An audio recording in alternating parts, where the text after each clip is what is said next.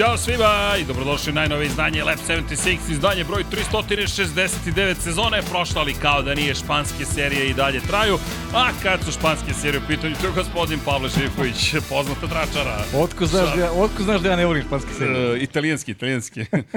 Šalim se, naravno, to je sa nama gospodin Zoran Živko, zapravo. Ćao Zorane, kako si nam? Ćao. Ćao Kako Zoki, je bilo čao ove Zoki, sezone, drago nismo te dugo videli. Pa, evo, sad sam tu. Vredno, vredno i zabavno, ja se nadam. E, ljudi, uh, sezona je prošla, ali to ne znači da je Formula 1 ništa svoj karavan završila da vrti u krug i da se priča o Formuli 1. Međutim, pre nego što krenemo, ja se nadam da ste u prazničnom raspoloženju, vidim da sve više se pojavlja natpisa 2024. je stigla i tako dalje i tako bliže, pa ja se nadam da u prazničnom raspoloženju mogu samo da podelim jednu bitnu stvar. Naravno, mazite se i pazite se i vozite računa jedni u drugima. Inače, Pajo, moram nešto ti priznam, ne zameri Zoki, ali ovo je intimni jedan moment, moram podelim s Pajom. Pravi se da nisi čuo. Da, ali vidi, upravo sam saznao od jedne prijateljice, uh, kad te neko zagrli, on ti ulazi u intimnu zonu. Znaš, kaže, tu nastaje život i nestaje život. Ja kažem, u čekaj, to je mnogo dramatično, ali ja ću da uradim sledeću stvar. Pa evo, Dođete zagrli. Moram da razmislim, moram da razmislim o ovome. Jedna intimna zona, dođe. Bravo, Srki. Samo ti kažem da te volim, ništa drugo. Ljudi, budite dobri jedni prema drugima, širite te pozitivne emocije. Ovo je bilo spontano, baš mi iznenadio. ovo je bilo spontano. Iznenadio. Ja, ja sam razmišljao, Dobio sam, moram, po, dobio sam zagrlje na, na početku. Tako podcasta. je. Mora malo da se razdeli tih dobrih pozitivnih emocija i kažem mojoj prijateljici Marici Mariji, rekao, makice su više to teatralno, oduzima, dobija život, čekaj, ajde malo da se volimo, da bude pozitive. Tako da, Pajo, hvala, Hvala, za hvala sve. ti, hvala Šta ti, drugo ovaj. da ti kažem? Jeste zbunio? Jesi, onako To poprilično. volim, to. Deki, ja sam presto da zbunjujem. da, znaš. poprilično. Ali dobro. On je Sam- već iskus. da, on da, je- da, on se navikao na zagrlja i na te izjave ljubavi i uopšte ne nasjeda više na moje provokacije, moram ti kažem.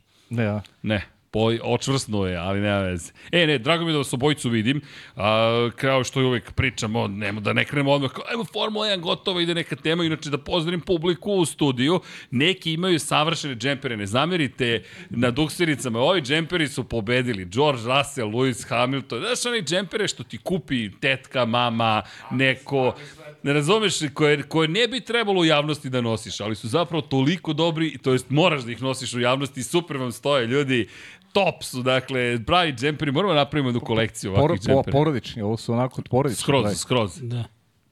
Čekaj, ne znam za koga navijaju, ali dobro. Eh, ne zna se, znaj, zna se. Ne, ja, Pa dobro, ili, ili. Ili, ej, činjenica, vidi kako će da se podijeli, ili imamo nekog Raselovca u ekipi? Mrka kapa, nema, ovo je Lewis Ne, ne, oni Hamilton su, ekipe, oni su, LH44. oni su, da, očigledno jednoumlje u, u porodici. A gospodin, čekaj, Mercedes, m, kako ćemo? Pa dobro, Red Bull je u manjini. da, Red Bull jeste u manjini? Da. Ili nije? Jeste. Jeste, E, šalim se, pa šalim 3-2, se, 3-2, 3-2, 3-2, 3-2 za Mercedes. 3-2, ne, Znaš ko je u manjini ovde? Ferrari u manjini. Ferrari, je- pa nije u manjini, 1-1. Fe, e, čekaj, fe, čekaj, Ferrari, je li tako? Nema Ferrari. Nema Ferrari, nema Ferrari. Još jedan Mercedes. Oh, četiri Mercedesa i jedan Red Bullovac, ali samo on trlje ruke, pa vi vidite. ali dobro. Ja sam malo drugačije shvatio poruku na ulazku, ali dobro. Ja mislim da je 3-2, ali dobro, nema veze. Ajde. Čekaj, zar gospodin je u Mercedesovim ovo, ovo Pa bojama? jeste, ali ali je sakriven, znači, pa ja ne znam provo... A za Za Leclerc, vidiš? Ne, ja znam da nije za Mercedes, iako To nosi je Mercedes. nagoveštaj da će Ja ovde Leclerc prozivam, provociram, ali ne mogu niko da izvučem reakciju, samo osmeh. Kako, da. kako? Pa hoće Leclerc doći u Mercedes? Pa nema, do 2029. nema dolaska. Ja, Taj, makar taj sam ne mrda nigde, ne mrda nigde taj. Ma, dopalo mu se izgleda u Ferrariju. Predestinato. Da. Ajde, vidjet ćemo. Ali dobro, lepo raspoloženje i ekipa se skupila i to je dobro, lepo vidjeti. Ljudi, hvala što ste sa nama. Više ima publike nego prošli put. Da, što je zanimljivo, znaš, prošli put neke ocene, izgleda su svi uplašili razrednog starešine. Kako, kako? Iz Novog Sada ekipa. Ne, ne, ne, ne, čekaj, čekaj, sad, sad. Prošle nedelje, na ocenjivanje. Sa A oni sada, su, oni ne, ne, sad si mi zbunio, rekao, sam poludeo skroz, pa sam zaboravio da su bili ljudi prošle nedelje. Ne, ne, pozdrav za Novi Sad, ekipa je stigla iz Novog Sada. Ne, ne, ne sad, sad sam izbunio, razmišljam, čekaj, moguće sam zaboravio da su bili prošle nedelje. Okej, nisam toliko baš izgubio kompas, ali dobro. U svakom slučaju, Paj se dopao, boje Logana Sargenta su se dopale, plava i A dalje u ostao, modi. ostao, ostao tu na ofincu. Priznaj da ti osvojio srce, Da, bo kako ne, lud sam bez Logana Sargent. ali dobro. Jedno čekam da uvidim leđe. I Williams je lud. Znam, znam. Vidi, Zoki, drago nam je da si tu. Mi smo, dugo te nismo videli. E, šta večeras pričamo? Da, ta tema cele prošle nedelje, nekako dalje to tema nije tema, doći ćemo na nju, ali pre nego što krenemo, prvo da vidimo kako si, nismo te baš dugo videli, novi imidž čeka, ili se meni čini? Pa ne, to je vaspitno zapušteno. Kako da kažem, ne. Lakše mi je da se brije ovaj, umereno. Umereno, to ovo je neki James da. Hetfield fazon, je, neki taj moment. Pošto mi ovde slabije raste. e, pa to pretvoriš u imidž onda, skroz kako naravno. treba. to. Kako si, kako je bila sezona? Za tebe ovako, lično, profesionalno. Pa, sezona je bila možda jedna od najdosadnijih u, u istoriji sporta. Ti si u pajnom kampu. Pa ja, ja sam znao kad sam vidio da dolazi Zoki da ja ne moram da se pojavljam. Ali, mislim, iskreno, uh, za, za poklonike Red Bulla i Maxa Verstappena, to je sezona i snova. Za sve ostale je verovatno noćna mora. I ja nemam ništa protiv da se uh, Max je samo iskoristio i Red Bull svoju šansu i ne može im se ništa zameriti. Kad kažeš 19 trka, nema tu sad puno da se doda. Još one dve Perezove, i, ali mislim da je najmajstralnija trka bila ona u Singapuru koja je odvezu Sainz. Dobro, ono je bilo na inteligenciju i na znanje, iskustvo, sve je uradio kako treba i baš je pametna bila trka. Da. Ali, ne branim Maksa, no samo hoću da kažem, nije da je baš morao da ide toliko daleko, može da osmisli takvu taktiku da bi zabeležio tu vrstu triumfa. 19 pobjeda u 22 trke. Zoki, mi pričamo o rekordu koji, pa, ti znaš i sam, koliko smo spomenjali Alberto Ascarija i taj Pa procenat. 71 godinu se čekalo jel, na, taj rekord, onda Pad. jasno je, jasno je šta. Mislim, srušio on mnoge druge rekorde. Jeste. Ovaj, I verovatno mu čak neće teško pasti ni tih milion i 260 hiljada dolara koje treba da plati sad Da, da, da, da Za bi se prijavio za sledeću sezonu. za super licencu i to. Jeste, i Red Bull koliko mora da plati, ali On, to smo pričali. oni moraju da plate, mislim da je 6-7 miliona i nešto. Tako je. Ali dobro, to, to postoji formula u kojoj se uračunava inflacija koje zvanično nema, jel? Mm. Ovaj, pa je zato ispalo da, da je poen sa 6700 eura, od dolara preko noći skočio na 7000 i nešto. To je za timove, ali ajde. Preživeće i Red Bull sa, sa ovih 21 pobedom može da preživi. Rekli smo prošli Te. put smanjit će Baš sam catering zabrinut, ja budžet i sve će baš. to da bude Pa okej. okay. cateringa više ni nema, što se tiče Red Bulla. Ono. E da, jel ima cateringa više? Pa ne, to je ima, nekad ima, bilo, ali... ima, Ali ali, nije ni, kao nekada. ni, ni blizu nije ono što je nekad bilo. Jednostavno, timovi su iskoristili koronu i taj, taj period i pod izgovorom cost eh, cuttinga je došlo da se ukidaju se. Možete vi i sada da se obratite i to, ali ono, oni dani su prošli. Uh -huh. Tako da je, to, to je neke, ali hajde da, da, da se vratimo onom, da kažem, sportskom delu više, e, više sezone. Da po, e, nije Red Bull kriv što je napravio dominantan, što je napravio boli takav kakav je. Šta će se događati u budućnosti i da li će neko progovoriti, to ćemo videti. Da li tu ima fleksija aerodinamike, da li ima uh, igre sa pritiscima u gumama, gde smo videli da sa Leclerc samo u prvom krugu može da napada, a onda kad se podigne radna temperatura i pritisak, uh, volšebno gubi se, gube se performanse. Ok, vidjet ćemo, nešto Red Bull ima, što, Što drugi, nemaju. nemaju, da. Koliko će biti potrebno da se, da se napreduje do, do tog stepena, da se shvati šta se dešava sa uh, Red Bullom i utrkama, to ćemo videti. Uh -huh. I progovorit će se. Na kraju setite se kako je uh, okončana i ona re, um, era Red Bulla tamo kada je Vettel bio u Abu Dhabiju, kada mu je fal, uh, sa Felne spala guma, uh -huh.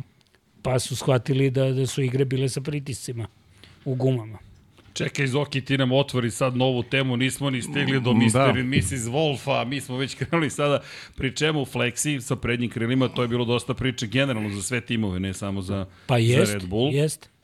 Ali... Ali- I svi su se izgleda igrali, pa su promenili pravilnik, to je tehnički način na koji ispituju i čvrstoću i zadnjih krila i prednjih krila i tako dalje. Ali šta je bolje pitanje, šta sprečava drugi da naprave nešto slično Red Bullu?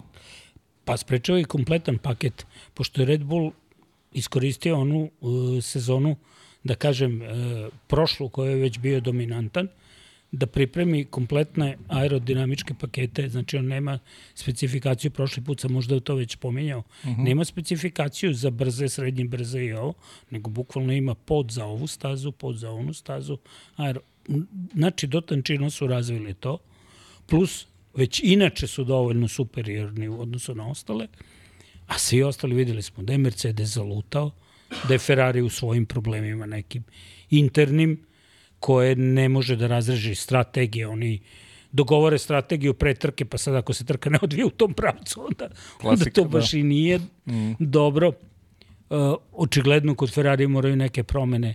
McLaren je loše počeo, iznenada se oporavio, svaka čast Andrej Stajli kako je uspeo taj tim da, da, da, da preporodi. Alonso i, i kompletno Aston Martin su išli nekom svojem, vrlo su i sami sebe na početku iznenadili, onda do Kanade je to bilo jedna priča, u Kanadi su očigledno taj aerodinamički paket s početka leta je zakazao i odvuko ih u pogrešnom pravcu, dok su se vratili, prošlo je već no, ono, došla je jesen, tako da ovaj Alpin je ostao na, na svom nekom nivou u previranjima, ko će biti šef, ko neće biti šef, da li je bolji Okon, da li je bolji Gasli, Gasli zaradio više novca i na kraju jedan poen razlike je odlučio da je Gasli taj koji je bolji Francus. E, ali čekaj da te pitam, da te vrati samo na sekundu nazad na, na, na, na Red Bull. E, pitanje veliko, bolid. Ok, bolid, jasno je da je najkompletniji bolid. Međutim, Max Verstappen ovo što je uradio, ovo ne radi samo bolid. I druga stvar, ta priča o Sergio Perezu. Gde nam je Sergio Perez u cijeloj priči i da je loši od Maxa, ovo je mnogo lošije od onoga što bi trebalo da budeš ako je bolid stvarno toliko superioran. Znaš, Pa, to je sad ja zanimljiva imam- priča. Da. Ja imam teoriju da je Sergio, Sergio Perez bio tu do Bakua, a onda je naprasno zaboravio da vozi. Da, ali čekaj sad, kad to kažeš, znaš, zaboravi da vozi, ali vidi, ono je mnogo velika razlika. Nije, Pa nije mala razlika. ali e, od Bakua oni nisu seli u isti auto. Dakle, toliko kažeš da je velika razlika da... da... Pa pogledajte po trkama, razlika se u spoilerima recimo vidi u aerodinamičkom paketu, u podovima, u ono, to kad stanete sa strane i poka, a, posmatrate bolid na gridu kada stoji, vidite da tu ima dosta razlike. A da ne kažemo u ono što ne možete da vidite i nemate uvid. Dobro, dakle, tvoj utisak je da zapravo Sergio nije bio toliko loš koliko je velika razlika bila između dva bolida. Pa ja kad pogledam i razumem. na kraju koliko se to sa bonusom uh, ovaj, koji je isplaćen ono kao na ime bonusa koliko je Sergio Perez dobio u odnosu na ovo, mislim da, da, da ima tu ovaj, da bi imao što što da kaže još ovako. Pa da, mi stalno spekulišemo oko toga da li su, da li su, da li su bolidi isti u suštini, da li su uh, da li ima prednost neku ovaj, u garaži, neku objektivnu Max Verstappen, ali opet nekako utisak, makar moj, da oni nisu ista liga generalno. Čak i, Apsolutno. apsolutno. to je suština mislim cele da, priče, Da, da. da, da sad ne, ne bude da omalovažam uh -huh. Maxa Verstappena. On je odličan vozač. Tu nema, uh -huh. nema diskusije.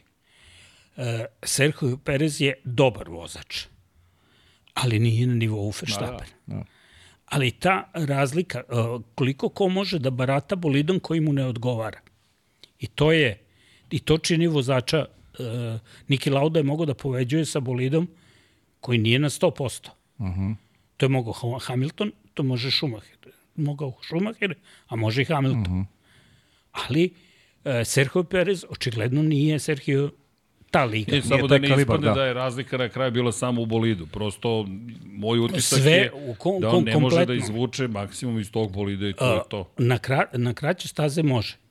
Ali tu je sada onda i taj psihološki pritisak gde, gde, gde njega prečesto mu se dešavaju kiksovi, ali ne treba zaboraviti da Red Bull šta go želi da proba i da ispitom proba prvo na bolidu Pereza. Dobro, to su To i je logično, strategije, da. i gume, i sve. Je broj jedan. I Perez, eh, kako da kažem, ne učestvuju u razvoju bolida. Max Verstappen je taj koji diktira pravac razvoja Red Bulla, a stilovi im se jako razlikuju. To nisu Russell i Hamilton, koji imaju slične stilove. Pa sad jednom dru, odgovara, drugom manje. Ne, ovde su stilovi potpuno različiti. I to je to je kamen spoticanja za, e, za, za razvoj bolida. Oni čak ni fizički predispozicije im nisu iste. Pozicija sedenja ne, ne može da im bude ista. Sličan problem postoji i kod e, Hamiltona i kod e, Rasela, koja je razlika u visini velika, ali ista takva razlika je znači, i kod Verstappena je ovog, ali očigledno se i jedan i drugi u Mercedesu bolje nose sa, sa, sa tim podešavanjem, iako ni jedan ni drugi nisu zadovoljni pozicijom sedenja, odnosno smatraju da je taj kokpit je loše urađen, previše napred postavljen, ima utisak da sedi na, na, na prednjoj Na prednjim točkovima, Pa da. praktično.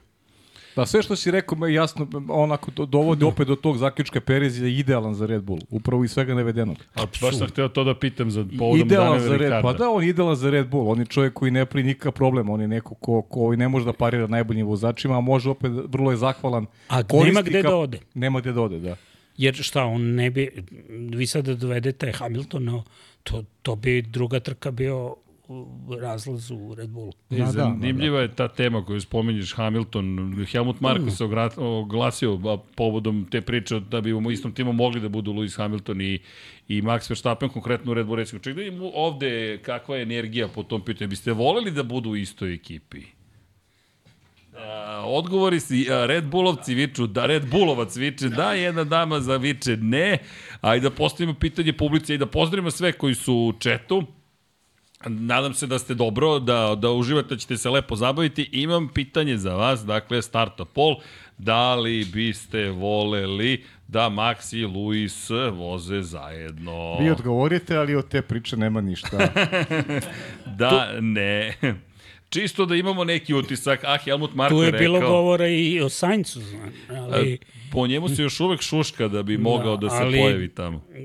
to tek nije kombinacija. Ja mislim Sainz čeka potpuno da se otvore vrata u Audiju. Da, to je To najlogičnije deluje, da. Da, to je što Deki priča, Da, da, ljudi, Audi tek najlogičnije. stiže polako, ali kada govorimo o Hamiltonu konkretno i, i Maxu Verstappenu, bu, oglasio se bukvalno Helmut Marko i rekao je da tu postoje dva problema. Jedan problem je svakako financijske prirode, u kontekstu toga da treba platiti takva dva vozača, a drugi jeste prosto njihovih, jel te, stavova o, o tome kako Pa deliti i, garažu. i, i misli da je Max dao najbolji odgovor na to pitanje i za holandski medije kada je rekao da neće da odgovori na pitanja, da odgovara Ko? priču o nečemu što se neće dogovoriti sigurno. Da. Apsolutno, ne.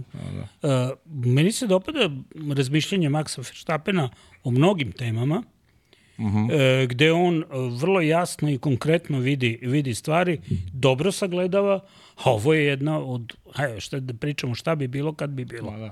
To, to zaista svi znamo da se neće dogoditi. Tako je. A mislim, prvo zbog sujede, drugo, Hamilton je dete Mercedesa, sve što je postigao, postigao je sa Mercedesom. Prosto bi bilo neverovatno da, da, da se bilo gde drugde nađe. Uh, opet, uh, Max Verstappen je projekat Red Bulla odnosno Helmuta Marka i, O, i ekipe. pa, oni I- mogu da se nađu zajedno, da se bori jedan po drugog samo u jednoj ekipi. Samo McLaren. Bi prihvatio dva šampiona i dao im iste uslove da se trke. Vidi, Ne postoji nijedna druga ekipa koja bi, koja bi im dala ovaj, uh, takvu vrstu, vrstu borbe. Marko Jer ova navodno- danas, mo- danas moderna Formula 1, to je, nedo, znaš, nema šanse da, da dva vozača tog najvećeg kalibra vozi istu ekipu, nažalost. Nekada se to dešavalo, mislim da takvu priču nećemo gledati u bliskoj budućnosti. Zoran nam je danas gost, baš da te postavimo dosta pitanja i publika je dosta pitala kada će Zoran živ, kada će Igor Marković, biće Igor, nemojte ništa da brinete, nego i tvoje mišljenje. Samo bih se nadovezao na ovu priču, jer je Marko rekao da je, kada je pokazao navodno tekst poruke koje je dobio Christian Horner kada mu je Horner pokazao od oca Luisa Hamiltona Antonija Hamiltona navodno da hoće da, da vidi da li postoji mogućnost da pređe u Red Bull, da je rekao da je Marko rekao Horneru nema šanse ne dolazi u obzir, prosto rekao je da je bilo previše tenzije, nazovimo to tako, u 2021. godini i druga stvar da su to dva najskuplja vozača koje trenutno postoje u Formuli 1.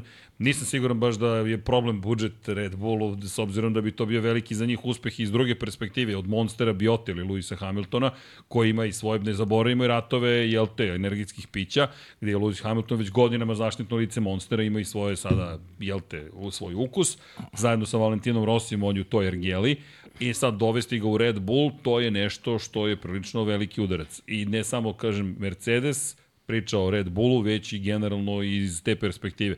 Tako da je Marko rekao nema šanse da se to Ma, desi. Više je onako priča. A to je i Max rekao da nema šansi, ljudi, ajde. To je početak kre. On je neko ko Ali pita se tamo. Znaš šta mene zanima? Dve stvari, Zoran.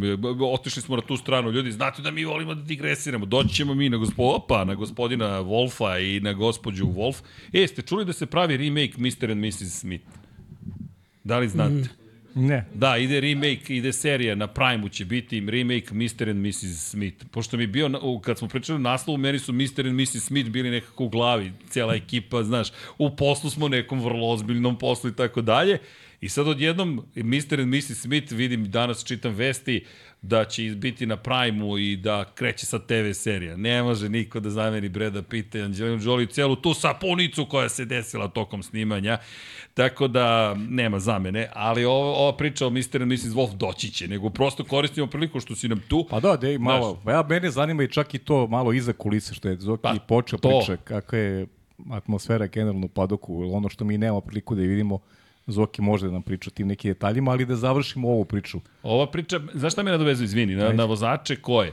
Konkretno Mercedesa, kakav je trenutno odnos i kakvi su odnosi snaga između Luisa Hamiltona i Georgea Russella, jer George Russell je dobio ugovor u momentu kada Valtteri Bottas je potreban Mercedesu, naše mišljenje da je to greška Mercedesa, da je trebalo da zadrže Bottasa da bi osvojili titulu 2021. Pa ne samo to, nisu morali I... tada obelodane ovaj, da, da menjuju Valtteri Bottasa. Pa to jeste strateška greška po meni Mercedesa, ali verovatno oni imaju su u tom trenutku bili nesigurni šta će Hamilton uraditi. I šta će Russell da uradi u kontekstu mlade I nade će, koje je gde brzo. će sad iz Williamsa brzo da, da, da se obre, jer potražnja je bila, sad zamislite da im sklizne u Ferrari recimo i to. Mada to je vrlo diskutabilno. Da, da li bi Englez mogao da završi u Ferrariju? A što misliš da bi sad bio problem za Engleze? Nekada su nekada A znaš da je Ferrari... Enzo, Enzo Ferrari Enzo je najviše volao Engleze. Da. Ali Enca više nema. Enca nema, to je tačno. Da. I Ferrari je bio kad je onda, kada su imali e, kompletnu postavu englesko-francuska kombinacija. Pa imali Nemačka. su i sa Menselom i sa Prostom Da, takođe. Ali to je sve neko prošlo vreme. Jeste. A sada smatraš da Englezi nemaju baš otvorena vrata? Pa ja samo smatram, gledam odakle trag novca, odakle dolazi. I, I tu nemaju Englezi šta da traže. Ali i- i- Zoki se siguran sa Johnom Elkanom sada kao neki ko je što se kaže capo di capo tamo sada, koji nije Pa baš italijanski jeste. đak, on je Pa onako nije više američki đak, ali, ali John Elkan će gledati da uzme pare. Ove, a ne da investira pare i ne da, ne da, da Ferrari da. ide jako dobro, suviše dobro ide da bi na komercijalnom planu, da bi sad ulagao u nešto gde, gde već postoji problem. Ferrariju se žuri da unovči ono što je postigao na Le Manu, što je e, e, da, da jaše na tom talasu uspeha, a ne da sada eksperimentiše sa, sa nekim vozačem. I Zato im je dobro da imaju ovu koliko toliko stabilnost, odnosno trpeljivost u ekipi između Sainca i, i Leclera. Isto je u Mercedesu. Onog trenutka kada urlog bude podignut, više neće biti i jednakosti i više Hamilton ni malo neće biti blagonaklon. Pa nije Pa već, je, već je počeo pokazuje, Već kraj tamo- godine, već je počeo pokazuje ko je gazda. Mislim, i jeste gazda, ajde Pa budemo i realni. jeste da budemo, Da. da. budemo realni. Samo, ajde da kaže, da, ne, da stavimo po strani minuli rad, pa kažemo koliko ko ima pobjeda. Mislim, nije, nije, ne mora to Ne- da bude merilo. Da. Titula, ovo sve. Ali sigurno George Russell ne zna to što zna Hamilton. Ne znam, ali ja mislim da i dalje i na stazi je gazda i dalje. Pa Ljudi. Ljudi. jednostavno bolje se, bolje se snalazi u tom bolidu. Sad vidjet ćemo, ako Hamilton zakopa ovaj bolid duboko negde, Ajde, izvini da, Da. uskočim samo na trenutak. Kaži. E, Kako vam izgleda sezona Luisa Hamiltona? Ja bi ja, znaš kako meni izgleda, kad je hteo da vozi, kad je osjećao da to možda postoji napredak, on je bio pravi. Da. Kad je digo ruke, kad je, o, pa videli smo kad je rekao da taj bolid treba bude muzijski eksponat, pričali smo o tome i direktni prenosi, on je tad stavio tačku na godinu. Izvini, da pitam, Poli, kakva je vama bila sezona? Onako, slaba, a? Znate ko je najbolji vozač ne Red Bullov u šampionatu? Lewis Hamilton. Loša sezona, a on je najbolji od Pa ostatka zato, sveta. zato se od šampiona očekuje A, uvek, izgleda- uvek su očekivanje najveće. A delo je kao da se nije pojavio na stazi. Pa da, pa Tako dobro, izgleda, on je treći bio lagano Ali kažem ti, on je, on je u momentima kada, kada se vidi da je motivisan. Znaš, to je kod Luisa uvek bilo izraženo kroz, kroz karijeru, pogotovo sad u ovim danima kada a, meni se sviđa a, kako je on prebrodio činjenicu da više nije dominantan, da nije boli dominantan, da se bori za manje uloge. Sviđa mi se što je po stare dane, po znacima navoda, se nekako navikao na situaciju u kojoj, u kojoj je pokazao da i dalje ima tu energiju da se bori za titulu. I ja bih stvarno voleo ovaj, da mi dobijemo još jednu titulu koja je narak 2021. jer mišljenja sam da samo Luis može u kontinuitetu da pobeđuje Maxa Verstappen. Ljudi, znate šta je sutra? E, znate šta je sutra? 12. 12. Dve godine od kada se vozila velika nagrada Abu Dhabija 2021. 12. 12. 21 je datum kada je Max Verstappen postao šampion sveta prvi put u karijeri. Čisto da znate, to vam je pozdrav od Borislava, našeg dragog prijatelja. A, da. Danas mi šalje poruku, šta imaš da kažeš na dvogodišnicu Abu Dhabija 2021. Rekao, Borislave, to, da samo se ti sećaš tog datuma. Pa da, I- mislim, sad to, to je ono da je u roku od nekih 600 i koliko, 50-60 dana osvojio tri titule. Što da. nikom nije pošlo za rukom. E, ovo što je uradio sada kad pogledaš kraj sezone tada i onda vrlo brzo sledeća titula, još brže ona sledeća titula. Koliko misliš, Zoki, da je, da je ta 2021. godina uticala na, te sve, na to sve što gledamo Apsolutno, A? apsolutno Isto je to mislim, bila prelomna, prelomna godina u kojoj je a, i ono nešto što mi se ne, ne dopada kod Hamiltona u, u tome, on jeste naučio, ali kao da je navukao strah. U stvari, strah u duelima sa Maxom Verstappenom postoji kod svih ostalih, a, što mene jako iritira, recimo mm. kod Leclera. Ja, se- ja odu, odu. Ja. Ide, Paja, čekaj, kao da Čovjek- ste braća Pa rođene. da, priča Zoki sve što... Da, to ne, je ne, to. ne, a, Leclerc, dobro. Ajmo da idemo redom. Leclerc, kakav ti utisak Leclerc? Leclerc se nikada ne bori protiv uh, Maxa Verstappena onako kako se borio nekada u kartingu, niti kako se sada bori protiv Sainca. Kad vidi Sainca on u retrovizorima, on je kao razjareni bik. A ovaj, e, slično, s- sličan tretman, ajde da kažem Perez, zato što mora, Lando Norris isto. Lando Norris On je najbolji servilan, primer. Krajnje servilan. To su putanje neke čudne, ono, ono počinje da bira. Ja, ja ne znam. Jedini koji se bori tu pošteno i fair je Russell. Dobro, sa njim uvek ima, ali ja mislim da ih ima još par. E, ima Pa dobro, Sainz se borio lepo. evo. Sainz? Sjeti, sjeti ne, se ne, ne, ne. Sainz, Sainz neće, Sainz ako ima materijala, neće stuknuti nikome. Da. Na- Vidi, meni se Sainz dopao, ja pričam apsolutno. Brazil prošle godine još, kako je vozio protiv Maxa. Ne dam ti poziciju, ne dam ti poziciju, znaj, ako hoćeš poziciju, bit će svega. Isto Russell u Las Vegasu ove godine, pa u Baku, bit će kontakta, bit će čukanja, on je rekao, ja sam kriv, ja se izvinjam, ali ja mislim da je Max svestan sledeći put kad bude kod Russella, Naravno. nečeg će biti. I ja mislim da to klasična sad dominacija, kao u životinskom svetu, kao znate da šta, smo opstanku. e, e, generalno šta ja, je, ja tvrdim da je to problem e, od momenta kada se pojavio. Max Verstappen primenjuje jednu taktiku, Pisao si mi. da, to se zove e, u, u trkama jink and dive. Uh -huh. e, to je taktika u kojoj vi kada prilazite krivini, počinjete da skrećete malo ranije, ako zamislimo da je ovo teme krivine, e, počinjete da skrećete mnogo ranije nego, e, nego bolid ispred. I onda dolazite u situaciju da možete da uđete na kočenju, prilazite mnogo većom brzinom, ali to ćete kompenzovati osvajanjem pozicije na stazi. I u trenutku kada bi vaš protivnik bio brži, jer ima realno bolju putanju, vi ga blokirate. To jeste legalan potez, ali ako nema saradnje ove druge strane, svaki put dovodi do Incident. kontakta. Da, da. I Max obilato primenjuje to. Uh Mhm. -huh. U situacijama kada to počne da radi neko drugi, konačno videli smo kako je to završilo u Engleskoj. E, Da, zanimljivo mi je, to je, inače, e, to je, ako pratite Driver 61 e, YouTube kanal, to je, kako se zove, čovjek preziva se Mansell, sad sam zaboravio, on je zapravo i čovjek koji... Christian. Uh, jer Christian Mansell. On je čovek, ne, Christian Mansell je vozač... Uh, Pa, na njega sam mislio. A, ne, ne, ne, ovo je momak koji je bio zapravo instruktor vožnje, ali nisam siguran kako se zove driver 60. Čekaj da izgooglamo. On je, znam da je on odgovoran bukvalno bio da je on rekao svojevremeno da niko neće da priča o tome, ali da zapravo je Scott Mansell. Scott Mansell. Aha. Scott Mansell, on je instruktor vožnje. I on je izmislio taj naziv Jink and Dive. I znaš kada ga je izmislio? Baš pre dve godine za veliku nagradu Abu Dhabija. Jer mi smo tada gledali kako Max upravo to radi. Kreće i ide ka tome, pa ti sad biraj. Hoćemo da ostanemo na stazi zajedno, tako što ćeš me pustiti ili nas nema.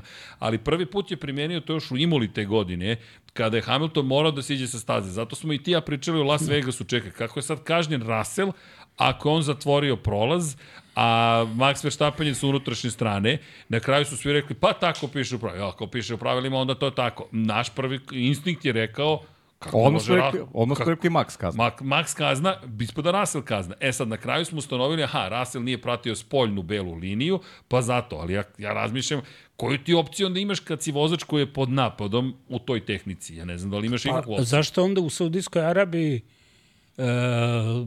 Lekle, uh, Max nije kod Le, Leclerc da je pratio spoljnu benu liniju, onda bi tu bio recimo sudar sa Leclerom. E, vidi, da. i mi se pitamo, a I, nemamo I odgovor. Leclerc bi rekao, ja sam ostao, zadržao svoju putanju, a to što on nije mogao. Ali to, to se dešava. Znate, e, ja sam samo jednom gledao, zapravo video, u Monaku je to bilo, tad je vozio Verstappen za e, Malo nisam rekao Racing Bull. za, za, tad je Tako će bio se Toro tek zvati, Rosso. polako, Da, da. tako će se tek Tako zvati. je bio Toro Rosso, pa ga je Roman Grožan iskipovao tamo u San Jeste, u prvom u prvoj krivini kad je kad je pratio zapravo Fetela, za ceo krug je Fetel obilazio, Pa je ono a on se da- ušunjao i nadoknadio hteo je poziciju isto, da, ih isto je hteo da uradi sa Romanom Grožanom koji ne prašta. Da, da, Grožan, Ovaj, po, poznat ga, je Roman. Tako da ga je popeo Roman, gori da. na ogradu. Ovaj, naravno, uh, čije, to je onda trkački incident bio. Pa, pa i naše mišljenje je eventualno jeste. trkački incident. Ne- Ali e, ne može onda svaki put da se e, komentariše nije mi ostavio mesta. Jer ako ti svesno uvek dovodiš protivnika u opasnost i kažeš, ok, nije mi ostavio mesta, ja razumem da postoji trkanje, da, da postoji, ali moraju, moraju da postoje neka pravila. Moraš i Tako ti je. da ostaviš A, neki ostaviš, Šta prostor znači, da, šta znači nije ostio mesta? To znači da se povlačiš iz duela, dačke, da nema trkanja. Znači mora da siđe sa staze. Siđeš sa staze i bi nekog pustio. Mislim, stvarno je, pogotovo George- svojim bolidima danas koji su George- onako više tenkovi nego što su. Nije sišao. Sa Da George nije sišao, da. George, ali dobio kaznu. Tako da, Pa, George. Ali dobro, ali vidi, o Georgeu smo pričali, ne znam da li si ti primetio, ali... A George- neće ni Okon se skloniti, recimo. E pa to, da, to je moj omiljeni. Esteban. Da. Est, Esteban, Dobro, on se ne skloni ni za krug Esteban kad se ga nikome ne pretičeš, ali skloni. dobro. Da, to mi je interesantna priča kasnije kad budemo pričali o Toto Wolfu. Ovaj, Da, da, da. Interesantno mi je vezano iz okona. Da, ali, Ali, ali izvini, samo, samo jedna stvar. Za, za apropo priče o, o, hajde, ko se sklanja, ko se ne sklanja i sad do- dođe smo malo pre, izvini, i do Romana Grožana i te celog, celog incidenta. Ali Max je od početka zapravo gradio tu vrstu reputacije. Pa I on je stvorio reputaciju gde ti sada imaš situaciju u kojoj na njegovu reputaciju manje više nova generacija ne odgovara. Hamilton se neće skloniti. Setite se Brazila prošle godine. Kontakt, lete delovi, nema sklanjanja. Dobro, vidjet ćemo i još jedna stvar je bitna, kako će se ponašati momci kada budu dobili veći ulog. Znaš, to, je, to je opet je jedna, jedna važna stavka. Hamilton nije iskalkulisao da ovu sezonu ne može ništa ne, n- e, loše bi bilo za imidž da, da se bori tako i da dođe do kontakta i da ovo... Ne. Mene samo čudi onda u Abu Dhabiju zašto to nije rešio e, tada i kako je olako prepustio to. Mislim, e, ja razumem da ga je Verstappen Dve- iznenadio. 2021.. a- Da. Pa kako mogu da reši jednostavna matematika, maksimum prednost bodovnu. Dakle. nije, Ne, ne, nije ne, smeo da rešava. E, znam da nije mogao da, da rešava, Mm. ali po, po cenu kontakta ti još uvek imaš neke šanse. Aha, misliš Mhm. planski kontakt. U, sad ulazimo u teritoriju Ayrton Sena, Alan Prost. sad ulazimo Pa već ja, ja, u... mislim, ja mislim da je strah bio, mislim da bi bilo tu, uh, Zoki, ja sam ubeđen da bi bilo kontakta da je Luis imao prednost bodovnu u Ja, šampionatu. ja se samo sećam onoga što mi je četiri i po sata pre toga rekao Michael Masi. We will let them race. To mi je bilo stalno na umu. Dobro, Masi ih je baš pustio na kraju da se trkaju. Da. A to, Dobro. upravo o tome govori. To vidi, dobro, šta drugo da sad, sad znaš kako, vratili smo se, ali nema redi. Neka, da, nema, nema se, veze, bro. Vidiš kako se dešava, datumi se poklapaju, Pa, neminovnosti ali jeste je to interesantna tema, zato što, Jeste. zato što ja sam siguran da bi, da bi tu bilo kontakta da, da, da je Luis imao prednost. Mene je začudilo da zašto, zašto nije bilo kontakta. To e, jednostavno Olako je prodao titulu i celu sezonu. To je mene zapanjilo najviše u celoj pravi.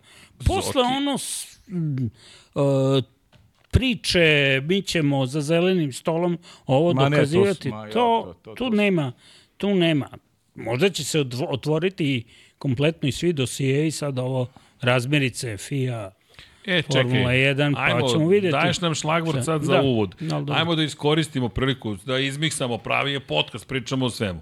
Da se vratimo na priču koju smo ovdje pričali, mada i pa ja imamo teoriju. Ovo je, ljudi, epizoda broj 2, a Netflix serije Šta raditi u međusezoni. A da, to je... Rat Formula 1 i FIE. To je uvek nepresušni izvor skandala i priča, ali činjenica je da se prošle nedelje mnogo pričalo o ovome i da je zanimljivo. Podsjetit ću još jednom, FIA, Formula 1 nisu isto.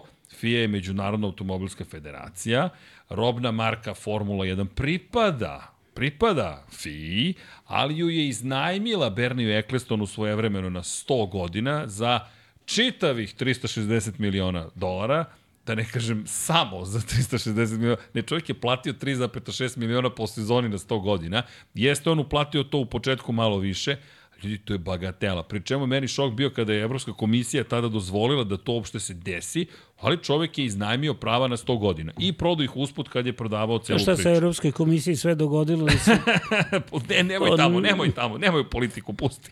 Ali, ali, vidi, imamo činjenicu da je na 100 godina kupio prava da koristi Formulu 1, zaštitni znak Formula 1, čak i da ga menja kao što su ga promenili i to je potom prodao kada je Liberty Media sve otkupila. Šta je Formula 1 sada? To je kompanija. Dakle, kao Formula 1 DO da napravite, samo što je ovo incorporated i nije privatna kompanija. Šta znači nije privatna? Privatno vlasništvo u Americi podrazumeva da ne postoji upravni odbor, da je jedan vlasnik i da on može da radi manje više šta hoće. Kada je to javna kompanija, publicly traded company, to jeste u vlasništvu možda privatnih institucija, privatnih ljudi, ali to nije privatna kompanija. To je kompanija ko- čijim se akcijama trguje na berzi. To znači da sve odluke mora da prođu kroz upravni odbor, izvršni direktor jeste onaj koji sprovodi u delo to što je dogovoreno, međutim, vi morate sve što radite da otkrijete, u suprotnom biste mogli da se nađete u ozbiljnom problemu, pošto će da dođe kod vas jel te, Security and Exchange Commission otprilike, koje je bog i batina na Wall Streetu. To ne želite da vam se desi, jer tu vam i pada akcija, oz- ozbiljne su zatvorske kazni i tako dalje. Tako da je Formula 1 sada jedna vrlo ozbiljna kompanija koja je komercijalna. FIA, s druge strane, šta nije prodala, to jest nije iznajmila na 100 godina, tehnička pravila. Dakle, FIA je i dalje odgovorna za tehnička pravila. Mohamed Ben Sulaim, čini mi se da je bitan u ovoj priči, iako se on nigde trenutno ne pojavljuje kao predsednik FIE, koji od kada je stigao pokušao da promeni odnos snaga, gde je snaga uglavnom na strani Formule 1, makar bila do sada. Jean Todt je do, sada bio, do tada bio predsednik Formule, to je predsednik FIE, i bio je blagonaklon, rekao bih, prema Formuli 1 uglavnom. Nije tu bilo neke preterane drame. Od kad je Ben Sulaim stigao, dosta je drame i sad najnovija drama nas vraća u 2009. Zašto? Ljudi, Zoki, ti se toga sigurno sećaš, kada je prethodni put se skupila grupa timova i rekla mi pravimo svoj šampionat. Čak su i kalendar imali spreman za tu sezonu i mi smo evo 15 godina kasnije ponovo u nekom ratu. Kome, ajde da krenemo i pritom otkud tu, sad gospodin Wolf i gospođa Wolf. So, I šta se desilo zapravo? Navodno je komisija etička istraživala da li je neki predstavnik FIE ili predstavnica, sad zavisi kako želite da se izražavate, o nekom predstavniku ili predstavnici Formule 1 davala informacije. Nigde nije saopšteno ime i prezime Suzy Wolf, ali ona je zapravo glavnokomandujuća F1 Akademije, novog šampionata za dame koje je pod okriljem Formula 1 zapravo i ona sarađuje sa Stefanom Domenikalijem. Da, sve je pod okriljem FIE, ali je Stefano Domenikali čovek s kim ona najviše sarađuje. S druge strane, njen suprug, Mr. Wolf, Toto Wolf je šef Mercedes AMG F1 ekipe, međutim, ona sad sarađuje zapravo i sa FIA-om, pošto ona predsednik takođe FIA, zato što je ona pod okriljem FIA. Bizarno je sve zajedno, ali odjednom sad oni su u istom domaćinstvu i neko je pokrenuo pitanje razmene informacija. Niko nije napisao da su to oni, do autosporta koji je rekao da je pokrenuta istraga. Onda su mediji svi počeli da pričaju Mr. and Mrs. Wolf, da bi onda svih 10 timova izdalo identično saopštenje, to nikad u životu nisam video, niko od nas se nije žalio fi na ponašanje bilo koga. Čak ni Christian Horner. Čak ni, dakle niko, ni Christian Horner se nije žalio, koji, jel te, u ljubavi s Totom Wolfom neviđeno. A neko se žalio. ali neko se izgleda žalio, ali Kafi je navodno pokrenula jer se neko od timova žalio. Svi su rekli mi se nismo žalili. I dobi smo mi dramu u sred sezone, Ali krenemo od početka. Soki, kome ljudi odgovara uopšte rat između FIA i Formula 1? Osim svima po pitanju gledanosti i čitanosti. E, nešto se događa opet u Formula 1. Pa, deo si već odgovorio. Znači, u sezoni koja je takva kakva je nezanimljiva. Što se tiče pobeda, ne ima neizvesnosti. Naravno da mora da se nešto događa zakinulost. Međutim, taj rat, odnosno ta netrpeljivost između FIA i Formula 1 već uveliko raste. Ona tinja godinama unazad, a sad je možda e, kulminirala u, u, u nekom trenutku. E, postoji ono što je nekada davno još Bernie Eccleston meni ispričao, tamo negde 2003. četvrte kad su ga napadali za onaj intervju kad je dao da su jevreji krivi u drugom, za drugi svetski rat i to. Uh -huh. uh, pa kad su bile one neke mizogene optužbe na račun žena zašto su imaju nose bele kecelje, a, a kuhinski aparati su beli i tako i to. Da, Bernie je baš on je, imao... On je baš imao ovaj, komentara. Loše izjave, grozno. ali ne treba zaboraviti da on sve to davao u funkciji, da, tada je rekao meni, mi ćemo deliti medalje u Formule 1. Znaš što su svi graknuli, kakve medalje, kakve... Evo, sada se dele medalje. Dele da. se. Za sprint, Hoće kažeš da je pričao da je pričao da bi On se čuo. On mora da napravi priču, priču da. od nečega kada nema. I tada Tako je, je bila monotona sezona i bila je dominacija Šumahera i, i prosto je morao da napravi nešto. Međutim, ovde se radi o parama. Isključivo o novcu koji FIA želi da inkasira i koji naravno žele da inkasira Formula 1. Oni se trkaju u svemu onog trenutka ja neću zaboraviti, to sam se vrst sa kolegom e, Hasanom Bratićem u, u, u Kataru pričao, a konto tih hospitality motorhomova. Kada su napravili, e, kada je FIA napravila svoje domaćinstvo, poručila ga je kod e, jednog privatnika majstora koji je negde u blizini tamo Kerpina, baš Šumacherove, ovaj, koji im je napravio motorhom. Onda su ovi došli i rekli, e, nama treba isti takav. Rekao, kako? U, u dlaku takav. Znači, tu postoji već neki rivalitet i oni sad stvarno imaju potpuno identične motorhome. Ali ajde, kao, to je da se ne diramo. Da ne bude nečiji veći motorhome za, za pola terase ili ovo. I, ajde, da, da tu bude neki mir. Međutim, e, u dominaciji tu Stefano Dominikali jednostavno nije Bernie Eccleston. I, i, i ona izjava Bernie Ecclestona, ja kažem, mnogi su mu osporavane, ali to da im je prodao restoran za pet zvezdica, a oni napravili McDonald's, to stoji. Apsolutno je tako. Bez obzira što taj McDonald's sada zarađuje velike pare, to ne znači da će za dve godine zarađivati velike pare.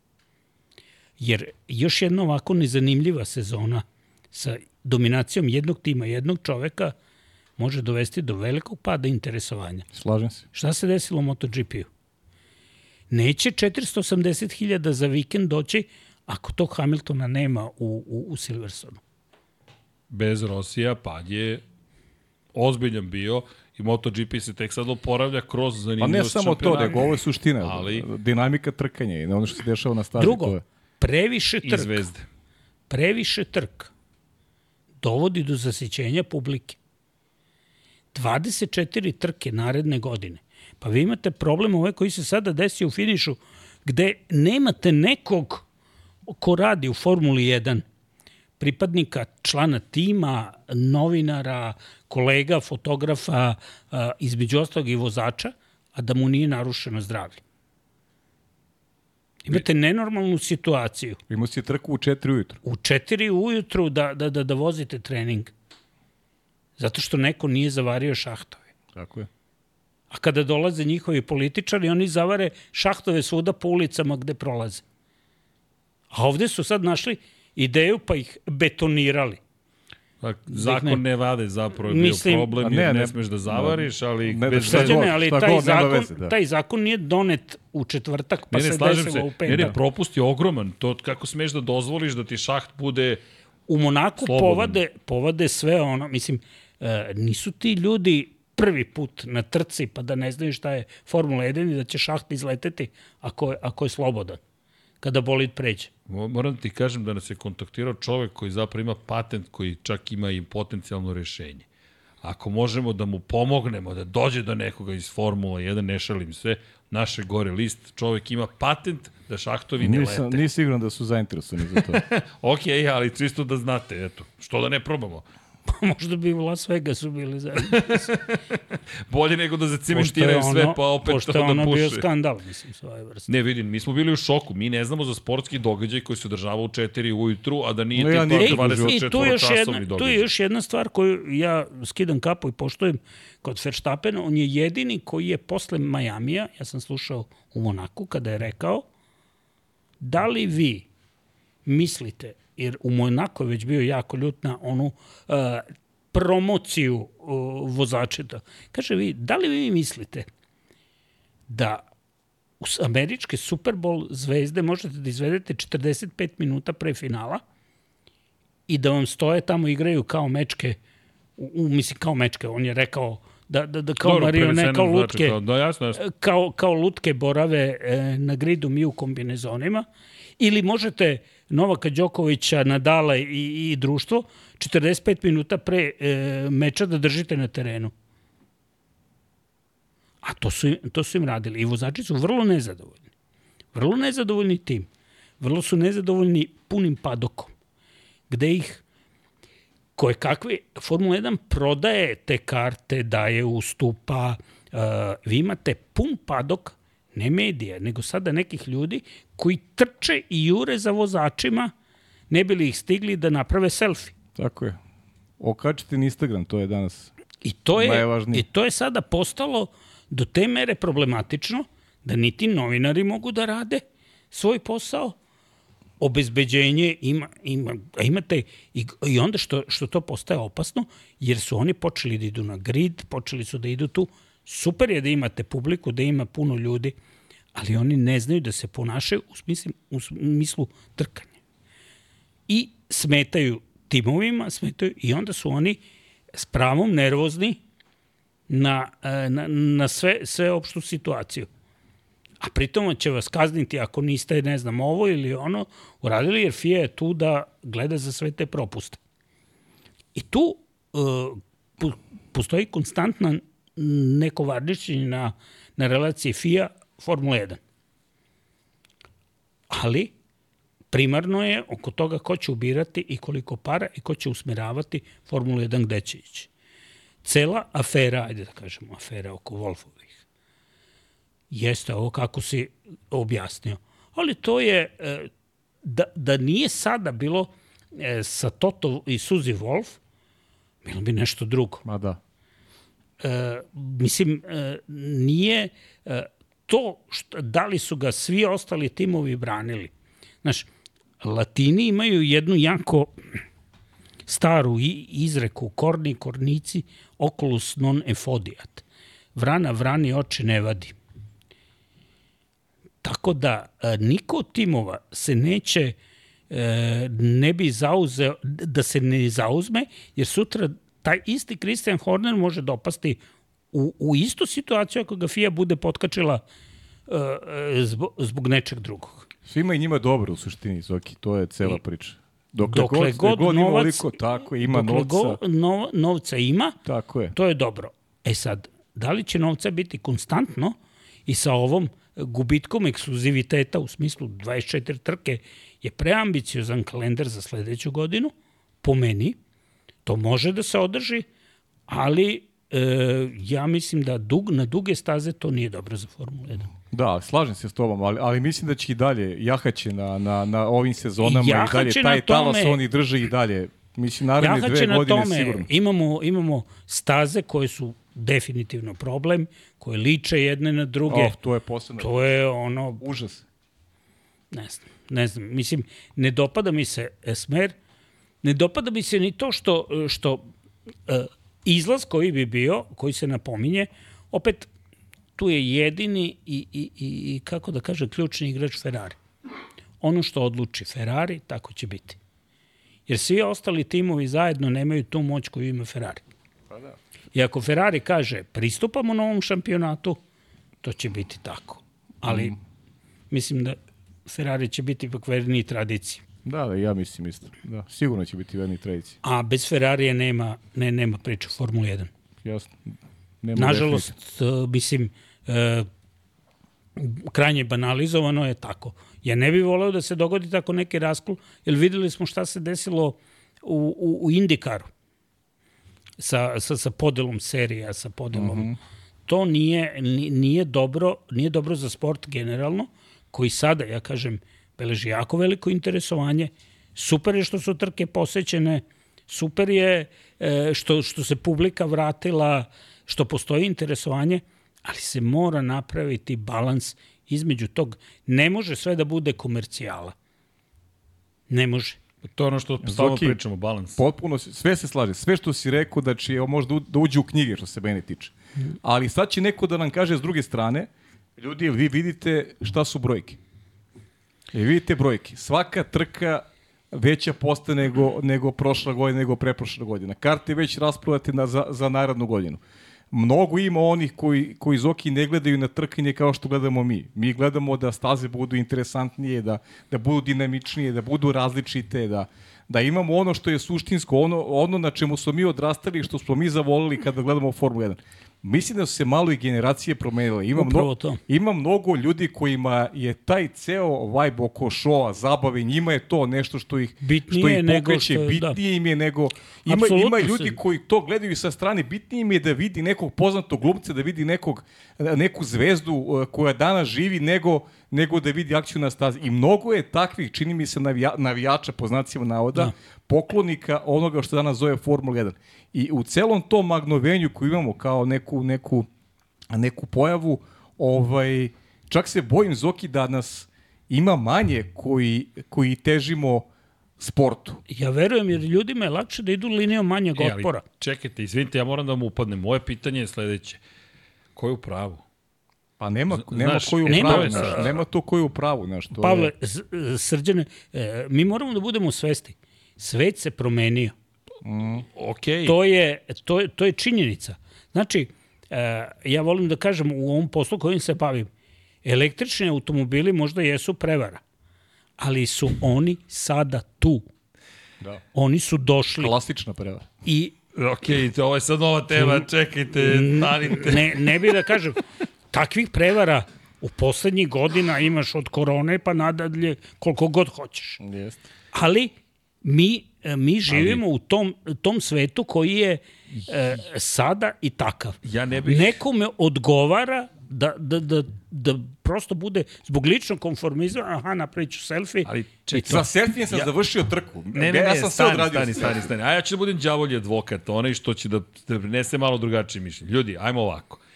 Svet se promenio. Uh, mi smo omatorili kako god neki novi klinci, klinke stižu i tako dalje. E sad, vidi, u toj celoj priči Formula 1 mora da nađe neko svoje mesto. U suprotnom će prestati da postoji.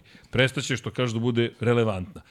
Ja nemam problem sa, sa, sa, sa, kako da saznaš da li si na pravom putu ili nisi? Pa obično ideš eksperimentima, pokušavaš nešto novo i tako dalje i tako dalje. I zato kažem ko je u pravu. Ja mislim da ne postoji, slažem se samo iko ko je u pravu. Ali ajmo ovako. Da, sa selfijem su mnogi završili. Ali zamisli koju emociju taj čovjek ima kad je dobio selfie sa svojim vozačem. E, kako bismo se mi ponašali da smo mi mogli Seni da priđemo? Ili na Menselu? i da smo imali nešto u našoj ruci što je fotoaparat. Pazi, kulturološki se planeta promenila. Ja stalno ponavljam onu čuvenu epizodu iz Prijatelja, kada Joy i Chandler idu u Rim i Joy sa sobom nosi videokameru. Chandlera je sramota što Joy sve oko sebe snima. To je sramota bilo krajem 90-ih, početkom 2000-ih. Sada to više nije sramota, to je deo komunikacije. Ne, ne ulazim uopšte u ocenjivanje dobro, loše. Sve ima svoje dobre i svoje loše strane. Ja stalno ponavljam, ja sad mogu da okrenem, e, e mama i tata su mi otišli u Čile, ako pa. ih nema u četu, i ja sad mogu da ih, do, do, ja ih sad ih pozovem i ja vidim moju mamu u Čileu. Ćao mama, desi. Pre 25 godina, ljudi, ja se sećam kad je brat otišao, mi smo stajali pored telefona i čekali poziv. Imali smo 180 sekundi. I čuješ u pozorni, tk, kako mu naplaćuju. Pa ne, ali, ali nije to, nije to poenta ovo što Zoki priča. Ne, možeš da, ne možeš ti za pola sata prije trke da, da udaraš selfie. Ne, ne, vidi. Znaš, pričam ti o, o Slažem znaš, se, stvari ali... moraju da se, da se definišu. Mora sport, moraju, uh, oni moraju da budu uh, zaštićeni od nečega što, što nema veze dodirnih tačaka sa onim čime se oni bave. Dobro, dobro, ali samo ne bih da poruka bude da je ovo po defaultu nešto loše. Ja samo mislim da moramo da nađemo pravi balans između Prvo stvari. Prvo tome ja govorim. To, to, samo je ja, to bitno. Ja, ko, ko što sam rekao, kao električni automobili e, su prevara, ali su tu. E, suština je da više neće biti samo jedna vrsta pogona. Da neće preovladati ni, ni struja, ni, ni benzin, ni ono. Znači, bit će više. Ovo, što se tiče Formule 1, isto mora da bude izbalansirano i više toga, da, da, da zadovolji više ljudi. Ako gledaš samo uh, da zadovoljiš jednu grupu i, i ovo, to neće utići u dobrom pravcu. Ja samo to kažem. Okay. A ne, ne, ne nemam da budemo ništa protiv uh, da, da, da, bude, da, da, da bude uh, neka budu ljudi prisutni, neka bude, neka, ljudi, neka se vrti lova i sve to. Ali... I ne samo to, a ja ću biti sebičan. Zamislite pre 15 godina da mi hoćemo da sedimo realno u stanu i da imamo nešto što mogu da gledaju ljudi širom sveta. To se zove televizija mi ne bismo mogli ne da priuštimo televiziju, mi ne bismo mogli da priuštimo rasvetu. Razumite, liberalizacija komunikacije donela između ostalog i to. I sve ima svoje nepoželjne posledice, što, što sad ti možeš da snimiš svakoga. Mi možeš da špioniraš Andreja, možeš da špioniraš ekipu, vladu, ne znam. Možeš. Ne kaže da treba da, nego samo hoću da kažem, zloupotreba je svugde, ali tehnologija donosi što si baš Andreja rekao prvo? Pa vidim nju, nju, nju, ona mi najbliže. Da, e, vidi, zato što je najlepša. Eto, aha, je. Aha. Da, da, da. Inače, u stvari Vlado ti si, izvini, molim te, da ne povredimo osjećanja režiji. Ali činjenica je da da, da, da sve to donosi neku novu priču. Ja se stvarno ne šalim, znaš, ti sad imaš mogućnost interakcije koja je neviđena. Uh, da, uh, samo kažem da ne ispadne da smo kao, znaš, one, ona ekipa, ja, kad je bilo ja, naše... Ne, ne, Mapetovci su mi okej. Okay. Ne, ne, niko ne priča o tome. To, to, to, jer ti pa jo, baš ja to ne pričam nikad, ali, to, ali ovo što je Zoki rekao, upravo to što je rekao Zoki, to jeste ovaj, Dobar, suština. Saver. E, sa ovim smo svi postali mediji. Tako je. I to je sada ubilo informaciju i ubilo je e, svet komunikacije Jest. gde je nešto što se desi, aha, ti slikaš, okačeš na ne znam, Instagram, na ove društvene mreže i to, e, to zaživi.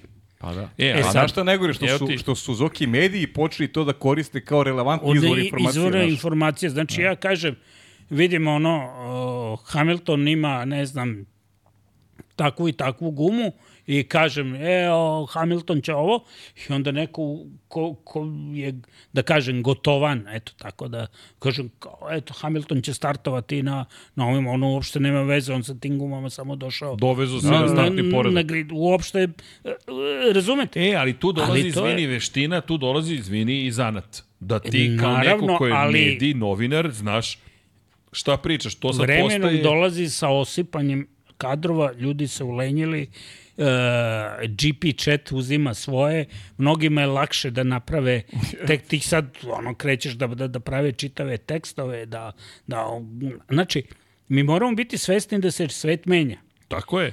Ali uh, to kako se menja, zavisi koliko ćemo pametno mi pristupiti svemu tome. A ne e, da mi sad po defaultu treba da, da, da prihvatimo Sve, svaku tako promenu. Je, tako je. Kao menja se, pa sad ću da progutam sve što Sad, se menja. znaš, ima nove generacije koje, pa čekaj, ni u moje vreme nisu svi gledali, gledali su futbol. Jeste. Mislim, nema, ne, ne, nema problem, ja nemam problem sa tim da neko kaže, ok, ne volimo ovo ili, ili ne sviđa mi se ili ok, svako ima Kao, svoje kao razlike. što mi možemo da kažemo da nam se neke stvari ne sviđaju. Evo, i, A to što nekima se, nekima se sviđa i to je to. E, tu smo, treba, ali budemo vidi. tolerantni i to je to. Je to. E, a vidi, ali se svodi na kraju Jopa Zege koji je prokomentarisao daj mi dobru trku na kraju. To je ono što mi treba. Jer tako vidi, je, ja pa to mislim je da bismo. Pa to je svi zaboravili sve, ali vidi, tu se sad vraćamo na početak priče. Dođe RB19, inače Max Verstappen koji je rekao da ga je srce malo steglo na kraju sezone kada je sa pobjedničkog postolja Abu Dhabiju pogledao RB19 i rekao je ovo je poslednji put da sam se trkao u ovom bolidu. E, u- kontekstu toga šta su oni postigli ove sezone. Ali vidi, e, takvih sezona je bilo, ne, ne baš ovakvih, ok, ovo je posebna ovakva sezona, nije bilo nikada nikada, ali, ok, dominacija je.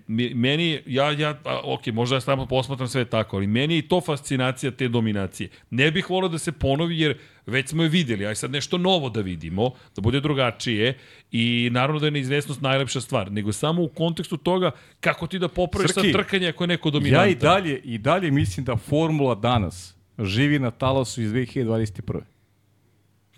Gotovo sigurno. Jer mi smo Svi jed, čekamo. jedno vreme smo, sećaš se, pričali smo, pričali smo o nastavak. tome da ljudi smanjuju kadrove, smanjuju ljudstvo zato što nemaju da plate. Jedno vreme je formula bilo ozbiljnih Bilo- problema. bilo u krizi. Ipak je sport taj koji pokreće. Ako ti nemaš pravu zabavu na stazi, Ali to ti To kažem. što kaže Zoki, kako to će to da polako rešiš? da nestane. Tako i ova, Ali- ova afera ali- cela, cela oko Wolfa. Ali- Pa čekaj, zar, Zoki, zar nije Toto Wolf, da ne zborim za Wolf, zar nije on već u sukobu interesa? Ako će pričamo o Toto Wolf. Pa, Kako može Toto Wolf da bude menadžer vozača koji, koji, koji se takvi s drugog U ekipu, on on je šef ekipe. I šta ćemo da radimo sutra? O tome, tome se pričali smo ranije. Šta ćemo da radimo sutra dobro. ako Esteban Okon e, recimo ne pusti na stazu po svaku cenu Maxa Verstappena, Mak, a, Luis osvoji titulu. Šta ćemo pričamo o tome sutra? Recimo, bore se Max i Luis, Esteban Okon je taj koji blokira Maxa i ne pusti ga, a zaostaje ceo krug. Recimo, šta ćemo pričamo onda sutra? Čiji je vozač Esteban Okon? Njemu je menadžer Toto Wolf, on je vodač Tota Wolf. Čovjek je u sukobu interesa već duže vreme, ako, ako pričamo realno. Pa, Jel tako? Naravno. Pa kako može on da obavlja funkciju menadžera, a, a, a vodi jednu ekipu? Ne možeš ti budeš me- menadžer drugim vozačima, pa jer bio, a jer imaš bio funkciju. Deoničar Williamsa. Pa. Još Bio Deoničar je. Williams, tako je. Još uvek je nije prodao. Na kraju se ispostavilo da nije prodao svoje, zapravo svoje akcije. On je Možda konstantno sad u sukobu interesa. Trebalo je da proda, pa nije prodao, pa onda je se ponovo pokrenulo to pitanje. Vidi, on je vlasnik, jer beše trećine Mercedesa, je li tako? Pa da, Trećine. bio je sa, sa, sa Laudom. Tu se sad menjalo, ali generalno je Mercedes bio, svi kažu nemački tim, Mercedes je bio austrijski tim.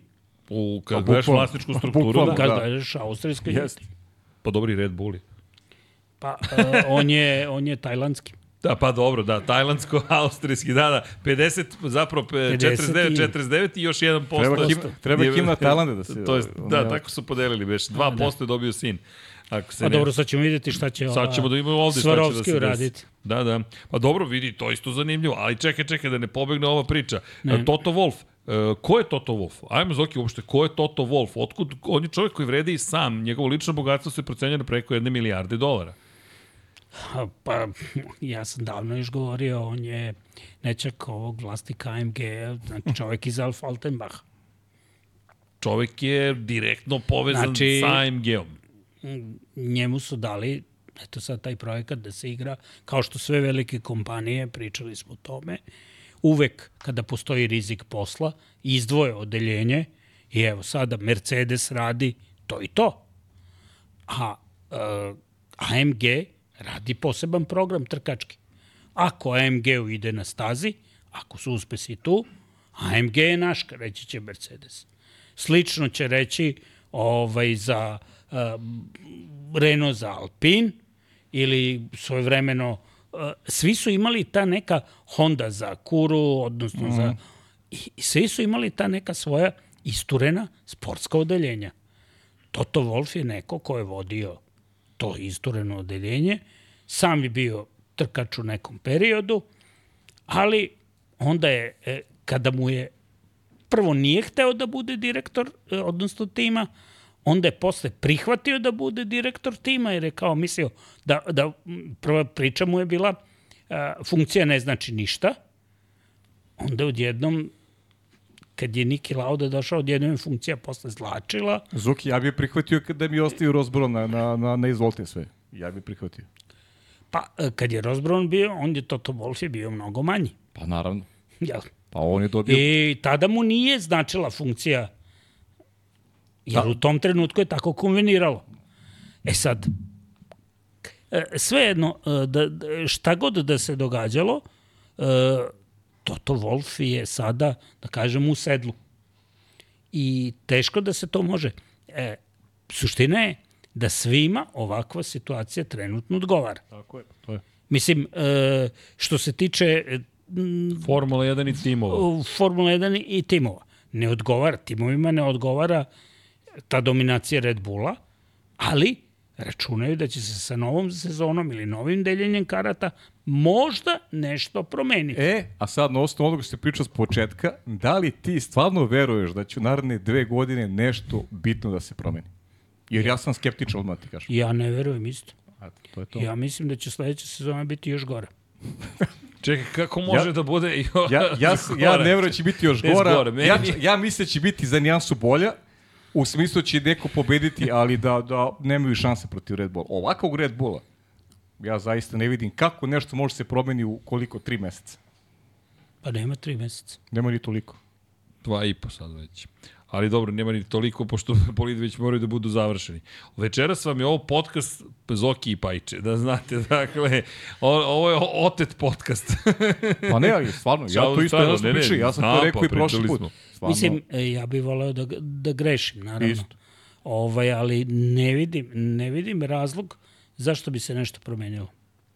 Da li će Ferrari napredovati? Super bi bilo, ali ni oni sami nisu... Ajde, možda su otkrili nešto i naučili nešto o bolidu više. Možda će unaprediti brzinu na pravcima. To se može važno, da. aerodinamikom. Problem stabilnosti na kočenju i to se može srediti brzina uh, gde Red Bull dobija, gde je dobro, znači uh, u izlaznom, i u, iz, po izlasku iz krivina, pogotovo sporih, tu Ferrari ne može nekako da reši problem mm -hmm. Ali vidi, već oni dve su, godine. Problem oni je su- Srki, da, to što priča i Srki to priča. Ono što je problem, Red Bull je bukvalno na svakoj konfiguraciji staza uh, u svim uslovima je, je ubedljivo najbolji. A s ovim drugim ekipama uvek nešto fali. Da li je, su dobri na- u brzim krivinama, da li su dobri u sporim krivinama, Ali- na pravcima, uvek ali nisu, nisu kompletni, a Red Bull je na svakoj stazi dominantan. Vidi, ali, ali apropo Ferrari, Ferrari je već počeo da rešava i rešio već te stvari sad u drugom delu sezone. Oni su povećali značajno maksimalnu brzinu.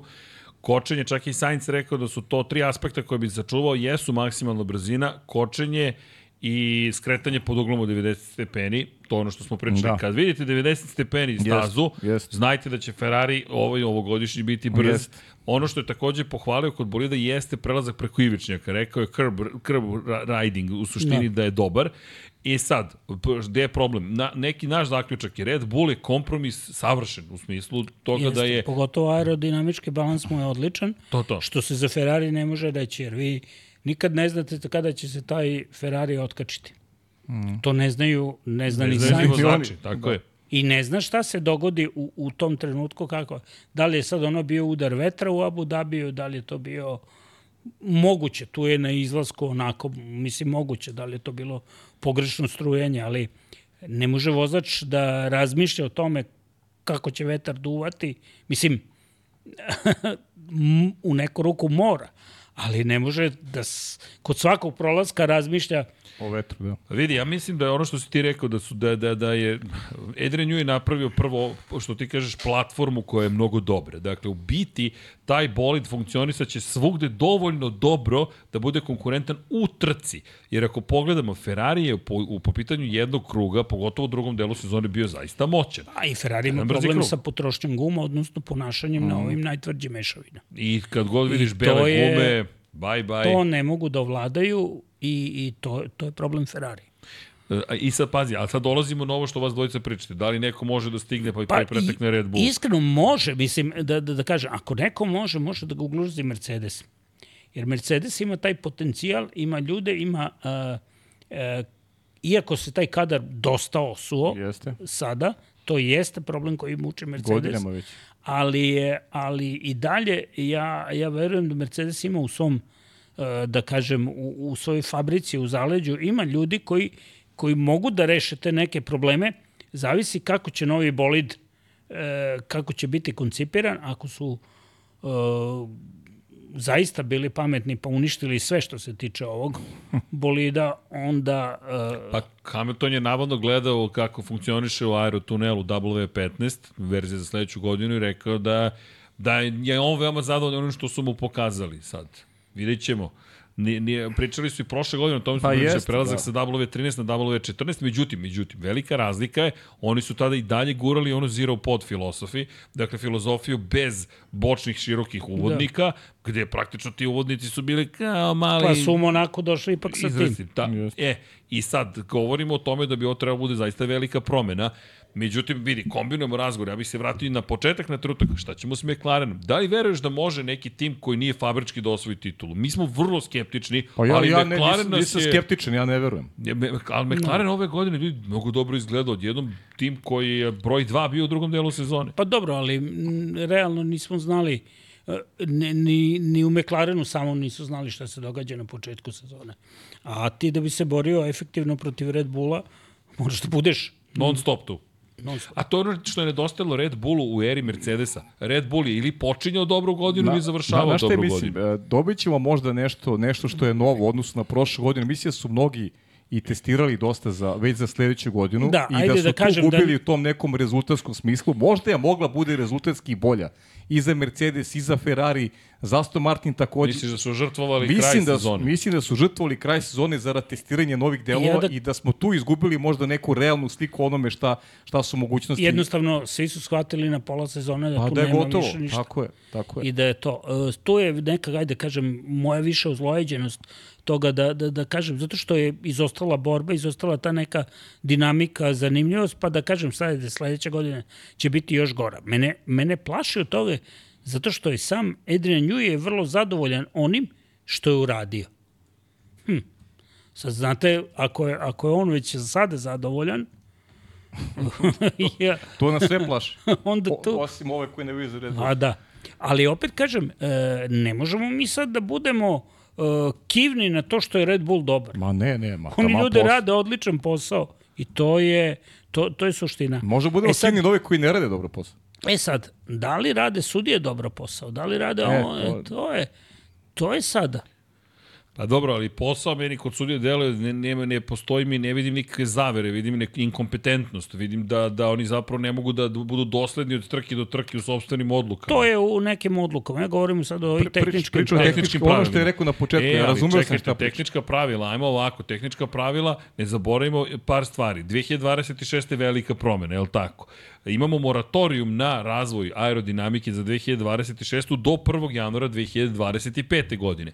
Dakle, mi sledeće godine nećemo moći da gledamo sezonu u kojoj će neko da se priprema za 2026. makar ne formalno, makar ne formalno, uvek postoji način da to izbegneš, ali ono što bi moj zaključak bio, 2025. bi mogla da bude nova 2021. Zašto? Zato što ti se sada u 2024. možeš posvetiti 2025. i reći, ok, to je ta godina, kraj. Ima logike. Pre nego to što odemo u, u, u, sve, u sve sasvim novo. I još jedna bitna stvar, ljudi, ajmo ovako, kad počne 2024. Šta ako ponovo budu svi nekonkurentni? Hoće opet da odustanu i Red Bullu da kažu, ma ne veze, pobedite vi u svim trkama sezone, vidimo se sledeće godine. to je Ferrarijeva taktika. Pa dobro, Ferrari, mi spremamo majicu, običao sam ih ove godine, izvinite, ali mi spremamo za junsko izdanje, nadam se da će se situacija promeniti. Majica glasi sledeće godine, ne, počinjemo razvoj bolida za sledeću godinu. A ne, može... To je uvek ista priča, ali ajde da ne bude tako. Može ko mućke sledeće godine ovo vreme. Vreme Bićemo- bit ćemo šampioni.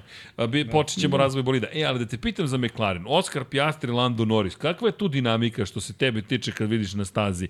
Pošto su to dva veoma talentovano zača Piastri, makar naš utisak Piastri je da je... proglašen za debitanta godine. Pa, svakako neko ko je, ko je osvojio toliko poena, čak i pobedio u sprinterci, ne vidim razloga da, da, da ne bude, da kažemo, ovaj odličan dečko, kapa dole za, za sve. Norris ima sada već ozbiljan kompleks od toga da je, da je Piastri, da kažem, Norrisovim očima ne daj Bože pobedio, ja mislim da je Norrisova kad, karijera gotova. Ako, ako Piastri dođe prvi do pobede, pitanje je šta će biti sa Landom Norrisom. Ima, ima, ima logike. Jer on je ozbiljno ga poljuljao u ovoj sezoni. Ja sam gledao u ba Bahreinu kad je, kad je pobedio uh, sprint, kad je ovaj, Norris je sedao jedno 30 sekundi na, na bolidu. U Kataru, u Kataru. U Kataru, U Kataru. u Kataru. Uh, kad je pobedio sprint, on je sedao jedno 30 sekundi, nije mogao da se ono, da dođe sebi. Da ne pričamo o trci kad su svi bili umorni, pričamo o sprintu. U sprintu, u sprintu. Tako da, ne znam. Ja i dalje ja... imam, verujem, u, u, u Norisa i mislim da je, da, da je ovaj, vrlo potentan, ali, ono, ali se slažem s tobom da bi moglo da bude problematična sezona, a ono što mi se ne dopada i počeo sam malo da korigujem stav, to posljednje vreme, to trkanje sa Maksom i, i bežanje iz duela To mi se ne i sviđa. komunikacija, ne da meni je katastrofa. Da, Znači, zaista nis, nisam očekivao uopšte takvu, takvu njegovu reakciju. Tako ne može se ponaša šampion. Ne može, ne može. Ja, ja, ja, sam, ja sam razočaran tim, ovaj, kako da kažem, e, njegovim stavom nekim koji iz, izostankom e, prosto mm, vidite da, da, da, da tu e, nedostaje želja, volja, ono, jer ja ponovim, zašto ja, meni je interesantno da idem da fotografišem i da budem tamo, e, vi kada se završi trka, se, bilo koja sesija, onog trenutka kad se skidaju kacige i prvih desetak, 15 sekundi lice govori sve. Uh -huh. e, posle toga kreće gluma. I vi kad vidite ka, a, po izrazu lica, možete da, da, da, da, da znate o čemu se radi. Mislim, ako možete da, da, da prepoznate i znate ko je čovek i kako on izgleda u, u prirodnom stanju. Posle toga već kreni ono izveštačenost, Nameštanje PR, za novinare, da. nameštanje i maska i onda dobijemo onakve komentare kakve dobijemo. Ne znam. Možda je e, e, McLaren svakako e, jako su dobro napredovali e, ovo partnerstvo, produženje sa Mercedesom, mislim da je za njih pozitivna stvar za, za tim. Generalno, dugoročno, znači imaju nešto što se zove stabilnost. Za razliku recimo od Alpina sa kojim su se borili, koji ne znaju šta će sutra, ko će biti, ko se prvi probudi, došao na posao, taj šef.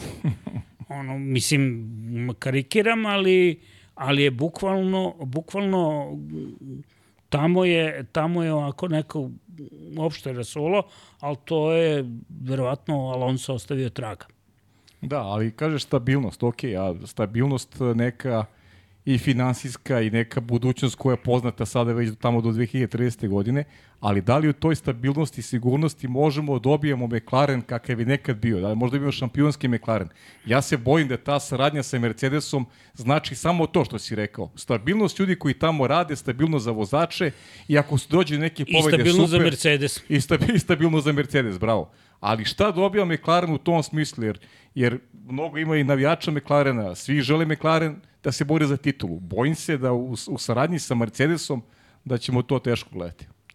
Pa sad, e, treba vidjeti u kom će nas pravcu odvesti razvoj bolida i I šta će biti sa Mercedesom kao sa fabričkom Mercedesom. ekipom generalno? Naravno, zato je ta odstupnica i napravljena. A kao pogonskih jedinica, ovaj, to sigurno e, ne verujem ja da su u Mercedesu zaboravili oni sada šta rade. Samo da vam ubacim jednu, jednu informaciju. Sky, britanski, je izvestio uh -huh. da se u Mercedesu, navodno, insajderske njihove informacije, dakle, prenosimo ono što je Sky pričao, da u Mercedesu diskutuju o tome da li je Formula 1 doživjela svoj ekonomski vrhunac. i da li u ovom momentu uz vrednost od 1,88 milijardi dolara vrednosti i Mercedes AMG F1 ekipe je trenutak da se proda ekipa. To jest da se prodaju deonice. I to je ono što se sada postavlja kao pitanje Jasno. od kojeg smo i krenuli. Sve je povezano, sve, sve je povezano, a to je da li je Formula 1 zaista tu. Zenit. Na Zenitu. Da li je Zenit, tako je. I a, svaki investitor čeka taj Zenit. Jašeš talas dok ne dođe do vrha i onda tu iskačeš ako nemaš neke druge ambicije da ideš još dalje. Ali investitor, zato se i zove investitor. On investira da bi mu se vratila investicija. Ako smo mi ovde, ti iskačeš iz igre onda. I to, to on čemu smo pričali, da postoji mogućnost da McLaren postane ponovo fabrički, Fabrički tim, da, da. Mercedesa zapravo, gde se otvaraju vrata možda zainteresovanim stranama nekim drugim da uđu. Cadillac je rekao hoćemo, Andretti je rekao hoćemo. Sve je to super, ali to nije Mercedes. Eto, Da. da. nije Mercedes, fakat, ali... To je samo jedan Cadillac. A, ali tu je problem sada za, za a to je, e sad, za koga je to problem? Za Formulu 1 ili i za Formulu 1 i za FIU? Znaš, To je veći problem za FIU, jer e, ka, u Americi Cadillac ima neko značenje, a ovde je to sad i dalje jedna od marki koja, koja se pojavljuje. Pritom, šta ćemo sa drugim markama? Ko, ko garantuje e, da će Formula 1 ići samo u, u pravcu ovaj, uopšte možda budućnost Formula 1 kako je sve zamišljeno i nije predstavljena da bude sa, sa klipovima i sa, sa, sa tim. Vi pa, treba da, da, da, da posmatramo jedan širi kontekst gde uh, jedna mrtvorođena serija uh, Formula E, uh -huh. koju niko više neće ni da se takmiči, ni da organizuje, ni da ono, a imaš uh, kompletno svima su puna usta Pa- pa, čiste energije, ono. Imamo seriju Extreme E koja je u problemu. Da li će Formula 1 možda, ako se izdvoji iz FIE, otići u pravac neki Extreme F, recimo. Pa da, ali vidi, kolika je, zašto ja mislim da tamo niko neće da ide? Zato što nema para. Neće, ma da. Zato što Formula E je imala zaista lep napredak u početku. Nešto novo, potencijalno revolucionarno, pričamo o ekologiji, sve je super, država se u, u gradovima i to u velikim cent, centrima. Dakle, mi pričamo o gradovima koje posetiš i kažeš, ej, ima trka danas. Gde ima trka? U centru grada. Ok. Koncept koji Formula 1 ne može tako lako da sprovede. Osim što je Formula 1 uzela taj koncept sada i gura sve više trka u gradove. I mi sad imaš i odgovor na Formulu E. Oni gase Formulu E, između ostalog. Zato što, zato što Formula 1 postaje to po prirodi staza, po prirodi svega. I sve više idemo u centre gde mi sad govorimo o Madridu. Evo, Madrid je Jest, navodno to je najnovija Da, priča, jest. dobio ocenu da još nije spreman za to. Ljudi, to je samo pitanje trenutka kada ćemo da se trkamo po ulicama Madrida. I to je tako. A što se tiče toga da li će biti motora sa unutrašnjim sagorevanjem, ja mislim da svi ispipavaju teren kako da ostane motor sa unutrašnjim sagorevanjem prisutan, a da zadovoljiš opet sve strane. Jer ako ode na električni motor, koliko god mene zanimala ta tehnologija, to je To kraj. je kraj. Ma, to je To je kraj. kraj. Ljudi, A, da. to onda možemo slobodno da kažemo Formula 1 je živela od 1950. Jeste, do jeste. te godine i to je to. Krenulo nešto novo. Zovite Ja se- kako da hoćete. Ja se tu potpuno slažem, iako je to, vidite, e, ta, ta, trema, ta, ta tema prisilne ele- elektrifikacije je opšte prisutna sada i e, daleko od toga da mene ne zanimaju ti električni automobili i to je zanimljivo sa e, a- aspekta, kako da kažem, inženjerskog e, svega. Međutim, suština pravog takmičenja je ipak ovde, ovde suština u zvuku. Oni hoće da vrate jedno, jedno vreme FIA priča o vraćanju zvuka, onda priča o, o što zelenijim tehnologijama. Znači, i tu nemamo jasnu strategiju. Ono što meni smeta i što ponovno ponavljam, jeste nedostatak konzistentnosti u pravilima i zauzimanja jasnog, e, ok, sad idemo u ovome pravcu. Vidi, gubitak, izvini, MGUH. Gubitak MGUH uopšte ne vodi ka efikasnosti. Gubitak MGUH je zapravo direktno suprotno bilo kakvoj vrsti priče o efikasnosti. Mi vraćamo motor sa unutrašnjim sagorenjem atmosferski manje više, koji ima veliki kers. Zapravo kers koji smo imali do 2013. godine, koji ćemo samo da povećamo zapravo, jer će baterija biti veća i veća snaga će biti dozvoljena da se isporuči na pogonske točkove. Ali ti nemaš pogon onako I, kako bi i trebalo to da će imaš. biti suštinski problem trkanja, jer ti imaš pre, preglomazne i premasivne bolide koji su kao kamioni i nezgrapni da se voze na ulicama. A ovamo i guraš na ulice da, da se voze na ulicama. Bizarno. Ali znaš šta je najlepše od svega? Mi dalje sve to gledamo. I dobro, dobro, se bi, naravno, Naravno, gledat ćemo i dalje. ni- jesmo. To je ljubav. Znaš, Samo te električne ovi nećemo gledamo. Pa, I bi seo Zoki, si vozio nekada ovaj električni, bi, bi volio da voziš električni auto? Ne, ja vozim, vozim sta, stalno te električne, ali e, nemam, e, kako da kažem, ja, e, prvo, e, suština priče o električnim automobilima jeste kako koja zemlja dolazi do električne energije. Kod nas su svi ti automobili automobili na ugalj. Bukvalno. Mm. Evo, ajmo ovako, izvini. Evo samo kratko. Je, Mi smo skeptici ogromni. Ajmo sada, znaš šta je moj problem? Nasilna elektrifikacija. upravo to, To kad je mi problem. neko kaže to mora i to se gura, to je, to je, to je problem. Nemaš- Da su ljude pustili normalno Da se razvija da, ta da se tehnologija. razvija, Tako je. Ne. Pa kada bude zrela, ona će da pobedi ako je dovoljno E, zrela. tu dolazimo do priče o Evropskom parlamentu koji je E, ali, upravo... ali vidi, tu je problem Mora vrlo malo, jednostavno. mora malo politike. Ja čak, mm. ali vidi, na, ajmo, evo ovako, ja ću čak i da izbjegnem politiku, ja ću da se svedem na tehnologiju. Ajmo da elektrifikujemo nasilno sada, evo mi smo trenutno u Beogradu. Ajmo svi koji voze automobile sada pređu na električne večeras.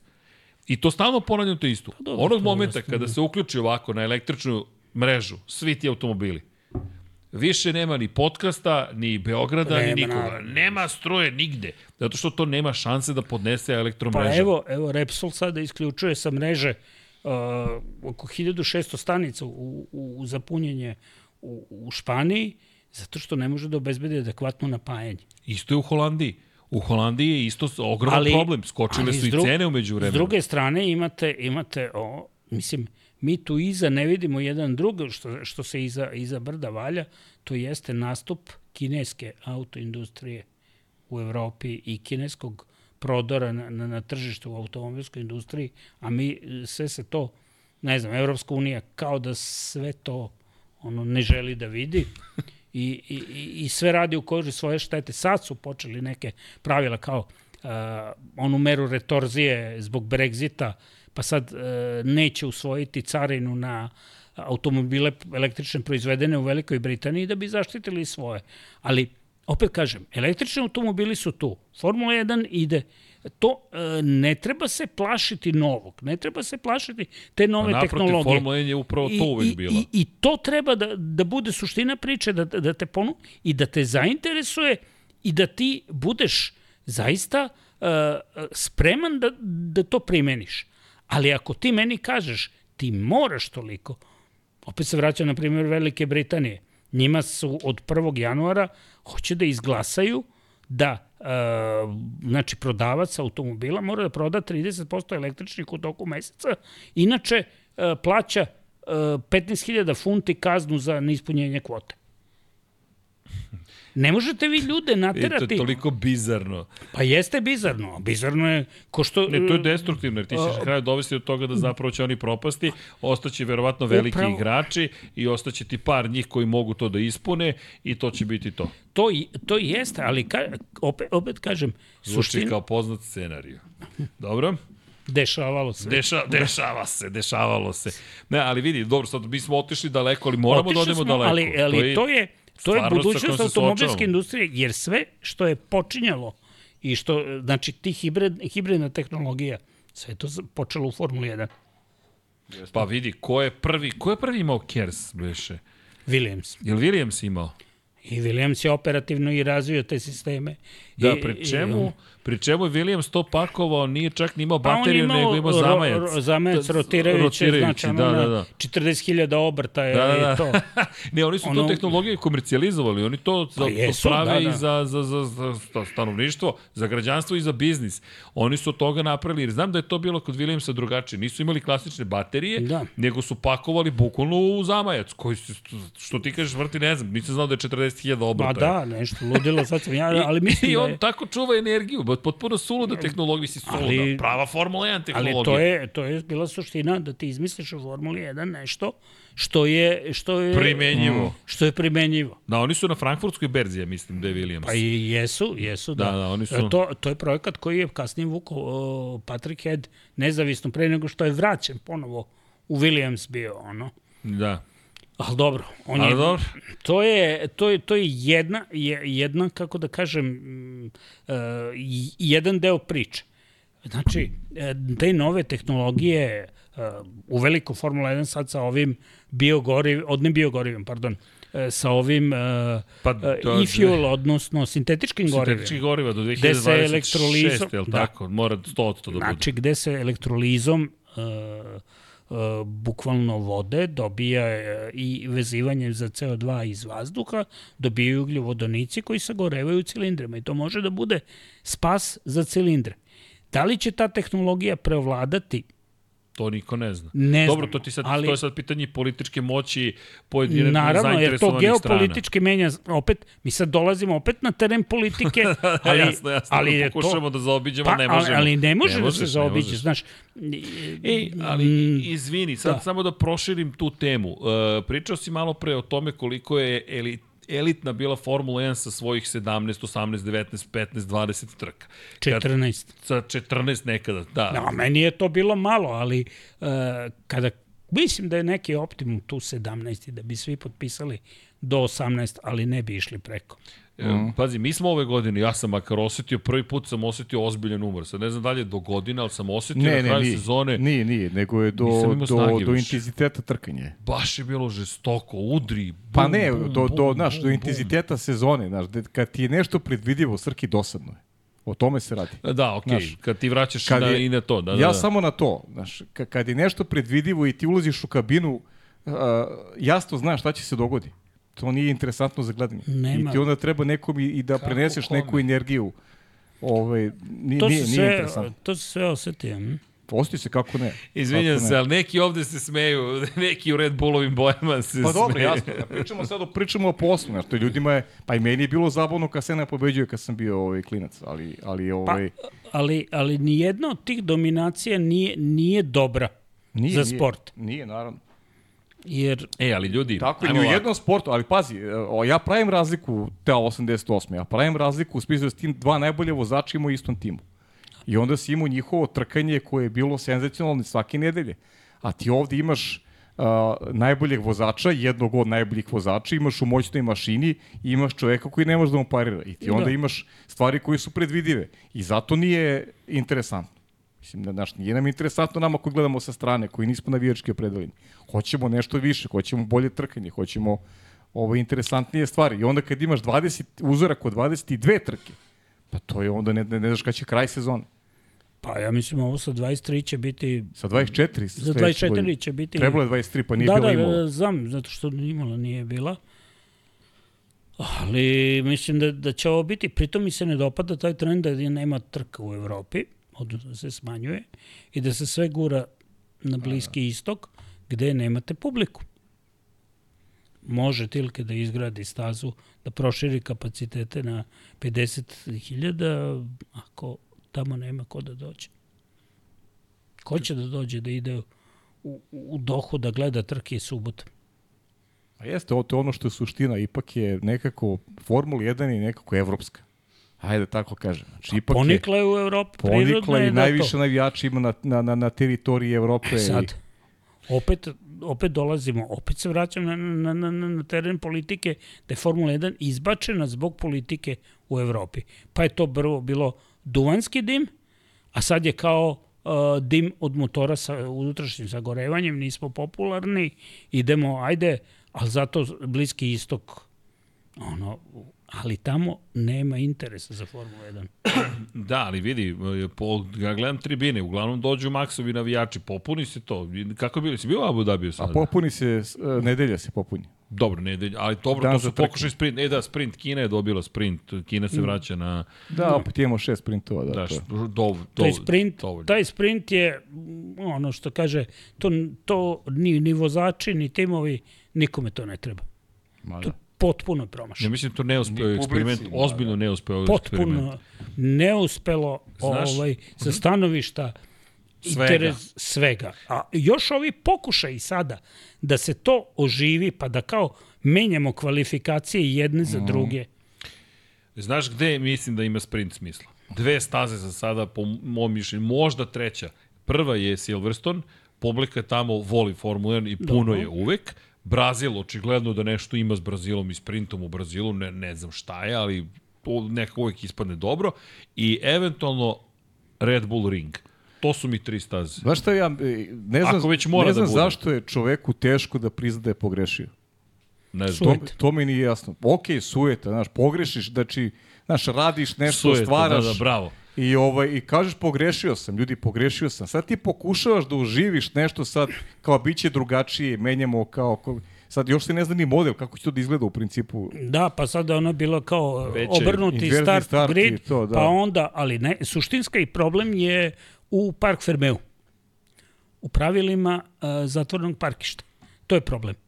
Jer timovi nisu voljni. Ti kad oštetiš nešto, kad do, treba vremena da to zameniš, a ti vremena nemaš. Mm. Jer si ograničio timove da ne mogu da rade. Imaš policijski čas u padoku, kada ljudi iz timova nisu, nije dozvoljeno mehaničarima da budu fizički pris, prisutni. Mislim, jer to znate vi, da postoji policijski čas. Da, da, u krflju, po, politički čas, ti ne možeš da uđeš unutra i to je to. I ako prekršiš Mislim, mi novinari možemo, časa, ali, ali da, predstavnici da, timova ne mogu. Ne, ne, jasno je. Ti kada... I to je, to je isto jedna, nisam ja za to da, da sad ljudi rade uh, 0.24, ono, non stop. Ali, uh, ako hoćeš da se trkaju, pa nemoj ih ograničavati, onda ih pusti, pusti da mogu da naprave te, te bolide. A ovako, imaš situaciju u kojoj vozači se šte I onda sad, naj, naj, najgore što, što može da se desi je sad ova ideja sa uh, izmenama kvalifikacija. Još jedino što, što u Formuli 1 funkcioniše, ajde da kažemo, ne, sada bi, uh, da bi spašavali planetu, mislim ja znam opet da postoje uštede, uh, umesto 13 setova guma da bude 11, a da se kvalifikacije voze jedan brzi krug.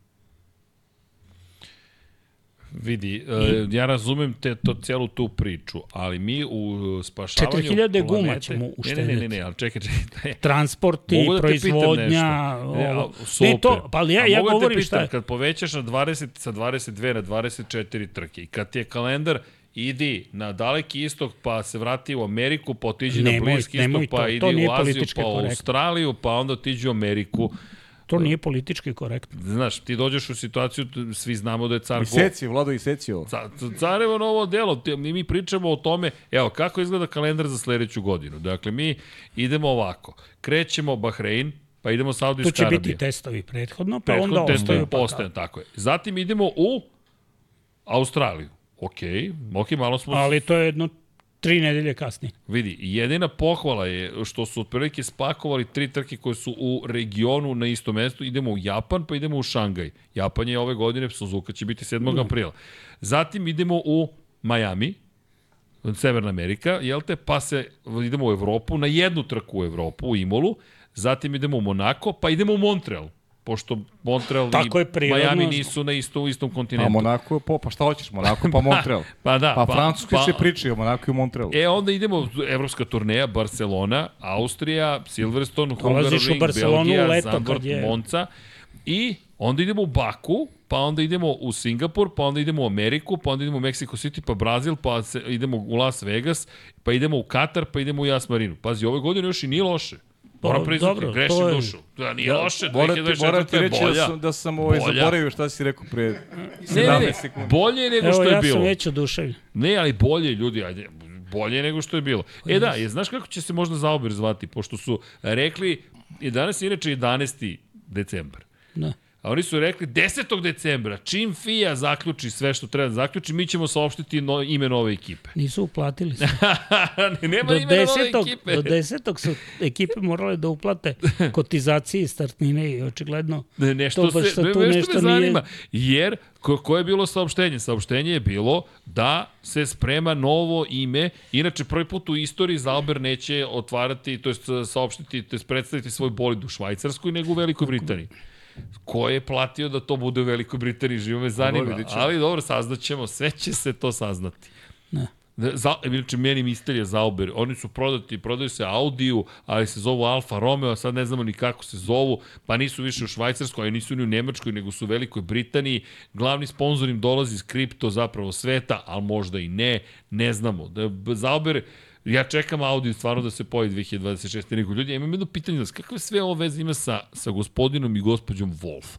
Spomenu smo Tota Wolfa, ko je Suzy Wolf? Ajde samo da te ne zaboravimo i da smo to sebi temu zadali. Vratit ćemo se na ovu digresiju koja Ja je sam mislio da smo zaključili tu temu. Ne, Ali ne znam, ali nismo spomenuli, Suzy, Suzy Wolf je nekadašnja vozačica, devojka, žena koja je vodila uspešno, mega uspešno Venturijevu ekipu, Rocket Venturi kada su bili, oni su imali saradnju sa Mercedesom, s Mercedesom su osvojili titulu, taj tim je posle postao Maserati zapravo, ona je to napustila i postala je general manager, managing director zapravo F1 Akademije koja je ove godine vozila svoju prvu sezonu, sledeće godine će biti druga sezona F1 Akademije, to je novi serijal zapravo takmičenje za žene.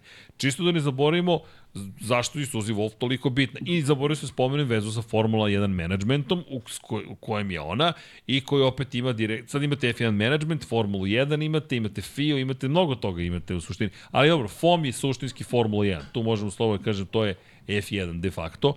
Samo da ne zaboravimo ko je Suzy Wolf. Jeste da smo prošli kroz Tota Wolfa celu priču, oni su inače Može žena, upoznali su se na stazama, E, možda, supružnici. možda to zamisliš da, da, da žena kaže mužu nešto se tiče njenog posla. Si čuo ti nekad to? Nikad u životu. Si čuo nekad da, Nikad da žena kaže mužu nešto se dešava na njenom poslu? Nikad u životu. Evo ja prvi put isto. Ja sam u, ja sam u šoku da se takva Da, poveznica, pomisao. da se takva poveznica napravila. Da je neko pomislio da žena može svom mužu Bože, kaže... sačuvaj. Ili Ja- ja da se ja ne javi, mogu da verujem. To ja. nije politički korak. Ili da se javi na telefon Ja sam u šoku, to da stvarno zaslužuje neku onako debelu Osudu. istragu. Da, i osudu i istragu neku baš podebelu. Da, Ja mislim Evropska komisija da sprovede. Mislim, ljudi, s, smešna priča potpuno. Ali- Ali, to i rekli smo da je Ali, smešno. Pajo, vidi koja je moć u celoj priči Wolfa i Wolfovih, kada se Ja- ja, 10 E, timova znate vi kako se reklo- preziva Suzi? Stodar. Devoječka. Da, Stodar, da. A ja znate šta radi Paul Stodar? Pa znamo. Mo- Molim te, podeli sa nama. Da.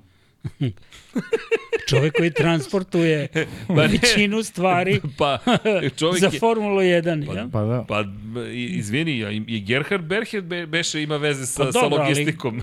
Pa Gerhard Berger ima sa svim Rauhovim i pićima, ajde da kažem. Ajde, da Da, budemo... Red- Red Bull.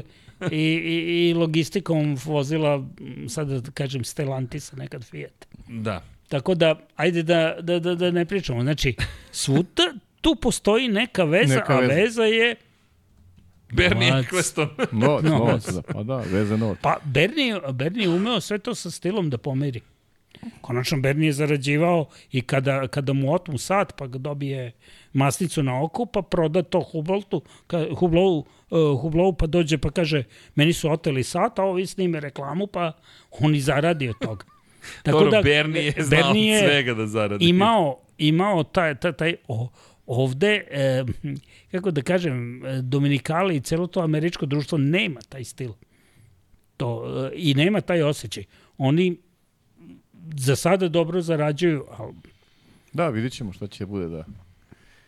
da na, treba im neki novi talas. Treba im neka nova 2021. Jeli, nisam znao, moram ti priznati ovo, je, je, po, Stodar, je li stvarno postoji neka porodična tu veza ili ne, sa, sa, sa, sa Suzi? Dobro, to priznajem, nisam znao. Ako mislimo na istog pola Stodarda, čoveka koji je da, bio. bio šef, koji je, čekaj, on je bio u Minardiju? a, ne, ne, ne, ne, Stobart. Aha, A Ti, ja sam, ti, ti misliš na, Na pola, pola Stobarta. Stobarta. da, a, okej, On moja greška, je- zato što... Pa on je ono ja sam radio mislio, ja sam tako što je Stodarda. kupio, ne, ne, ne, ne, Stodar. E, on je kupio ovaj, one avione, pa je između, ovog, pošto u Australiji je zabranjeno kockanje, Čekaj, čekaj, ali onda John je, Stoddard je njen otac. ali on radi transport. Aha, okej, dakle John Stoddard, ne Mora, Paul Stoddard. da, okay, ja okay. sam dozvoljan da sam okay, prebacio, ali između ostalog, zato što mi je Stobart, ali samo da vratim, on je, on je radio na, na drugom, on je bio u Minardiju, on je ono što to- to si kaže me zbunio, što je bio što je bio što je bio ovaj vrlo inventivan pa izmislio da kockanje u avionu nije nezakonito pa je vozdio ture do do Tasmanije i nazad da bi se u Australiji ovaj Mislim, Da je ima sve okej, nego samo... Ima, da, da, da Nisam- ne ostane do, do, do Dobro kraja. si Ne, pogledao, da, ja sam mišljao na pola sto da isto. ne, ne, ne, ja sam, ja sam pre, prebacio. Za, potpuno si me po- poslao, trajektorija je bila Da, na da, neku, na neku Film. drugu stranu, ali, ali, ali sve okej, samo... Suština je da, da svako tu ima neki svoj zakulisni biznis. Pa da. Pa to, zato sam i rekao, mislim da Toto Wolf, ako hoćeš da nađeš sukob, možda mu nađeš vrlo lagano. Gde god hoćeš. Vrlo lagano mu nađeš. Ali nije, nije samo Toto Wolf. Do, Ne, ne, tako je, ne, ne S- kažem. Svako od njih ima pomalo. Dobro. Zato čuvaju. I zato se čuvaju i zato dolaze ovih 10 saopštenja, 10 timova. Momentalno. Momentalno. Ne, kada pogledaš, znaš, reakcija meni i pri čemu, niko nije u FI rekao da su njih dvoje u pitanju. Nego su mediji odreagovali, a potom Prvo, prvo niko nije rekao koja je informacija u pitanju. niko ništa Znaš, nije ti rekao. ne znaš šta je to u pitanju. Šta, šta je Pa to dobro, što je mislim, zasmetalo. to je, to je ono, znaš, znate, pretpostavlja se da su u pitanju informacije koje se tiču budućnosti Formule 1. A to su informacije kuda će se kretati, kako će set aerodinamičkih pravila izgledati, jer radi se o konstrukciji bolida za ovu žensku seriju koja je spomenuta, koji bi trebali da budu e, na osnovama budućih pravila Formule 1. I logično je, e, logično je što je FIA po, posumnjala u šaputanje na jastuku. Ali nije rečeno eksplicitno timovima očigledno to ne smeta, jer svi imaju, ako se setimo, ranije čovek koji je prešao iz Williamsa pa došao u FIU. Sad opet da te ne zbunim nekim imenom, ne mogu da se setim. Ne, ne, ne. E, kako se zove, već. se u fiju. a, da. Iza njega je bilo, uh, Uf, nije oh, to da. Bizi, to, to, to bi Nije, ja... nije, nije. Čekaj, čekaj. Ne, ne, ne, ne mogu da se setim, nije, nije, nije bitno. Nije prvi slučaj da, da, da se tako nešto desi. Mislim, Ko Dobro, beš iz Williamsa u fiju prešao? iz Williamsa je prešao, e, zapravo, čekaj, zar nije bivši šef Williamsa, nije Adam Parr, nego ko beše bio, ko je hteo da skine i, i Bernie Ecclestona zapravo, pa, pa je zapravo volšebno nestao za trajno iz Formule 1. To je zabranjen mu je bio ulaz. A, Ne mogu, ne Adam mogu. Parr, ali ne mogu da se sad setim. Sad, ko zna gde smo odlutali u celoj dobro, ali, ali radi se o tome da su svima uh, interesi, da kažem, isprepletani, uk- izukrštani i normalno da se društvo drži zajedno. Je, Logično. Izvini, evo Adam Parr, dobro sam se setio, Da. on je čovjek do 2012. bio u Williamsu, ali ne znam da li je prešao u FIU. Ne, ne, ne, ne, ne, Ne, nije. Ne. Sigurno. Ne, on je zato što je on čovjek nestao. Onog momenta kada se Pa, pa, pričalo o tome da bi on mogao da zameni Bernie Ecclestona, Onda ga je Bernie zamenio. jeste, trajno. I nije nikad više ušao u Formulu 1. To je pojavio se pa pre, Pa pre dobro. godinu otprilike da bi možda nešto mogao da se ponovo uključi. Ali A to dobro, to, to je sad, ne, mislim, e, opet e, treba samo pratiti trag novca i videti. Dobro. Samo. ne, ali e, vidi. Ne, Teško je pratiti meni sad u kripto ti priznati, meni Da. zanimljivija reakcija. Da nije reakcija bila ovako agresivna, ja bih pomislio, ok, ovde ljudi nema, nema šta da, i da pričamo, međutim, a toliko je reakcija zanimljiva, da 10 timova saopšti istim rečnikom isto, pazi, to je poruka je jasna. Jedna osoba je ovo napisala, kogod, neki novinar, PR, čuveni, jel te, neko ko je zadužen za odnose s javnošću, i svi timovi su podelili isto saopštenje u svom fontu, na zvaničnim nalozima, identičan tekst. Pa Kad to se je to. desilo da neko saopšti identičan tekst? To je poruka Formule 1 cele FI. Ne. Dakle, spremni smo svi zajedno da zbijemo redove, da pomirimo naše nedoumice, Red Bull, To Mercedes, se, Ferrari. to se Srki Ne vrlo lako.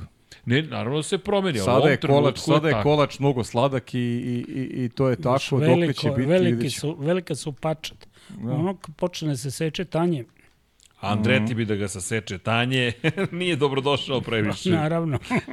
Nije previše dobrodošao. Kadilak, šta, ko, kako? Ali vidi, Zoki, to je sad nezgodna situacija. Možda Kadilak kod nas nije toliko poznat, ali mi pričamo o O Naravno, mi gledamo koja američko- nikad nije ušla u Formulu 1. Čekaj, Jim nikad nije bio u Formuli 1. Ispravljaju koliko grešim. Nikad nisu imali ni u Formuli 1. Pa n- I sad ti dolazi taj proizvođač i kaže mi hoćemo zajedno sa američkom ekipom da uđemo u šampionat koji postaje sve više američki. kako ćeš ti da im kažeš ne?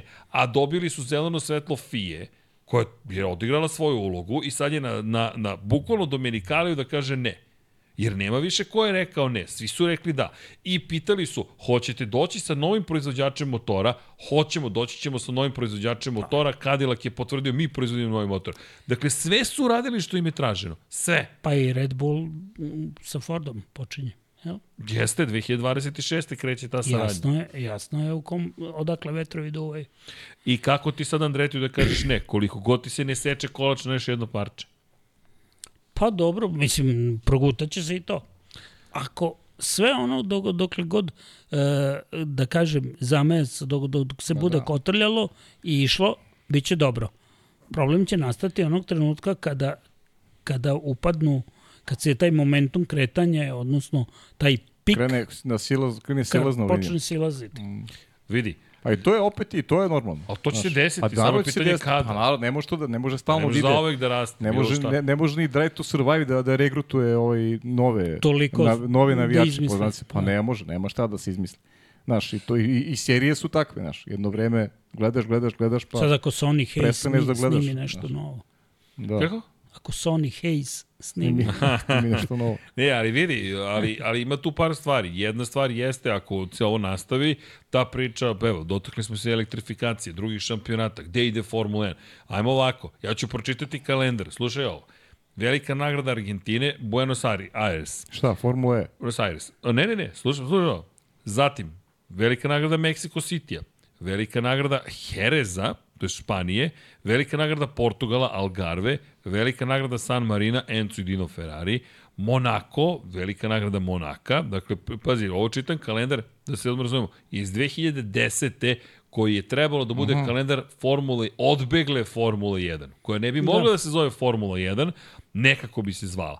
Dakle, i Monako je bio na tom spisku. Zatim, velika nagrada Kanade, Montreal, velika nagrada SAD, Indianapolis, velika nagrada Velike Britanije Silverstone, velika nagrada Francuske Manji Kur, velika nagrada Nemačke Eurospeedway, to je Lausitz Ring, Laus. koji nikad nije bio zapravo u Formuli 1.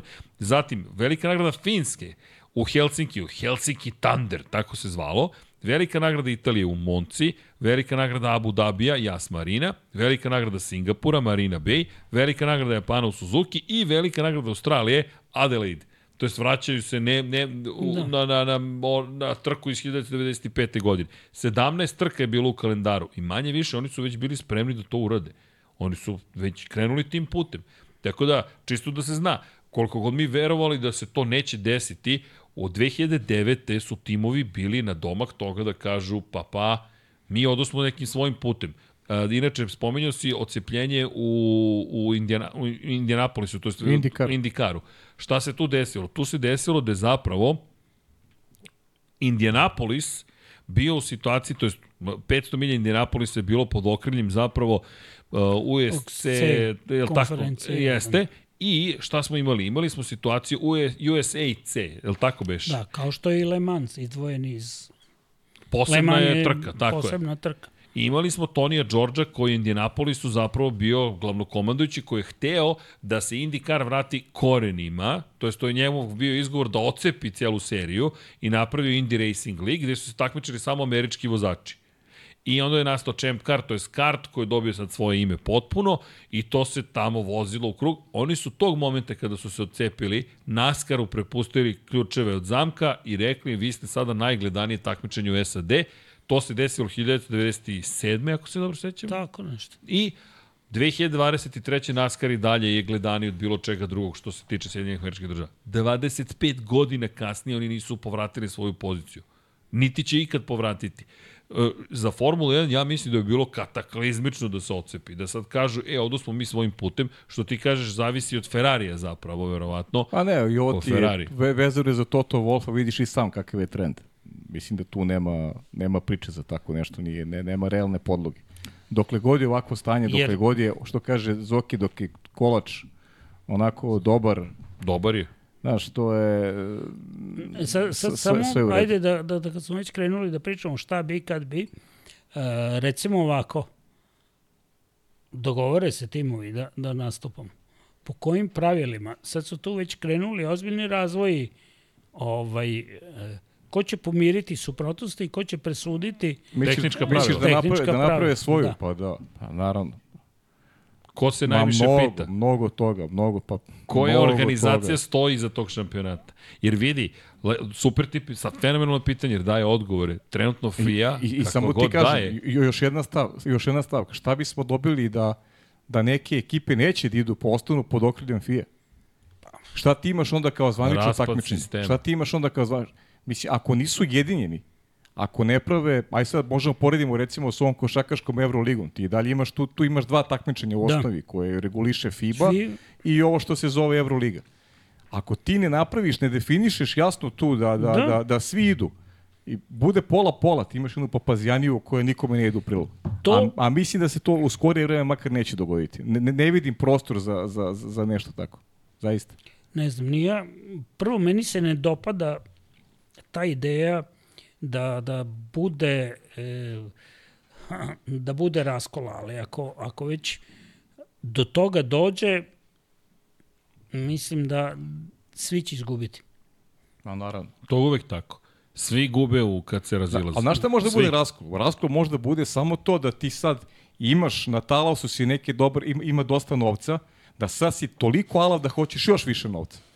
Pa ajde sad po svaku cenu hoću da izađem iz nečega da bi imao još više novca. Mislim, novac, novac uzrokuje ovaj, svakakve ovaj, stvari Pa, ali- i, i, i menja neke i, i tendencije, trendove i utiče na pomoćenu svest i tako dalje. A, ali stvarno mislim da u ovoj konstelaciji snaga zaista ne vidim, ne vidim Mislim da prostora je za tako nešto. jezičak na vagi koji će prevagnuti jeste Ferrari.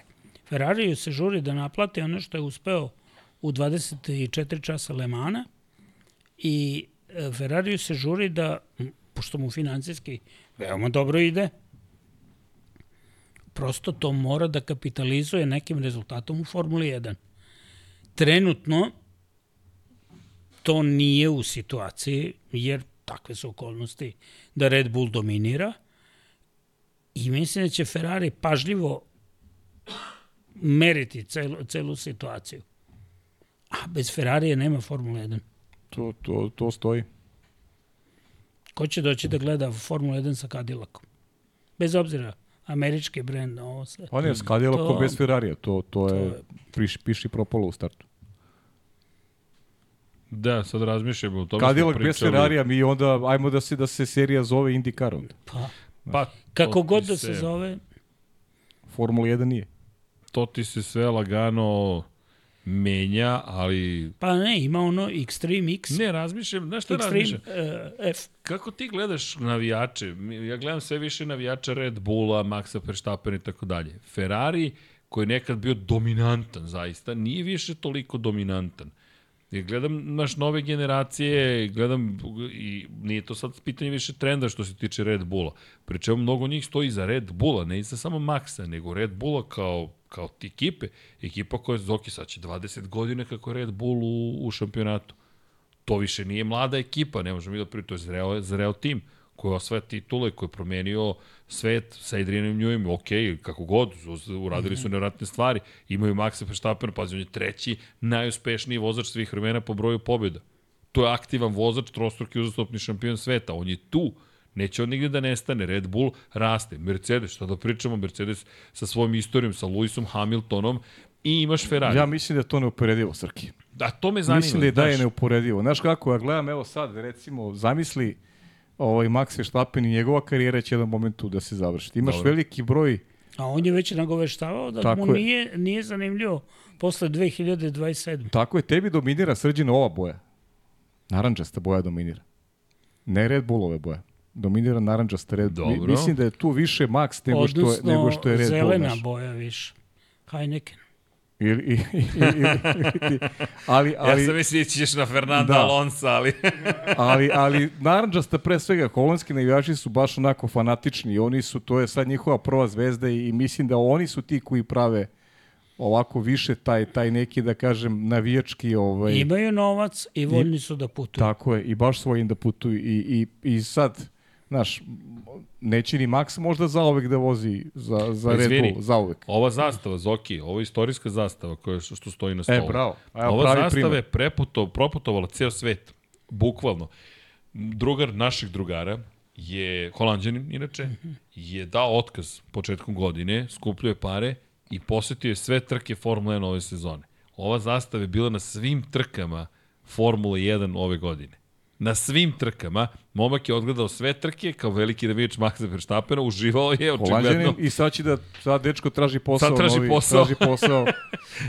Pro, pro, probao je godinu, za 2024. da, da, probao je godinu gledajući Formulu 1. Sjajno. Tako je. I on Ej. je iz njegove perspektive imao šta da gleda. Ali to koliko su, pričamo o tome koliko su Posvećeni generalno tome. fanatični, koliko, koliko, su, koliko su posvećeni. Tako, a mislim da se tu negde odnos snaga, ovaj, mislim Ferrari ima, ima bazu i, i, i tih starih navijača, novih navijača Ferrari ipak u tom pogledu najveći brend, to je nešto se, što će se neće promeniti nikad, verovatno. Da, ne, vidi, ja samo razmišljam, smijem se samom sebi, razmišljam šta je Ferrari, Ferrari koji postoji od, od, od početka, od, od osnivanja.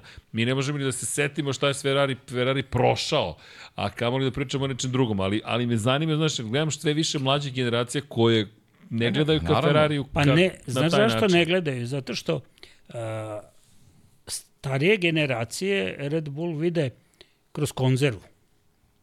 Mislim, figurativno. Kao rečeno. Kao ne, ne, ne želim da... Ali, Ne, ne, šalim se, ne, Ne, ne, ne, nije to- ne, ne mislim da išta ni podaštavaš. A Ferrari je ipak automobil.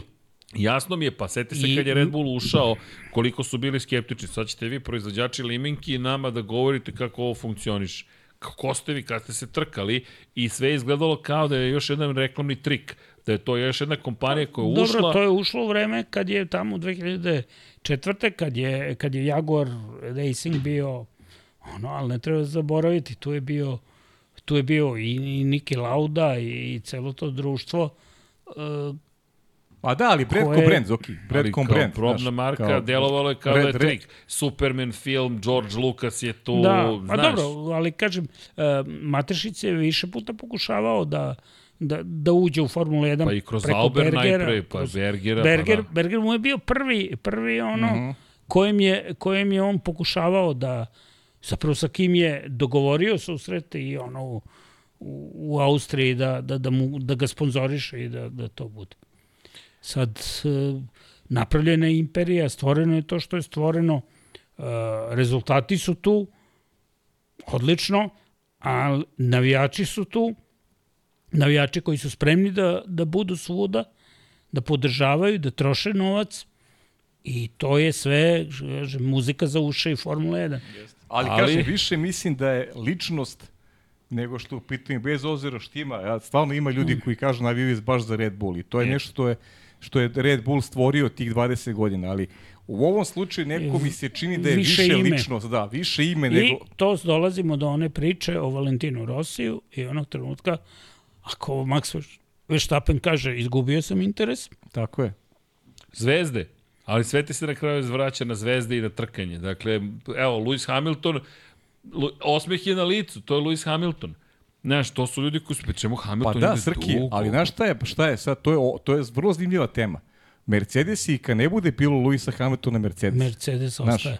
E, jasno. Znaš, Ferrari je, Ferrari je Ferrari. Znaš, I- šta, kako će se, kakav će odnos biti ovih Red Bullovih navijača u momentu kada Red Bull a, bude prolazio kroz stanje u kome je danas recimo Evo Ferrari. da pitamo, Ne danas. kad evo, ko- ode Max. Koliko Ferrari nema godina titulu? Da li će Red Bull imati tu bazu navijača u recimo Ostati. 15 narednih E, to godina ne u kojima neće biti titule? E, to je Ne poenta znam. priče. Znaš, to je... Ali da pitamo gospodina, ako ode Max iz Red Bulla, Doći će nova Doći će nova zvezda. E, to je to. Ta, Pa dobro, oni imaju imaju oni rasadnik talenata, nije, nije Imaju, to, pa to nije sporno, da. To nije sporno, ne, ne, ali ali Stavija ostaje uz Red Bull čovjek. Da, to, to- je poenta. Znaš, nije pitanje vozača, nego, ali to okej, okay, Holandjani neće, Holand verovatno, ali okej, okay, ej, ali e, znaš kako, vraćamo se na početak. Ako se nastavi dominacija Maxa Verstappena, Uh, je li to dobro trkanje, nije dobro trkanje, znaš, mi ga zovemo flaster vozač, to, je- to je neko rekao, zalepiš flaster na prvo mesto. A nije dobro, ono što je Zoki rekao, Srki, generalno ne samo forma, u sportu nije dobra dominacija. Sve je okej. Znaš, generalno, znaš, to je kad ti u bilo kom sportu neko je šampion pet godina za redom. I Kako ti znaš da će biti šampion, to nije dobro za Ka- sport. Kako je promeniti? Znaš, e, jer vidi, Ni- evo, Borislav me podsjeća, zašto su uvedene nova pravila 2022. da bi se povećao nivo uzbuđenja, količina preticanja i dobila veća neizvesnost. Nije se dobilo. Pa evo da vas pitam, da li znate, Borislav mi je poslao odgovor, pitaću publiku, koliko vozača je pobedilo, nemojte da gledate Wikipediju ili neki drugi izvor informacija, koliko različitih vozača je pobedilo od početka 2022. godine? Pa ja ću reći na pamet, petorica. Zoki, Šest, ja mislim. Šestorica. evo ja ću vam pročitati Max Verstappen, Sergio Hamilton. Perez, Charles Leclerc, Carlos Sainz i George Russell. Petorica. Lewis Hamilton nije pobedio drugu godinu za redom. Petorica, da. Da. Dakle, mi u jednoj sezoni smo znali Dobro. da imamo više pobednika. Da, ove sezone imamo tri, Razumete? a koliko se njih popelo na, na podijum ove godine je izuzetak, recimo, 11 mislim da je bilo. da. Ali e, to je, to je ova godina zato što je McLaren, zato što je, Imamo, hoću da kažem, O, obojca iz Alpine su bili na podijumu. da, to je- ali imamo, imamo um, To je sledeća tema. Flaster vozač. Iza se događalo svašta. Ispod flastera gde zalepiš preko imene Maxa Verstappena. Ali to je to. Na prvoj poziciji, inače, čitam vam magične brojeve. 34, 4, 3, 2, 1. Znate šta je to? 34, 4, 3, 2, 1. 34 uh, Pobede, šta? Tako Ne. je. To Pobede. su pobede tih vozača. 34 pobede Maxa Verstappena za ove dve godine, 4 pobede Serhija Pereza, 3 pobede Charles Leclerca, dve pobede Carlosa Sainca i jedna pobeda Georgea Russella.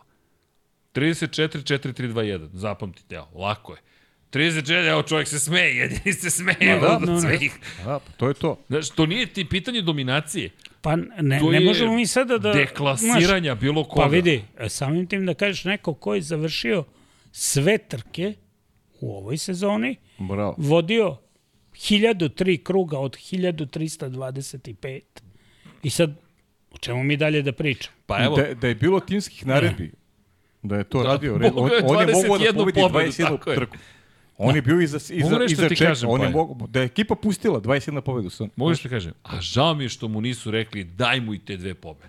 Znaš, da potpuno banalizujemo celu sezonu i da dođemo do toga da samo u Singapuru neko drugi Pa pobedi. banalizovano je, svako je banalizovano. Znaš. Inače, evo Borislav, koji inače z- puni informacija, kaže aktivan, e, to jest, niz trka u kojima je neko osvajao poene, najuspešniji vozač svih vremena Lewis Hamilton, 48 trka za redom, Max ima 41 trenutno. 41 trenutno u kojoj osvaja poene. On čovjek ne seća se kad nije osvojio poene. Ne seća se. Pa to ti je, kaži mi, se sećaš kvara Red Bulla? Ne sećam se ni toga. O, od početka prošle godine. E, i ljudi, to je nemoguće. Znaš, Od početka prošle godine ti nemaš kvar, a ne pričamo samo o. Maxu bolidu, pričamo i o, i o O bolidu. Sergio Pereza. Ti nemaš kvar bolida. Imaš greške brljavi Perez, kao brljavio tokom cele Ne, karijere. dobro, i bilo je tu kao nekih poteškoća ovo sa, sa Kersom, sa ba- Gasom pa da, i to ali- sa, ali, ali to je nema- sve u treninzima ovo. Pa i za, završiš nije trku. stao. Nema, u Da. trci nema. Za, Dobro je da je Honda izašla iz Formule 1, zamisli da je ostala u Formuli 1. A kako ti kad je izašlo? Pa tako su rekli, ne znam da je, se rekoše da izlazi iz Formule 1. Opet osmeh samo kod jednog gospodina koji sedi i uživa u Pa to je celoj to. situaciji. Ne, ne, pa to je to ono, ono što je rekao Zoki s početka, znaš, to nije, nije ovaj, ništa zlurado prema Red Bullu i Ma prema Maxu. zlurado? Zlurado je prema ovima koji ne mogu da naprave ništa konkurentno i onda mi se patimo generalno. Ne, ne gledamo ništa, gledamo predvidive Nije stvari. Red Bull nama kriv što... što Kakav Red Bull, nije kriv. Pa to smo isto govorili za Mercedes. Samo što smo tad mislili Tako da je. je to najveća moguća dominacija. Jeste. Sada to izgleda smešno, nekako. pa u ovoj konstelaciji konst- I gleda- 19 Znaš zašto? Pa znaš ko je činio to da bude da je sad smešno? Pa Luis sa svojim stavom. Luis je, Luis je volao malo da partija. Luis nije tip koji aj sad ću te ubijem Ma, do da. kraja. On kad vidi da osvoji titulu, ode, ode na žurke, malo da Malo drugačije ra- živi. Ovaj dečko, je, ovaj dečko nema kada se rasteriti. On, je- njemu je fokus od, od, od sutra do od, od 0 do 24. Samo vožnja, vožnja, vožnja. I, i, to je, tu je razlika. Jao, ej, pozdrav, jao, mene, jel znate kako troluju trenutno Maxa Verstappena? Jel znate šta mu rade na, na streamovima kad vozi Formula 1? Pusti mu holandsku himnu. I sad se nervira, prestanite više da je puštate, razumiješ se? Jer toliko smo je čuli. I onda najče u Moto Grand Prix, gde holanđani redko pobeđuju, ljudi, stvarno redko pobeđuju. I Colin Vejer, mo, klinac iz Holandije, pobedi ove godine. I samo dobio 6000 poruka. E, dobro je da je nova himna, e. Niko nije čuo himnu odavno Holandije. Pa prošle godine je čak i Richard Verschur pobedio ovaj. To, Da. to, to, to, to. Pa smo slušali Ali, u Formuli 2. Da se vratimo na ovo, samo Da, da, da, da li izvini. smo dobili interesantnije trke. Ako pogledamo trke za, za, za niže ovo, pozicije. za niže pozicije, da. Sad kad pogledaš, wow, ono zvuči podatak, ne znam, statistički, valjda, najviše preticanja, znate u kojoj je bilo trci? Ovaj, U Las Vegasu. Nije, Ne, nije. nije, nije, nije Vegas. Las U Vegas, znam ja. Holandiji. Uh, Holandija, da, Holandiji, Zandvoort pa Zandvoort. Las Vegas. ali da, da. zašto? Zato što je padala kiša. Tu je bilo promenljivi vremenski uslovi i onda je bilo 100, nešto, 110, 12, ono, preticanja uh -huh. u toj trci. Pa sledeća je, ne znam, Las Vegas 80 ili ne znam koliko, pa ne znam onda šta, šta, šta već dođe. Sve u svemu, naj, najgori je Monako, ono, 12, ne znam, Budimpešta 13, 14. Pa dodam onako. Ono, mislim, e, kako da kažem, to, to su Montreal isto, katastrofa. Ono, mislim da je bilo... Ali dobro, u Vegasu 10, nije bilo 15. kiše. I bilo je puno preticanja. Pa na pravcu tamo, Da, znaš. čekaj, da, čekaj. Da, šta misliš o Las Vegasu sad kad smo već, ono, e, ću... Pa kako, Las Vegas je u tom košu koji je rekao Zoki, to su ti staze koje liče jedna na drugu. Las Vegas je isto staza koja... Ima onaj neki klip, video staze sam, liče jedna na drugu. kad uzmeš gumu od bicikla pa baciš ovako i onda se napravi oblik staze. Ok. Da. I to je onda staza za... E sad, ok, ovde je bilo malo više planiranja. Sedeo sam sad u, u Kataru i pričao sam na večeri sa, sa Hermanom Tilkeom i njegovim sinom. Sinom, aha. Pa sin Karstenu. beše, ili sin beše ovaj Las Vegas, ili on? Uh, on Sin je je radio i o, to, to mu je prvi veći projekat ono, uh Mhm. -huh. ko, koji su zajedno. I Karst, sad, aha. on um, kaže, ok, tu je izazov, naravno da je izazov napraviti stazu u urbanoj sredini, ali tu ti izazov zbog svih pristupnih puteva, zbog plana evakuacije, zbog, zbog drugih parametara, a to kako će izgledati staza, to je poslednja briga. Dobro, ti se zapravo uklapaš u ono što su ti... Ambientalnu celinu Da, ok, i ograničenja koja ti ona nameće. koja ti nameće. Jasno. E, sad, naravno, oni imaju priču u kojoj kažu, ok, najteže je napraviti stazu, to je inače sad u novom broju Voltage Top Speeda baš ima taj, taj intervju, pa sad evo, samo ne, neke... Slobodno, Zoki, slobodno da. reklamiraj, reci Ne, gde mogu ljudi da ovaj, čitaju. Bukvalno, bukvalno uh, su, smo pričali o, o stazama, o granicama staze, o svema onome manje više što muči Formulu 1, ali su oni deo te ekipe koja radi za Formulu 1 koja crta takve staze, a crta ih po nagovoru komisije Formule 1, Mhm. koja ima u vidu pravila i koja zna kako će te, te pravila. Kaže, kad je, kad je bio onaj udes Ralfa Schumachera u Saudijskoj Arabiji, Mika Šumahira. E, da, Mika Schumachera, Mika. izvinjam se, prebacio sam. je vratio ja ti gledam to Ne, ne, ja ne, ne, Na, koja na, god je na, na, na, biblioteka. Mika, na Mika Schumachera, ima ih dosta, dobro. Da. E, uh, kaže, uh, uh, ja sam ga ja sam ih pitao koliko imate intervencija od strane FIA, od on kaže vozači se stalno ono, ali suština je ako pobeđuju, njima sve staze odgovaraju, a ako su loši, ne odgovaraju staze, problem. O, ovde je bilo pitanje Ivičnjaka koji je bio loš. Loše napravljen.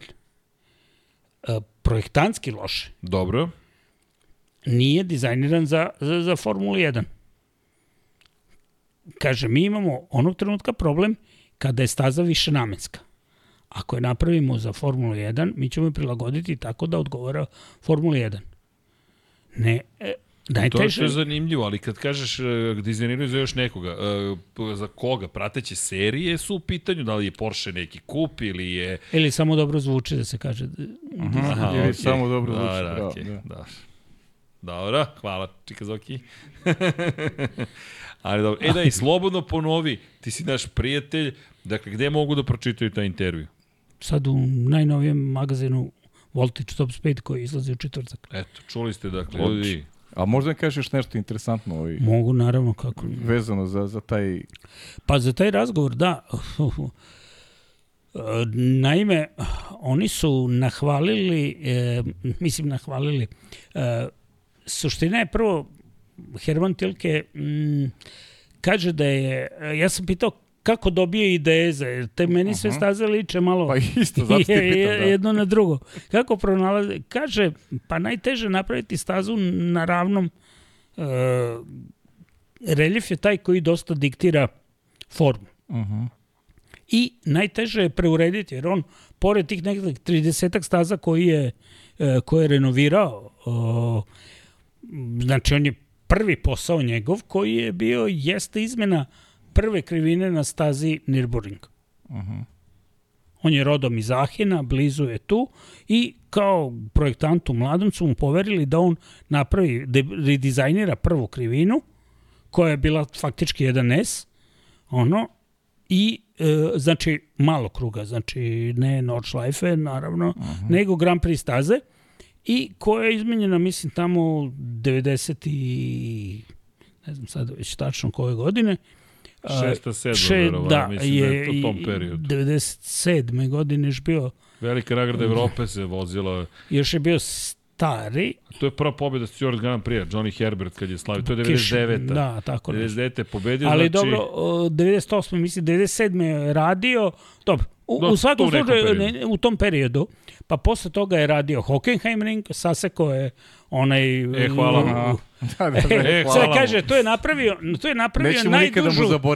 najdužu krivinu, ali uh, iskreno, treba tu, uh, tu su kumovali uh, nemački zeleni. Smem da te pitam, izvini. Znaš šta smo Deki i ja pričali, ni, ni- nismo u Formuli 1, pričali smo u Moto Grand Prix, jer ove godine se otišlo u Indiju. Velika nagrada Indije je vožena To je u radio Moto Grand stazu Prix. isto. Ljudi, staza uopšte nije loša za Moto, za Moto Grand Prix. Ne mogu da kažem za Formulu je samo Vettel pobeđivao, dakle dominacija je bila potpuna, ali uopšte nije bila loša trka. Čak krivina 8, ako se dobro sećam da je osmica, je pod nagibom kao da je oval u pitanju i super je bilo trknje. Čak i tu Joe Roberts u Moto I dvojkama tu je za pretekao. oval rekao, Da. ovaj, baš mi ispričao za Voltić, e, Top Speed je rekao, kaže, e, kad ovalne su e, staze kod ovala, jer pitao sam ga, u, u, ja znam, ja sam ranije bio u Zandvortu Dobro? i znam kako izgledala staza. I ta treća krivina Pod koja nagibom što je sada, pod da. nagibom, ona jeste bila pod malim nagibom, ali ne takvim. E, oni su tu iskopali rupu i tu su sad napravili nagib i po. Ali kaže, to ima sve svoje granice. Ti ne možeš do, bezvest, do besvesti sta, pravljati to, Pa nema Jer će gravitacija, će dovesti- učiniti svoje i gume će ti takođe stradati. ne samo to, prvo će dovesti do besvesti vozača, Dobro. koji će doći nekom brzinom, izgubiti svest ako su sile prevelike. A Jasno. ne treba zaboraviti da je Formula 1 ove godine, prošle godine, mnogo, mnogo brža nego što je bila. Pa pazi, 2020. izvini, u Muđelu kad su vozili, samo Kazanova Saveli, oni skreću u desno pa levo 5,5 sila zemljine teže u bočnom ubrzanju i onda ponovo na drugu stranu 5,5 sila zemljine teže i onda ideš nizbrdo pa pun gas uz Arabijatu 1 i 2 i onda imaš bočnih ubrzanja koliko hoćeš kroz te krivine, a pritom imaš sada i kompresiju i dekompresiju gore na vrhu. To, je- to je haos, ljudsko telo treba da podnese. Izvini, i, i, i šta, Suština je, znači, jedno su limiti fizički vozača, koji bez obzira kako su utrenirani, drugo su li, limiti tehnički uslovljeni pravilima konstrukcije, da ti se ne polomi oslanjanje, ne otkaže motor, ne ostane bez podmazivanja, već ono kako uh, što se dešava. I na kraju konstrukcioni, jer ti ne možeš ni izas- izasfaltirati, odnosno uh, izvesti sve. E, to I naravno, utisak- zavisi koliko prostora imaš. Da, oni zapravo su toliko ograničeni da mnoge staze liče ne zato što je Tilke želeo da liče. Ne, nego ti ne što- možeš da napraviš krivinu nakon pravca ili pravac e, na, nakon ne, moraš negde da, da prekratiš, pošto Formula 1 je previše brza. Mi sad, e, znaš, e, kad gledaš, ako bi gledao Formulu 1 i posle toga dođu neka sporija serija, mislim, realno, MotoGP je 30 sekundi sporiji po krugu. I, i više da, na i nekim stazama. da. I više. Više. Ne, ne, kroz krivine, moto, to je zabluda inače, zato što tako Da. efektno izgledaju Efektno, motocikli u krivinama. Svi misle da su brži od Formula 1, ma nisu ni blizu, ljudi. Formula 1 je za negativni uzgon je tako zalepi da vi možete da idete brzinama koje u Moto Grand Prix možemo samo da sanjamo, ali izgleda fenomenalno u krivini, nagib i sve ostalo. Kad dođe u Porsche Super Cup, pa uh, onda, onda tek vidiš kolika je razlika. Koliko su Pa spori. da, ma da. Koliko su spori u odnosu Pa po- na ovo, evo, šta se Pa dešava. po mi, minusu spori po krugu. Pa to je Miloš Pavlović pričao, izvini, kaže, kad prođete jednosedom kroz Silverstone, Da. to je jedno. Kad prođete bilo čim drugim, kaže, to nema veze ni sa čim. Dakle, vi kao, ja, super, ide sad Megoc, Beckett, Čepel, bit će super.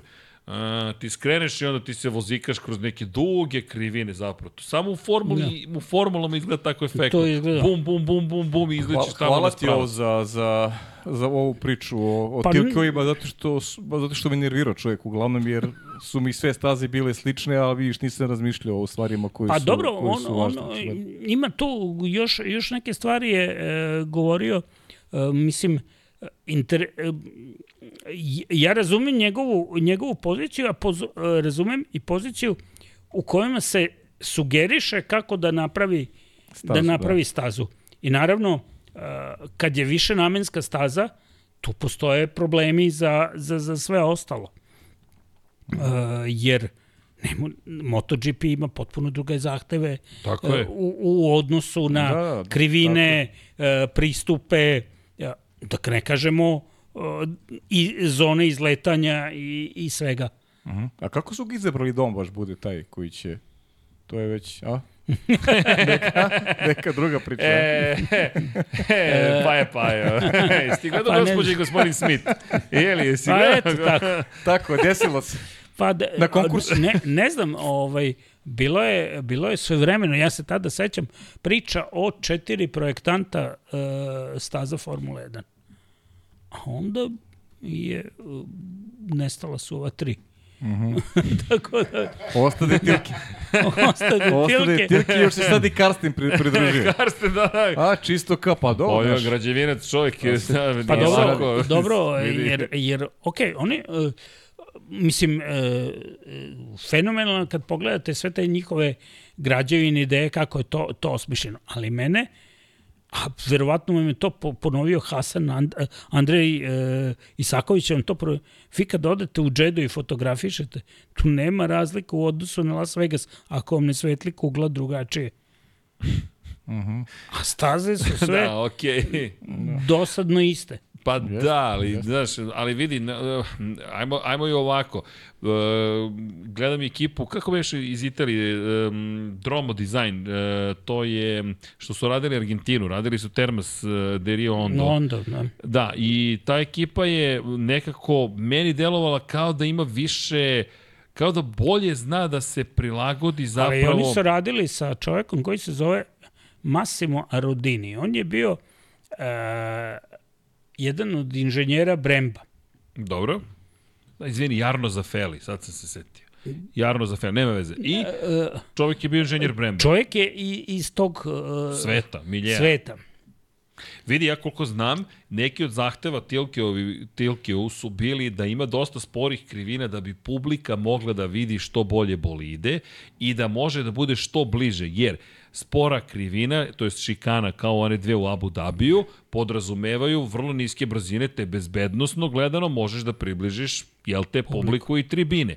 Samim tim publika kaže, wow, evo ga bolid na domak ruke, pri čemu istovremeno taj bolid, pošto je spor duže prolazi kroz krivine, imaš više vremena da Sve to vidiš, okej, osjetiš, naravno, ali, čuješ, ali fotografišeš. mnogo su slične staze. Ne, ali vidi, oni su pokušali Monako da, da, da, da smeste zapravo u namenske staze. Jer zašto i Andrej i, i Hasan vole Monako, pa i ti verujem, zato što si ti tu.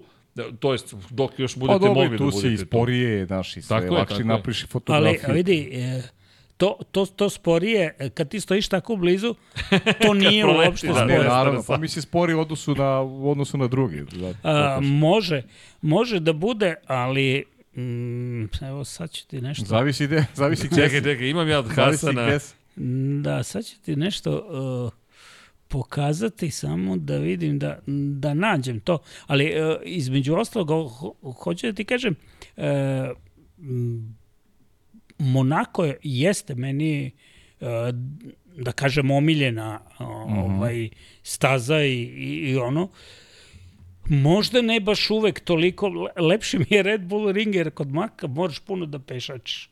Ne, nema, nema, o- i na ostalim stazama se tu ispostavi da ti moraš da ideš e, tamo ovamo, ali ovaj, kod Monaka je baš izuzetno, jer ne postoji način da, da ti m, prođeš ono, Pa da, kako te, da, tebi je težo, Hasan je tineđer, njemu je lako, on prolazi, Da. da. prolazi onako, Hasan je moj mlađi brat. pa da, tineđer. Da, kad je on rekao, pa kao dobro, kao ti, ba, rekao, pa vidi, ja sam stariji od tebe. I onda nije verovao. Dok... nije, ali dobro. Kako god. E, to kada ti, kada ti prolaze e, blizu ili, ili to, to može da zavara. Jer, mislim, e, to ti deluje samo kao sporo, a u stvari je e, mnogo manje vremena, on ti izleti iz jednog kadra u drugi, uh -huh. a ti nemaš gde da se, da se odmakneš i to je, to je suština priče. Ali u Monaku je cela, ceo taj ambijent, sve je to mnogo, mnogo, kako da kažem, interesantnije, lepše i ne znam, meni se to više mi se sviđa, eto da tako kažem. Jesi bio u Singapuru? E, ne, nisam. E, Baš me zanima poređenje sa stazom koja je druga ušla kao ulična staza u ceo program da. i koja je imala neku svoju priču. Samo Vlado bez zvuka, molim te. Ali je poenta u sledećem, da, da baš me zanima kao prva i no, noćna trka i ulična staza noćna i ceo taj pokušaj da, da Marina Bay zapravo bude neka vrsta Monaka, samo što je otišlo, naravno, drugačije je, Da. ima nekih prepoznatijih momenta, ali baš me zanimalo iz te perspektive, jer, jer šta se dobija sa Saudijskom armijom, primjer, ti dobiješ brzine kao u Monci na uličnoj stazi, pri čemu ti ni ne vidiš grad u suštini. Meni je Baku lepo urađen na kraju, kako smo Pa se Baku nadali, je Baku je meni baš staza. lepo urađen, iskreno. Isto slažem se ja, ja volim Baku. Znaš, imaš čak i... Bio sam skeptičan, ali volim ga i ovako, pošto sam bio tamo, tako da... Onako, Pa evo i sad je ceremonija. Lego mi je grad lepo. Ceremonija je bila do dodele pehara, do, do, to je svečano gala veče. E, da, bilo u Baku. Jeste čuli da je Hamiltonu nestao trofej? Pa dobro, ne znam kome ga je dao. Ne, a, javio se momak na Twitteru, na X-u, i rekao, pohvalio se kako je dobio trofej od Luisa Hamiltona. Hamiltona. Šta se desilo? Zapravo čovek je... Nije razumeo da... Da, da, momak se zove Nihad Nesirli i Hamilton je postao, pomislio da iz organizacije, ispustio je na 100 njegov trofej za treće mesto u šampionatu sveta i momak je pitao mogu da uzmem i Hamilton je rekao možeš, misleći da je on iz organizacije, jer obično organizator uzme i pošalje ekipi trofej. Da. Trofej nestade. I čovjek se pohvalio kako mu je Hamilton poklonio zapravo trofej na X-u, pri čemu se Mercedes potom oglasio i rekao ne, nije poklon, nego smo mislili da je to deo protokola. Šta se dešava umeđu vremenu? Nisirijev nalog, Nesirijev nalog je umeđu vremenu nestao sa Twittera. Tako da, Znači, ne pada mu na pamet da vrati. tako da, U prevodu, Luise, to je to. Tu, tu, tu, tu. tako da sad, Mobilni pretplatnik nije trenutno dostupan. tako da ne znam da li će nikada, ne, jel te savest poneti ili će reći može neka kopica. A dobro, su, suviše, suviše Suviše- javno. to. Suviše javno pohvalio Da. se čovek, pa ne, pri čemu kaže nisam lopov, pa ne bi se hvalio da sam lopova, man. Ali u svakom slučaju, eto, ne, čekamo da saznamo šta će biti s Biće- Peharčićem, šta će biti? sa Trofejčićem. Halo Bin, kako Halo, brat? mi- A, Mislim da... Imam da, jedan trofej. Viška. Paypal. ne, ne, ne, ne, ne. A mislim da da, mislim da će ga naći. Tako Mislim da... da će ga, da, da će ga ipak naći da, da to. Da. Ali A nije, Luisu baš, baš mu neophodan taj trofej. Jedva trofej za čeka da ga negde, mesto, da ga da. negde. ovaj. Mislim da će S ga, obzirom da će za- ga spaliti zajedno s svojim bolidom koji je vozio ove godine. za FIU to, e, to je ovaj značajan pomak jer je ipak došao Hamilton. Da, da, prvi put da dolazi od 2021. Od 2020. Jer Pošto 21. nije došao. Da. Da, prošle godine nije ni mogao da uzme trofej jer nije Pa. bio među vodećom trojicom. Tako da, tako da je, de, jeste, jeste. Došao Jeste, je jeste, Luis. jeste, To je, to je, Jeste, to jeste. jeste. To im je isto pohvalno. Pohvalno, Jeste, jeste. pohvalno. A eto, lepe stvari. Dobro. Pa dobro, ostali smo ove lepe stvari za kraj. Za kraj. Da, da, da ne bude da mu Da je bio Kimi, znamo da bi bilo još zabavnije. Kimi. Pa, on je, on je priča za sebe. Ovaj, Dobro, kako da Kimi. kaže. Ali dobro, mislim da, da je, ne znam, meni je, meni je ovaj, sezona ova prošla, eto tako, ne znam, kad, kad, kad hoću da analiziram, uh, valjda zato što sam pristrasan, men, volim taj sport i, i ovaj, bez obzira što sam u 99% slučajeva znao kako će da se završi, eto, uh, u Americi je bilo malo jurnjeve tamo gde je, dok je, dok je trajalo, onda se ispostavilo kao eto da nisu baš podovi onako kako treba da budu, ali ok, ajde da, da kažemo da je uh, i naravno meni je ipak highlight sezone bio onaj managing uh, odnosno upravljanje trkom Carlosa Sainca u da, da, Singapuru. Ne zato što je uh, Ferrari pokvario sla, uh, slavlje Red Bull. Jasno, jasno. Ne, nego Ferrari, Ferrari. možda tamo i od ono 80 i kad je pokvario 88. 88 je pokvario McLarenu, da. Uh, Ali, ali tada nisu oni uradili ništa da pokvare, nego su oba McLarena pa, odustali. pa, sami sebi da Tako ono tako da a ovde ovde je Sainz odigrao baš baš ovaj kako da kažem evo našao sam ovaj klip Taktički zrelo, da, Sainz odradio to. što neki put vidiš ili ako Dobro, to je to. E, kako, možeš, Bolado, možeš da pustiš ovo što, mada, mada tvoj klip je, možemo i od tvoj... vertikalno Pa ne, ne, ne, nema veze što je vertikalno, šta ti je, ovo je slobo, free fall. A, ga, jetzt- oh, ovo je sagst slobo? Nemačka, da gde je Hasan, evo ga Hasan, Ne, bratić. Ne, ne, nema izgleda večeras. nije čas. Wahnsinn, Nije aber es čas. ist Bilo ga echt... Ovo je bio spor krug, ovo nije. Ali dobro, ono da. prvo je bilo bitno. Hvala, Vlado, samo smo hteli da, Da, da. prikažemo ko je ta niska brzina zapravo, da kojom prolaze. Ali to je, ali lepota je što si ti tu zapravo. pa jest Što si ti bukvalno tu. Imamo Hasan, da, izgleda nam je zaspao. Ne, ne, ne, ne, javlja se. nema ga. Možda spava. Možda da, izgleda... kako kasno, god Kasno je ovo za njega sad. pa da Provociram ga, ali ne mogu da sjede. Ne, nema, nema, nema. Mislim da je legao ne da spava. Ne reaguje. Ne, pa i E, on ima dušu god- čovjek malo da drevne. kako god ovaj e, ja očekujem da nadam se da da će u, u narednu godinu Ferrari srediti te te svoje interne probleme e, da će da će Sainz biti zadovoljniji E, a izvini Zoki, morate zaustavim. Šta ti podrazumeš pod tim internim problemima? Pa to da će, da će bar ustanoviti neko pravilo uh, o, o- među vozačima ko je, e, ko je tu, makar ko je na treningu ili u kvalifikacijama bio brži, taj ima prednost u trci.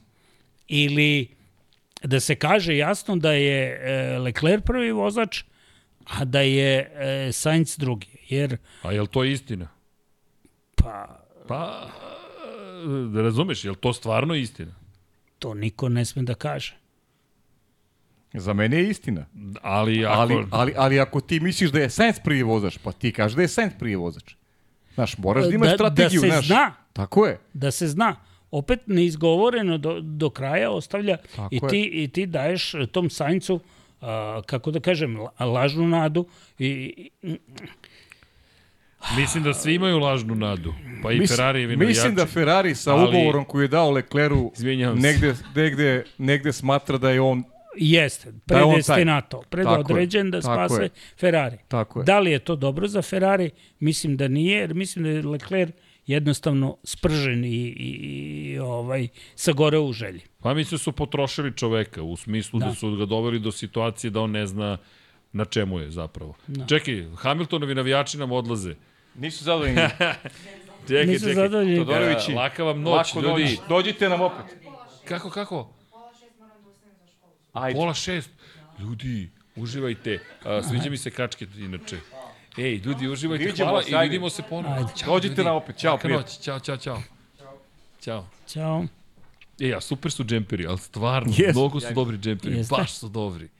Pa šta te su- nismo videli sad ovaj, u podcastu? A ne, pa dobro, ni- ni- nismo pitali ljudi da bi da ih prikazuju. Da, Da, Dobro. To, to je... To je, Okidoki. to je da, ali da se mi vratimo ovoj priči. Dakle, moj utisak je da su potrošili čoveka u smislu ne znaš na čemu si. Jesam, nisam, jesam, nisam, jesam, nisam, jesam, nisam, nemam pojma i dalje. Ja, meni je fascinantno da on produžio ugovor na ovoliko, ali pretpostavljam da je sad već došao do stadijuma godine prolaze, ajmo da iskoristimo... Nemam ovo. gde. Da, pa ni nemam gde, ali Zoki, mi se vraćamo na početak ono što pa, Paja stalno priča. Ali imamo i drugu priču. Da li oni imaju koga? Pa dobro, uvek, uvek mogu da, da, da probaju sa... Ali Le, Leclerc im je odlična, odlična ovaj, uklapa se u, u, taj, u taj milje, jer Švarcman nije, Nije, nije, nije. nije, ta. Pa taj nije. kalibar, niti, ni, niti ovo. Ja sam ovo rekao, ja sam slažeš. Leclerc je Znaš brz, od koga ja očekujem? Ja očekujem od Bermana. Ako će mu dati šansu. Opet sad ti pričaš Da. Britanci u Ferrariju. da. Ja ne znam, u, meni ovo, se taj u dečko ovoj dopada. strukturi, pa okej, ali u ovoj strukturi ja ne vidim. Ne vidim to, sve dok gro para dolazi od Sainca, no way. Da. Sve do, jer dokle god, kad Sainz izgubi interes za Ferrari, Ne, ali Onda će to zanimljivo mi ono što si ti rekao zapravo da Ferrari ne želi da investira. To mi je zapravo uh, uh, fascinantno. Pa i meni, ja, ja Meni nisam siguran, da, nisam, da, nisam i- siguran i- da sa, sa, vidi, sa Johnom Elkanom da je to priča. e, Znaš. samo ne, ne da ne želi da je. On e, prosto ne mora da investira. Ali vidi, ako ne investira, gde će da... Za... Ako ti zavisiš od Sainca toliko, Ne, Pogotovo, ne, ne, ne, on, njemu proda ide dobro. On Se- njima je skočilo, izvini, k- rezultati u trećem kvartalu su za 43% ve bolji Yes. nego prošle godine to u istom sve. kvartalu. U sred ali, krize. ali Ferrari je dobio tamo gde nije, gde nije otprilike želeo. Le Mans. Da, to je, to je fenomenalna pobeda. I, i, to, I to im onako, uh, ja mislim da bi oni menjali tri pobede u Le Mansu za, dobro, ne bi ovu istorijsku, jer je Ovo ova je bila baš velika. baš velika pobeda, ali ovaj, mislim da bi, da, da bi im draža bila titula u Formuli 1. Jer bez obzira šta mislili, e, kad kažeš Ferrari, niko neće reći Le Mans. Mali broj da, ljudi da. poveže to sa Le Mansom. pa dugo ih nije ni bilo uopšte. U, Dugo ih pe... nije bilo. Ovaj mali broj ljudi to poveže. Iako je Ferrari imao tamo uspeh. Imao je kako nije, da. Ali mali broj ljudi to povezuje i svi se vezuju za Formulu 1. I to Ferrari sada u principu nema potrebu da, da, da nešto investira, pogotovo ne u ovoj sezoni koja teško da će bilo šta promeniti. Pa veliko. vidi, ni, gde smo u ovoj sezoni? Imaš Red Bull, Red Bull, Red Bull, Red Bull, Ne, ne, u- Ne, ne, za sledeću. Ne, ne, ne, za sledeću. sledeću. Pa mi se sledeću. vidi za sledeću, kako zna šta će da bude za sledeću. Pa misli, ko zna, Znaš. imamo obrise, znaš. Mislim, sad, Ferrari, znaš ko je Ferrari? Dobro, Ferrari, je? Ferrari je u koži Mercedesa. Znaš, Mercedes je završio onu prošlu godinu Loše. Pa da, a, mislim... Ma, vidi, prošlu završi- godinu je na nekoj visokoj noti da, bio za njih. Da, Russell je pobedio i neko smo verili da Mercedes može da bude Da je bolji rešenje ove problema. godine. Da. Ali, A Ferrari je sad ovu godinu, zahvaljujući pobedi Sainca i, i Leclerc, neko se probudio u finišu godine, bilo je tu lepog trkanja. pa i pol pozicije su se Tako je. desile. Bili su za malo da preuzmu to drugo mesto u konkurenciji konstruktora i neko su mi u koži Mercedes. E sad, zašto je to dovoljno? Ja ne verujem da je za borbu za šampionsku titulu možda možda bude dovoljno za koju pobedu više naredne godine. Eto, to je neki, neki, Pa ja neka mislim- moja ocena. Nadam se da grešim. Ja mislim, ali dobro bi bilo ako bi koju pobedu više napravio Ferrari, koju pobedu više napravio Mercedes, Mercedes, i onda je. bi to onda bi to dobilo obrise nekog takmičenja. Jeste, Ovako je to jedna uh, defile vožnja iza Maxa Verstappena. baš tako. O, odnosno za njega je defile vožnja, ovi se tu i nešto trkaju, ali to mm, to teško može da da na duge staze za, Ne, ne, zadrži gub- publiku. Ma, gubi, tako je, gubiš interes. Gubiš interes. Ne znam, kada je reč o Ferrariju, znaš, to je meni dalje. Dalje je Frederik Vassero radio dovoljno dobar posao, NPR. Pa ne znam. To je, Pa ne znam, on meni nikad nije bio ni neko posebno rešenje za, za, tako za Ferrari. isto, isto i meni.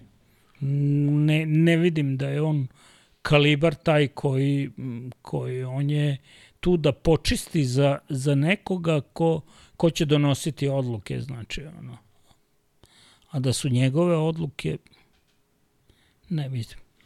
Što opet dolazi, vraća nas stalno na istu situaciju, a to je Ali, da zapravo... znaš da imam samo zadršku. Imam Da. da. zadršku prema periodu u kome je on došao i pričali smo i, i mislim da je i Zoki pričao o tome takođe.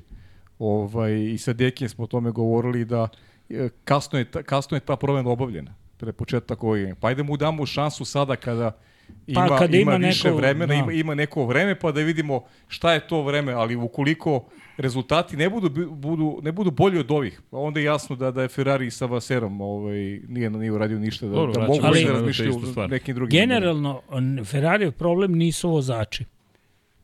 Ferrarijev problem je u strukturi tima, odnosno komandovanju tima. Tako je. Pa to je bilo i sa, pa kako može bude problem Alonso, Vettel, to su, to su bili pokuši da se osvoji titul. Pa imao si i Raikkonen, Vettel kombinaciju, imao si Pa sve eto, što ali ti je potrebno. imao si svetske šampione da, da, da ti vrati titulu, pa to nisu radili. Ovo je sad malo drugačija kompozicija tima, malo mlađi momci. A Leclerc i ponestaje ti svetskih šampiona. Realno, odlaze u penziju. Da. Ili su već bili kod tebe ili ne mogu nikad da se pojave tamo. Znaš da se me navio za Hamilton-Ferrari kombinacija. Pa dobro, to bi bilo, ali opet mislim da je isto... Ne mislim da bi se promenili rezultati, Da. nego samo bih volao da vidim taj teatar, cijelu tu priču. Pa znaš. teatar bi bio svakako, To. da, teatar bi bio, ali...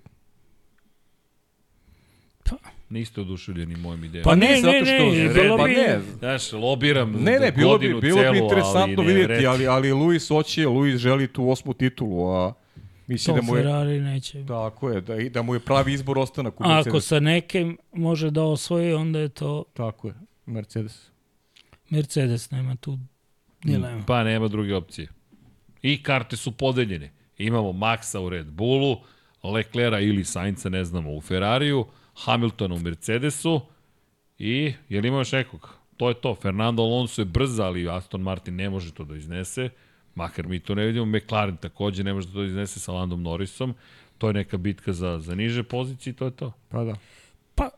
Sad, opet kažem, nije naivno nadati se da neko ko je bolje radio u toku leta i ove jeseni, možda smisli nešto pametnije, pa, pa ali opet nemamo neke velike promene pravila, pa da bi sad tu bila šansa da sad se neko odvoji, izbuši rupu na difuzoru ko Brown, pa da, Molim vas, kolega, to je dvostrugi difuzor.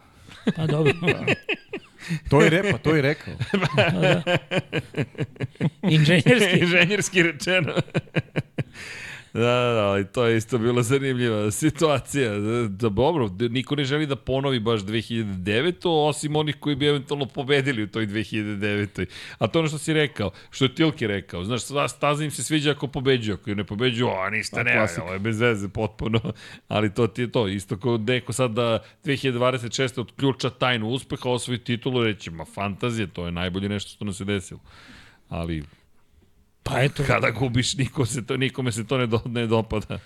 Pa recimo, evo, Alonso se dopalo to kako, kako je počela sezona, to je bilo iznad svakih očekivanja, oni su bili brži od Mercedesa kao ko- korisnici, Jeste. brži su bili od Ferrarija, brži su bili od McLarena, a onda se okrenulo pa su ih pretekli Dobro, malo. i, i, i, greška i jedan ovde i drugi greška onde. i treći.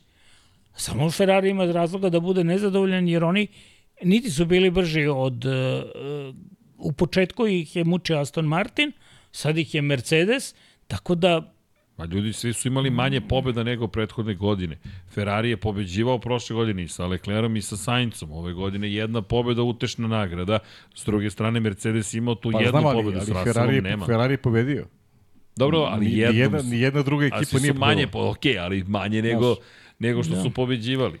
I pri čemu se šta, čega nema u ovom novom pravilniku, nema nijednog iznenađenja. Nema tog nekog okona godišnje, nekog, ne znam, pjastrija da iskoči, a on je još i lepo dečko pobedio ne, su. tri čoveka Ej, pobedili i gotovo. Pa znam, ali imao si Okona i? Gasli, imao si, imao Znaš što nismo podijum. pitali, Zoran?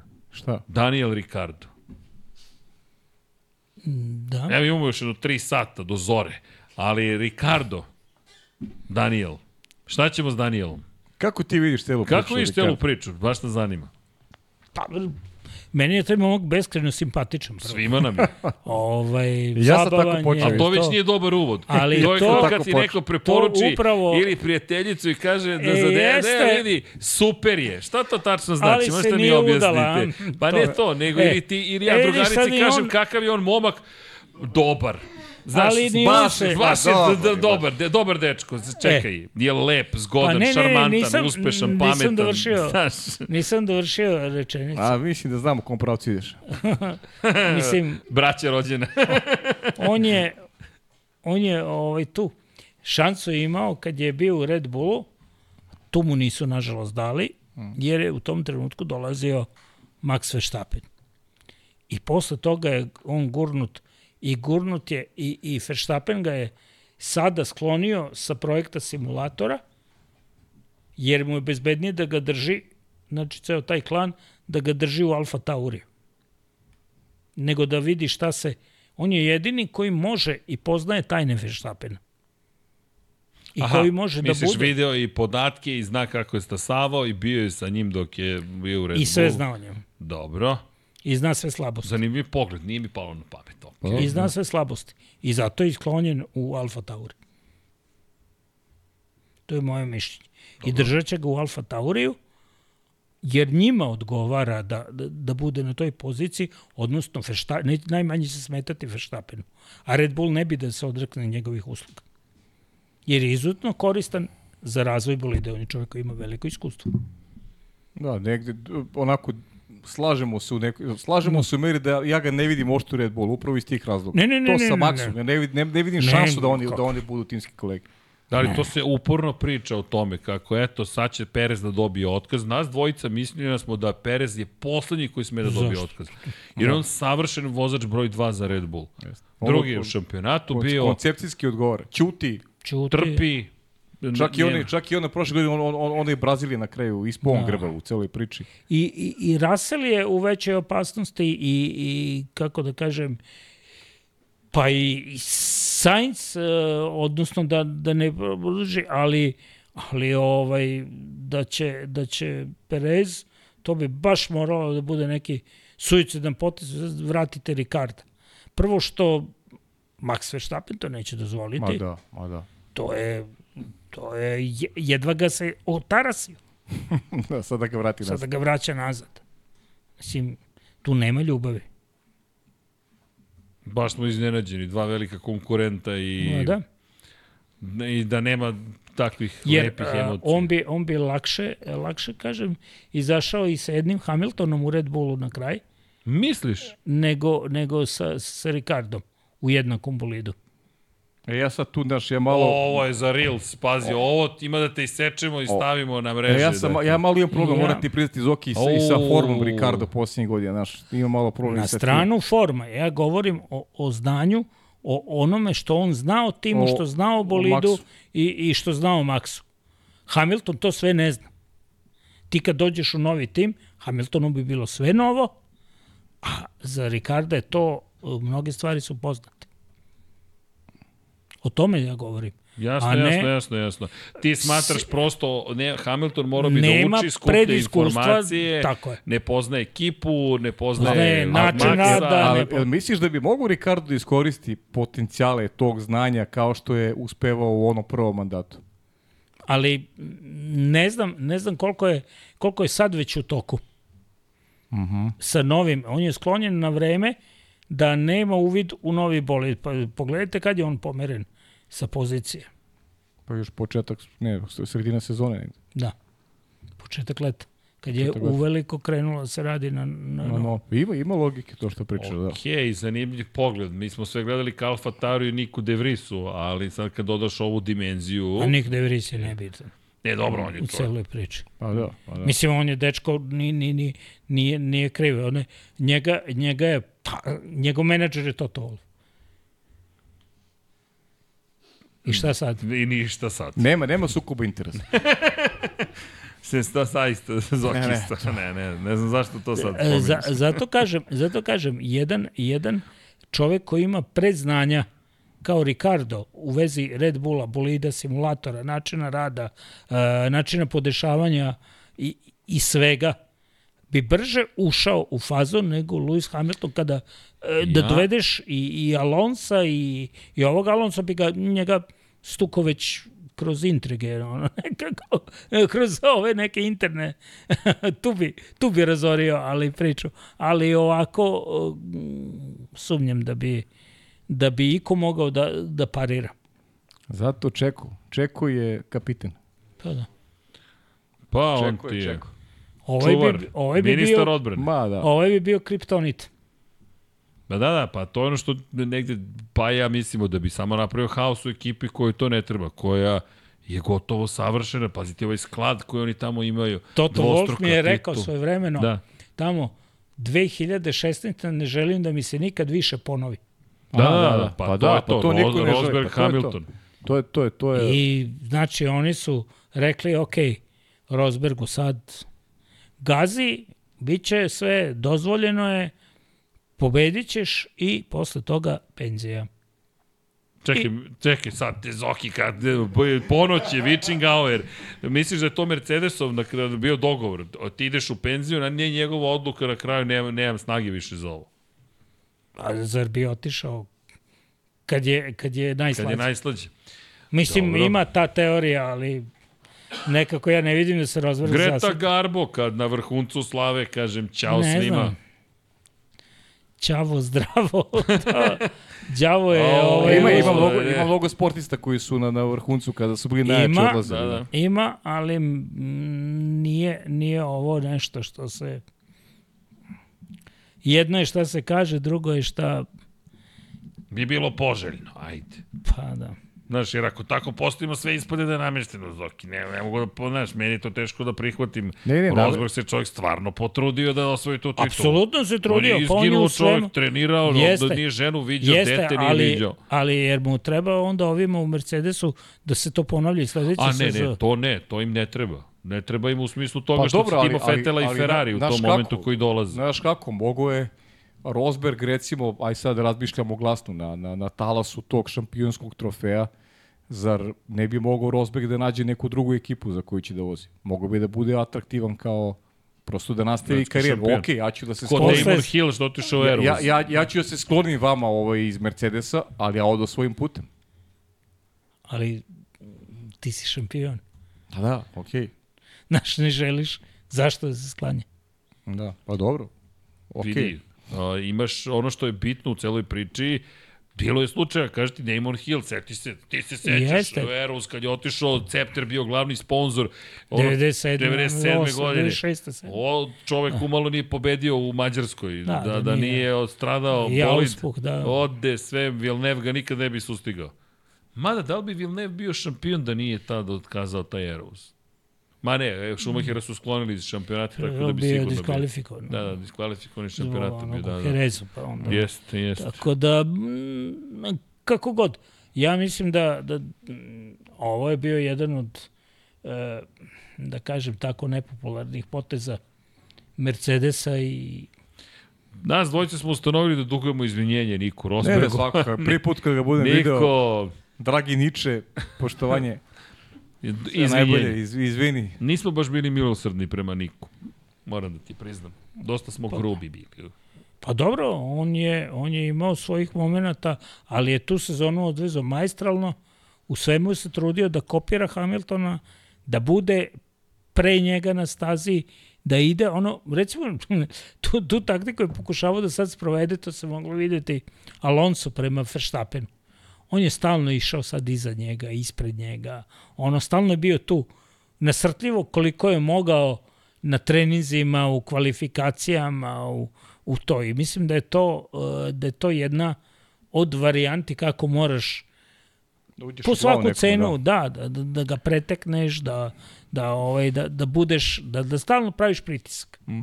Mada misli da Niku mnogo pomoglo i to je iskustvo koje je imao sa, sa Schumacherom. Pa, Znaš šta, vož- između ostalog, Da. Deliš garažu sa, sa velikim šampionom, Nemac u nemačkom timu, Nemac u nemačkom timu. Mislim da, da su te godine, u krajnjem slučaju, Niko, Niko je bio prvi koji je donao pobedu u Mercedesu nakon koliko, 50 godina. pa da. To se piše. Piše se I zato. naravno onda je dobio na konto ovog zasluga za narod. dobio je priliku i rekli su to je to. Dobro, A onda Zoki. da li je njegovo bilo dalje, ja neću nastaviti, kad već ne možeš tamo da nastaviš gde, gde bi želeo, verovatno je rekao, dobro, Neću nigde. pa da. Dobro, da. zanimljivo. Zanimljivo, da. Zanimljivo. Sa Zokijem je uvijek zanimljivo. Uvek, uvek. Kako je tebi, kako si ti inače ovako, putovanje se promenila, fotografisanje, pozicije i dalje ista strast. Čisto ovako. Jest, isto. Isto, sad sam malo nešto u razmišljanjima. Uh, imao sam drugačije nešto planove za finiš sezone, uh -huh. ali sam promenio nakon uh, Katara u koji sam otišao iz te neke morbidne radoznalosti da vidim taj salon žen, automobila u Ženevi uh -huh. u Kataru što se održao. Uh -huh. I, I onda lepo se poklopio sa trkom i čak nije to bilo, nije to bilo onako vrlo, vrlo jedan paket dobar, a postao sam svestan da neću otići u Las Vegas jer su enormno podigli cene karata, automobila, hotela i ono, i shvatio sam da u Las Vegasu zaista neće moći ništa da se uradi. I nisam ni promašio, ni požalio. Jer kad pogledate sve, sve ovo kako je bilo, nije bilo vredno tih para. Slažem se. Osim da. da se piše da si kao eto bio na nekoj prvoj trci posle 84. I da si bio u 4 ujutru na treningu. Da, u, išao na treningu u 2.30 noću. Osim, e, da. izvinjam se, ako si Hasan Bratić i jedini imaš fotografiju. Da. Kako, jer to je Hasan. Da. Kako šaht odlazi. Mi, Kako šaht mi smo sve više ubeđeni da on to pravi, da on organizuje sabotaže zapravo i da, da, da vidimo fotku. Da vidimo fotku. a, a kaži mi, kaži mi Zoki, si napravio neki plan za 2024. Ili imaš ovaj 24 trke, a? Pa, 24 trke, naravno. E, čak i, i da nosim zastavu ovu, pa ne bi ovaj, e, da dam otkaz sve, a? i da dam otkaz ne bi, ne bi išao. Mislim da nemam potrebe za tim, ali bi ideja mi je bila neka da li sad povezati tu, tu Bahrein i Džedu s tim što je Džeda bez veze staza za fotografisanje to ovo, ajde Bahrein je malo bolje, uh mhm. -huh. pa možda povezati trening, odnosno ovo, ali dugo mi je da odsustujem u tom periodu kada automobilski novinari realno imaju, uh -huh. imaju posla. Misliš testirine povežeš sa trkom? Da.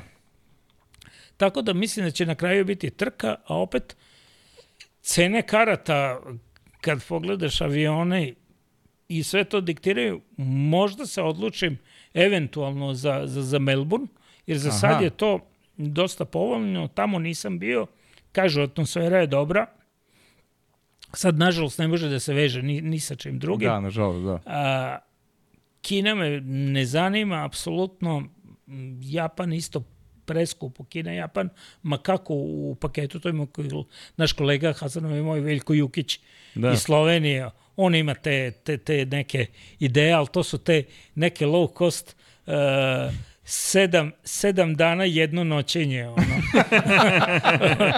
Tako neke, ovaj, ubitačne, o, o, ide tu.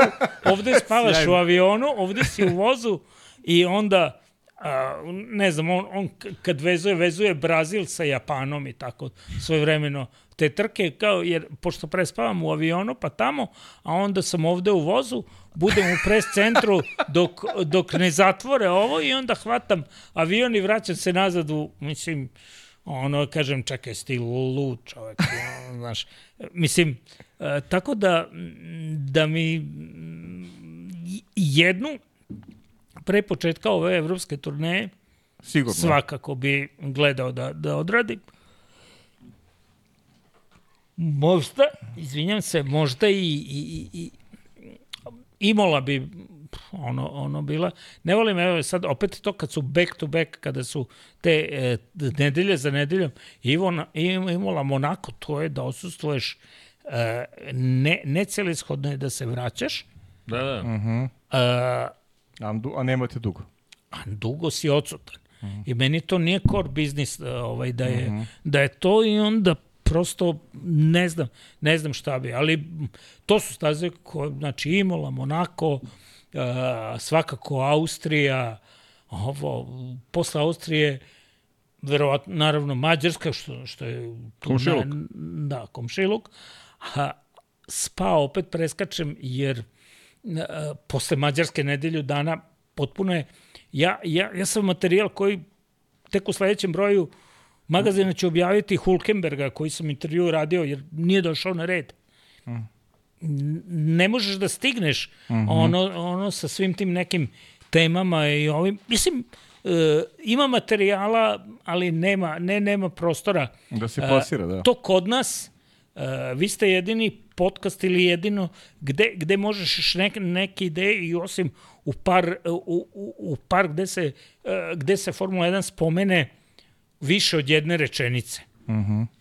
I to je, i to je nažalost problem. e, e, mi nemamo tržište za to. Da, da, jasno, jasno. Mm. to je i nešto što što muči svakako ovaj sve. A ti još novina, bukvalno teško je plasirati sve to, još sa ovoliki brojem trka, 24 trka, ti treba taj neki sadržaj da, da ovaj, i Da jasno mi učiniš aktuelnim Jest. da da a, sam izveštaj kao izveštaj nikog ne zanima. Ma da, ma da. Tebi treba priča koja je izokola. Jest. Da bi imao priču koju si izokola, moraš da budeš tamo sa tim ljudima, da bi se oni otvorili, da bi ti rekli stvari koje ti nećeš pronaći na internetu. Tako je. Jer kao i u svakom E. poslu, ali i tamo postoji storyteller Mhm. i story listener. Da, da. I, i, I sad u koju grupu hoćeš da se... Uh, sad, nisam ja neki veliki uh, storyteller, ali, ali Da, mogu da, mali, da mogu da, razumemo. mogu da uh, s obzirom na koliko, koliko trka idem, mislim da izlačim više od 100%. Vidi, na- to što ti pričaš je lepota novinarstva, kada si na borilištu, kada si tamo, kada možeš ljudima da vidiš beonjače, zenice, da kažeš da. čekaj, vidio sam pogled posle, jer to, to, to, Pa to je pravo novinarstvo, to je Tako je. novinarstvo. Znaš, i onda, i onda dođeš u situaciju da, da možeš ovako lepe stvari da pričaš. Znaš, nama, mi, mi prošle godine smo imali takav tempo, nismo mogli da stignemo pola nekih stvari da uradimo. Znaš, i nama treba reorganizacija upravo u tom kontekstu. A kako ćemo ovo, kako ćemo ono? Jer ti, na primjer, treba da uradiš analizu trke i onda da najaviš sledeću trku. Ti nemaš kad da najaviš sledeću trku ako analiziraš ovu koja se desila.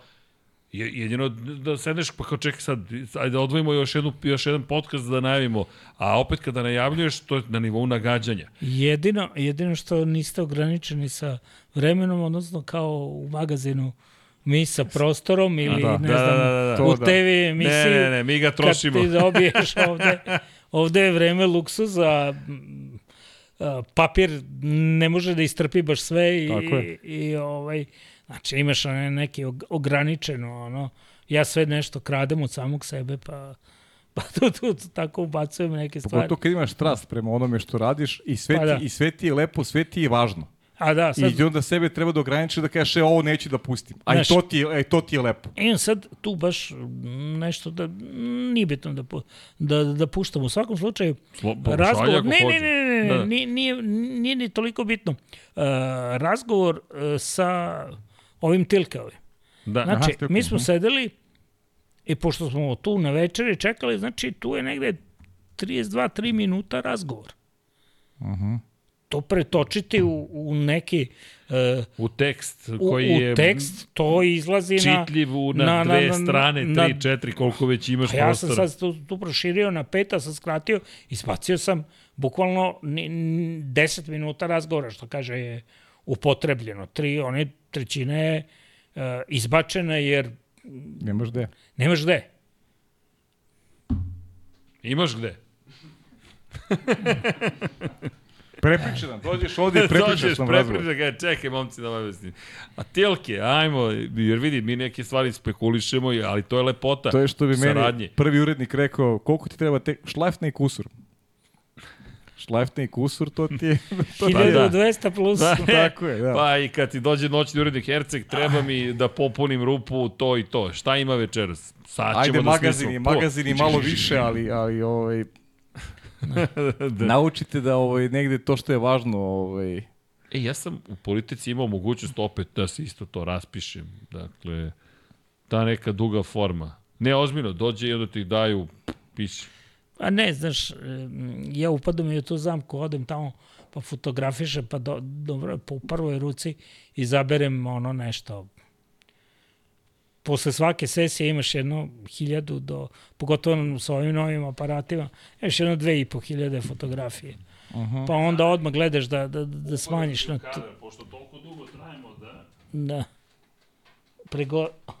Pregorle, prego, se tebe. pregorle, pregorle je silice. E, da. Zoki... I u svakom slučaju teško je odbaciti i ima puno materijala, fotomaterijala, videomaterijala, nemam, jer e, akreditacija obavezuje da ne mogu da isti pravim, Mhm. moram po- poštujem to. Da, Ne da. smijem čak ni, ništa pomično da stavim ni na Instagram, ni na ovo i onda ostaje tu neki še, ovaj, tradicionalni, malo ovi elektronski to je to.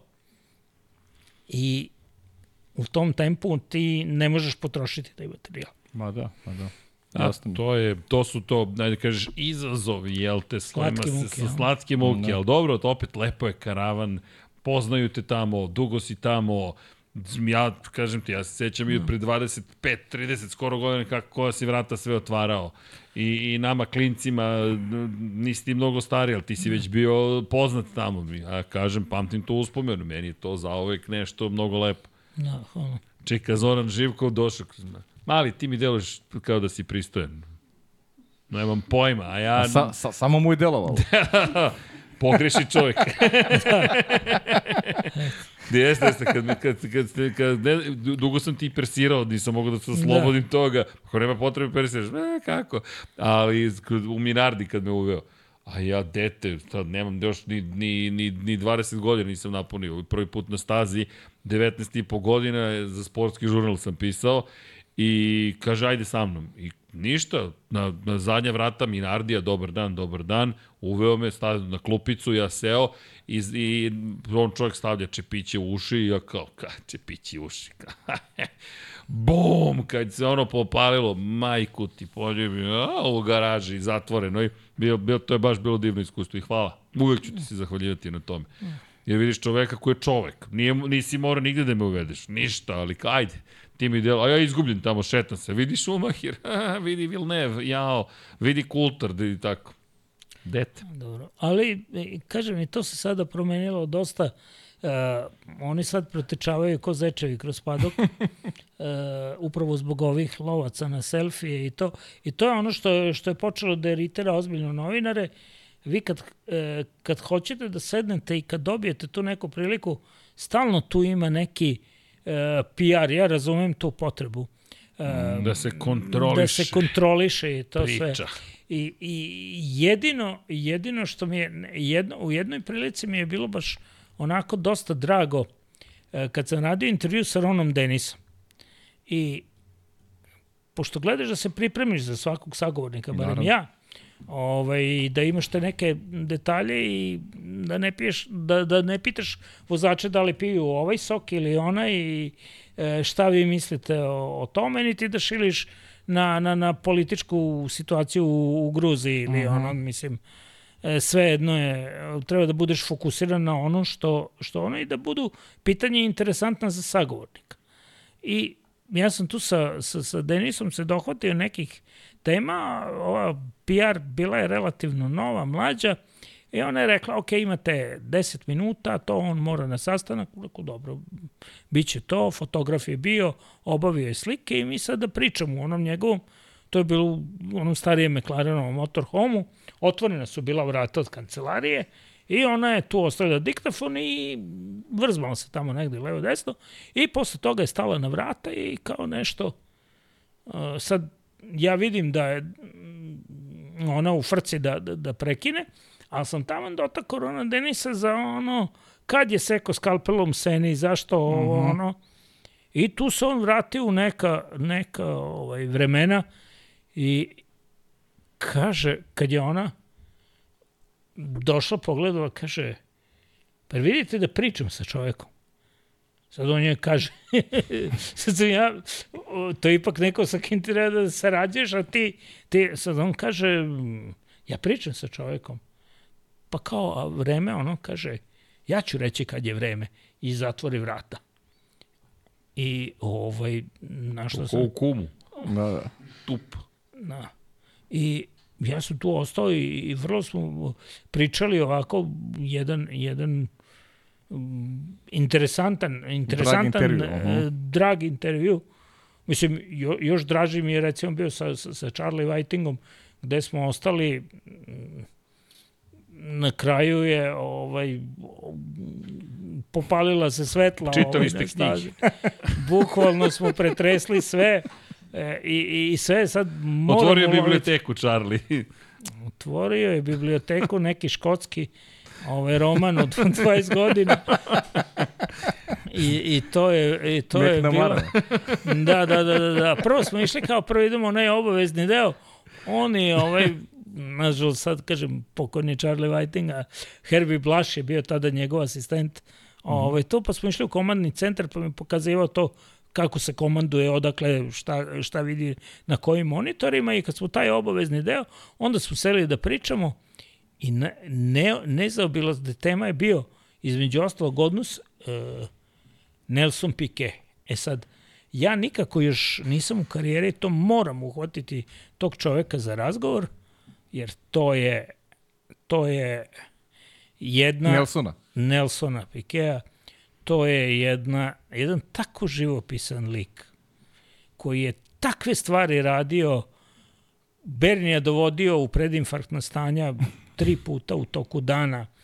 Um, ono šta, šta je on radio sponzorima, uh, mislim, ako je Berger bacao Seni torbu kroz, uh, iz helikoptera ili lepio pasoš, ovaj, to, ovo je, to je ništa sprem onoga šta je Nelson Piquet senior radio u, u, u ono vreme kad je bio što, što u Brephemu kad je, kad je Bernie komandovao tim.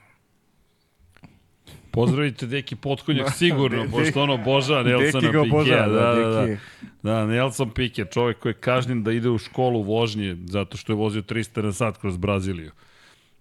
Pa su ga uhvatili i rekli, ajmo, ti moraš na obavezne časove vožnje. Šta ćeš, zakon je to. Pa, Moraš, mora posluša. Da, živopisan lik. Radiš li na tome? Si lepo uradio. Pa, Pokušavaš. Prosto da se, prosto da se ovaj, namesti prilika sa, sa, da, da on bude, jer on je u nemilosti FIA. Nije bio politički korektan, pa je onda ovu sezonu malo, da kažem, pauzirao. Bio je samo na početku, pre nego što je ušao u nemilost zbog onih nekih svojih izjava, ali ovaj računam da će to njegov ovaj e, kako se kaže e, šta mu dođe Max e, on je njemu on je njemu ovaj, Pa, tast. nije, da, on je, nije šurak, nije šurak, nije to, Ne, nego ma- ma- zet, zet, Zet. zet, zet. da, Da, bože, zet, zet. Pa dobro, ovaj zet. kasna doba već je Kasna doba, witching ne mogu da se setim no, uh, verovatno će njegov zet to srediti uh, vremenom Da. Korak po korak. korak po korak. Dobro, to jeste nesrećan incident i od vremena se menjaju opet. To su stvari koje su deo... potrebe se menjaju Pa, da, ima tu svega, ali činjenica je da, da, da, da, da Nelson Piquet teško da može da se baš obeleži na način koji je trenutno obeležen. Baš. Naravno. I u knjizi, e, si vidio knjigu? Čekaj, moramo ti poklonimo knjigu. Ako nemaš knjigu, poklon pada večeras, čika Dobro, Zoki, da, šampioni Formule 1, gde je i Nelson Piquet jedini šampion sveta Formule 1 koji je imao klub obožavalaca među svojim mehaničarima.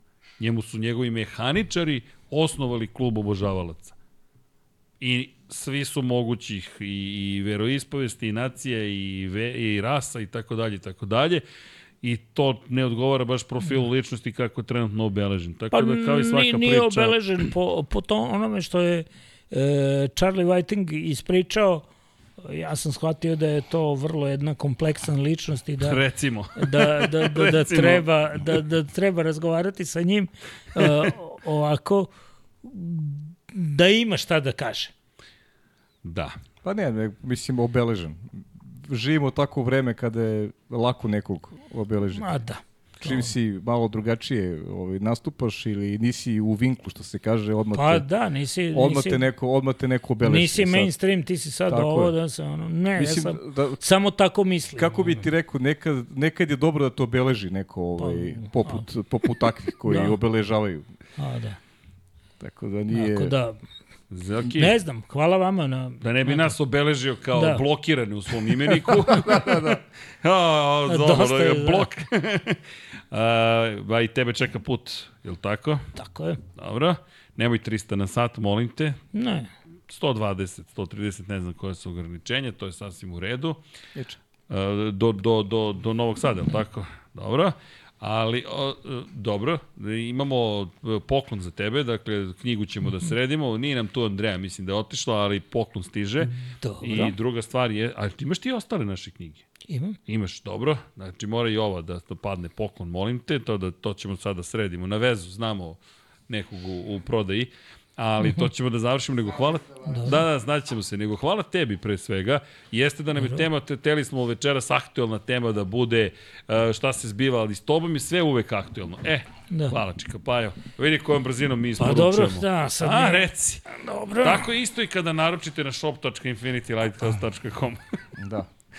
Inače imali smo štrajkove pošte, promene teksta, čekanja na odobrenje, ne znam šta sve nismo imali, lepo smo se proveli, ali smo zadovoljni, pa eto, nadamo se da ćeš i ti biti zadovoljan onim što je učinjeno. Potrudili Naravno. smo se, što ti kažeš gde, gde ima Formula 1, e pa ima Infinity Lighthouse, ima u Lab 76 i mi ćemo Klasika. nastaviti da pričamo, tako je, Dobro. o Formuli 1. Viš kako je spakovano, da ti Pa sačuva, nema, nema. Da sačuva, ali evo, tako ja sam je. Poznati Mora, vandal i to. Ne, čuvamo od vlage, zato je to. Znam, zna, znam. Znaš i sam sve kad se pakuje sve od papira, kako to ide. Kutija je tu zato što ponekad u transportu zna da Da bude, poleti nekim svojim putem, naravno, pa smo kutiju napravili i naravno tu je knjiga. Koja ima i omotnicu pride sad, sve ima. Tako da se nadamo da ćeš, je to naopačke spakovana? Dobro, nadam se da nije naopačke odštampana. ok, ovo je, ti imaš specijalno izdanje. Dobro, ali ovo je dobro da se pokaže. Da, da, da. Vlado, može kadarna, gospodin. To je to. Hvala Tako, Zoki. super, hvala. Ne, ne, hvala Molit ću- tebi za sve. Molit ću posvetu jednu. Sa zadovoljstvom. Nije nam Deki večeras tu, ali ćemo se potpisati. Da. Gospodin Paja, Živković i Da. ja. I, I nadam se da ćeš biti zadovoljan. Uf, to je ta fotka. To je, ovaj, kako se zove, ne, ne, ne, to je ovaj, Esther Hilling, odnosno mm, Spielberg, da, da, deluje po, onoj- po, po zidu Mhm. koji je sa leve. star, star cilj pravac Da, da, da, Spielberg. da. To je 2021. Prva, da. Da, inače to izdanje generalno menjaju kad bude novog šampiona, tako da vjerojatno se neće skoro Sad ćemo menjati. mi to ovaj, vratiti To, to, na to, fabrička to, to. podešavanja. Kako treba. Dobro, Opa, e, hvala ti. Tako da hvala ti puno za posetu, hvala ti puno ovo. Ništa, hvala Vidimo se mi ponovo. vidimo se ponovo, naravno. Nemoj da nam A, obrišeš dobro. telefone. Ove, Andrej nam je došao 2021. od onda ga je nismo videli. Samo za otvaranje izložbe pobegao je kad smo radili rekapitulaciju sezone, ali je utekao. Ali dobro, napravit ćemo mi možda jedan specijalni dobro. podcast sa fotografima i sa da. Svima koji su deo, deo Formule 1. Ali zaista ti hvala, dolaziš ti češ, često, ne dovoljno, možda po neki put bismo volili i češće te vidimo, bit će prilike, ja se nadam. I šta da ti kažem, želim ti lepu 2024. da bude uspešna, da imaš divne fotografije, da nastaviš sa divnim razgovorima, šta drugo da ti kažem nego da otkrivaš nama tajne svega što se zbiva i da se družimo. Pa, da ne, da, da ne bude moja reč tuk na utuk, ono što kaže za to. Takođe, hvala vam Hvala ti. na, lepi, na pozivu pre svega i na prijatnom časkanju. Hvala Mi ti, ćemo, puno. naravno, standardno da, da svima poželimo takođe lepo veče. Ljudi, znate već poruku, pročitat ćemo i sve naše Patreone. Nismo vas čak ni pozivali na lajkove večeras. I čekaj da vidim da nije bila neka donacija, da nisam ispratio, pa da nisam ispoštovao nekoga. Bila je donacija, ju, ju, ju, ju, ju, ju, ju, sram bilo, izvinite na tome. E, Čekaj da ispratimo, viewer activity. Uh, Peja MD, ekipa pozdrav iz kolone kamiona sa Preševa, ono, vozite se, očigledno carinice ovde ne kontaju uopšte. pozdrav za Peju MD, izvini što je 3 sata trebalo da bude pozdrav, naš član inače, ali po pozdrav, šta ti kažem, nadam se da, je, da si prošao kolonu. Mortal Kombat 500 dinara donirao, ja sam 100% siguran da Leclerc nije htio da se bori sa Maxim, jer tako samo cepa gume, boli mnogo sporiji u trci, a on zbog situacije u Ferrariju mora da pazi da ga Sainz ne pobedi, pozdrav za sve. Pozdrav za Mortal Kombat, mislim da je izašlo najnovije izdanje Mortal Kombata, tako da nadam se da ćete uživati mm -hmm. u najnovijoj verziji, a ja vas evo molim za lajkove sada, na kraju, ko je stigao do kraja, kliknite like. I naravno subscribe, poziv svim subscriberima. I prešli smo 43.000 subscribera, potpuno smo oduševljeni, nemamo pojma ni kako ni zašto, ali smo i dalje oduševljeni, ko nije subscriber, udrite ljudi subscribe da, da nas bude još više, trudit ćemo se da, da imamo još lepih priča, zanimljivih momenta, svega ima, verujte, spremamo vam jednu zabavnu zimu, nema, mi ne mrdamo nigde, bit ćemo ovde, bit će i dalje emisija, Biće nekih novih klinaca, ja se nadam da ćemo i sa mladim gospodinom Petrovićem imati razgovor koji u Rotaksovom kupu pobedi čovjek sa 23. pozicije da, da prvu da. ode, pa da čujemo kako je bilo to iskustvo. Ima još jedan momak, ja se nadam za, za da će biti vremena da se čujemo sa njim. Ako sve prođe kako treba, neka Formula 4 u Italiji bi mogla sledeće godine da se da se, jel te, dešava. Tako da, pratite šta se zbiva, bit će, ja se nadam, nekih drugara iz Relija Hrvatske takođe, Igor bi trebalo da nam svrati, eto, Podrodit ćemo se da goste što više imamo u ovom periodu, pošto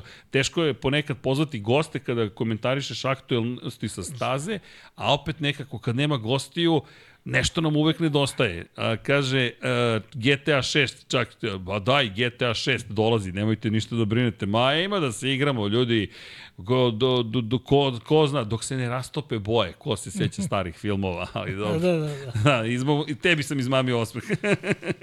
U svakom slučaju, ljudi, budite dobri, kliknite join ko hoće da nas podrži na taj način, patreon.com kroz Infinity Lighthouse, Kupujte knjige, čitajte ih, ne morate naše, čitajte Top Speed, ispratite šta radi gospodin Živkov, uživajte šta drugo da vam kažem, lepo se zabavite tokom mojih praznika, vidimo se sutra ko voli Moto Grand Prix, niste valjda mislili da nećemo dati ocene za Moto Grand Prix klasu, pa onda sledeće nedelje Moto dvojke i Moto trojke, pričat ćemo i o Superbajku, šta to rade Bradley Smith i Silvan Gintoli kao fabrički sada test, to je probni vozači ekipe BMW-a, Toprak Razgatlioglu je stigao tamo u BMW, mm -hmm. poslednji pokušaj prema mišljenju naših dragog Dekija Potkonjaka za titulu ili kraj programa, dakle na sve ili ništa, bit će svega. U svakom slučaju, ljudi, šta da vam kažem, budite dobri, volite se, mazite se, pazite se, uživajte, a mi se vidimo i sutra i naredne nedelje i naravno zahvalit ćemo se sada svima onima koji nas dodatno podržavaju. To možete biti i vi i onda ćete biti na spisku ovih divnih ljudi,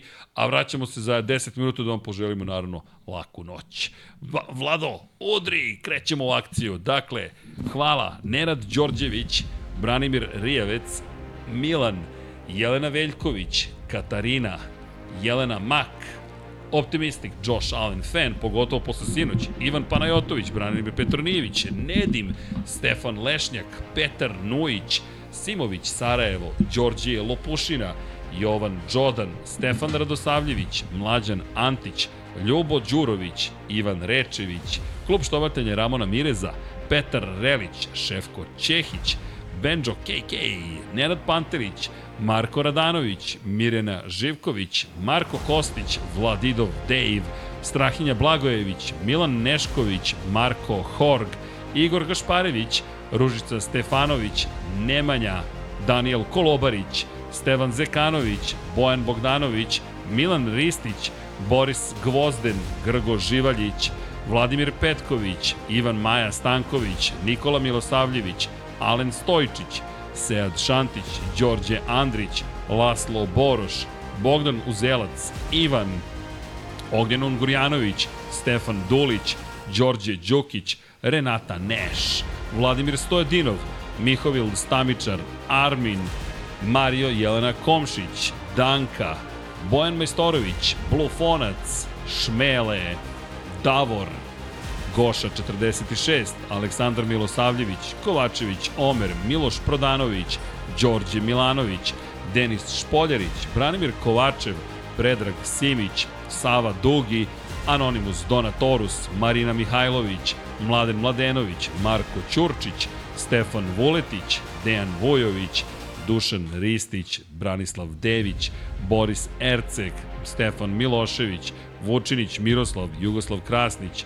Dušan Petrović, Marko Petrekanović, Vukašin Jekić, Ivica, Luka Martinović, Zoran Baka, Tijana Vidanović, Crnogorski džedaj, Miloš Rašić, Džigi Bao, Dorijan Kablar, Bojan, Marin Antunović, Mario Vidović, Marko Mostarac, Salim Okanović, Ognjen Grgur, Kosta Ivanov, Darko Trajković, Deus Nikola, Bojan Zrnić, Bojana Zrnić, izvinjam se, Admir Dedović, Nemanja Jeremić, Zoran Cimeša, Srđan Sivić, Vukašin Vučenović, Marko Marković, Branislav Marković, Danijela Ilić, Đole QB4, Damjan Veljanoski, Monika Erceg, Luka, Jelena Jeremić, Alen Vuletić, Dimitar Vasilev, Životić Jovan, Zoran Šalamun, Marko Blagojević, Nebojša Živanović, Tijana M, Luka Savović, Đerman,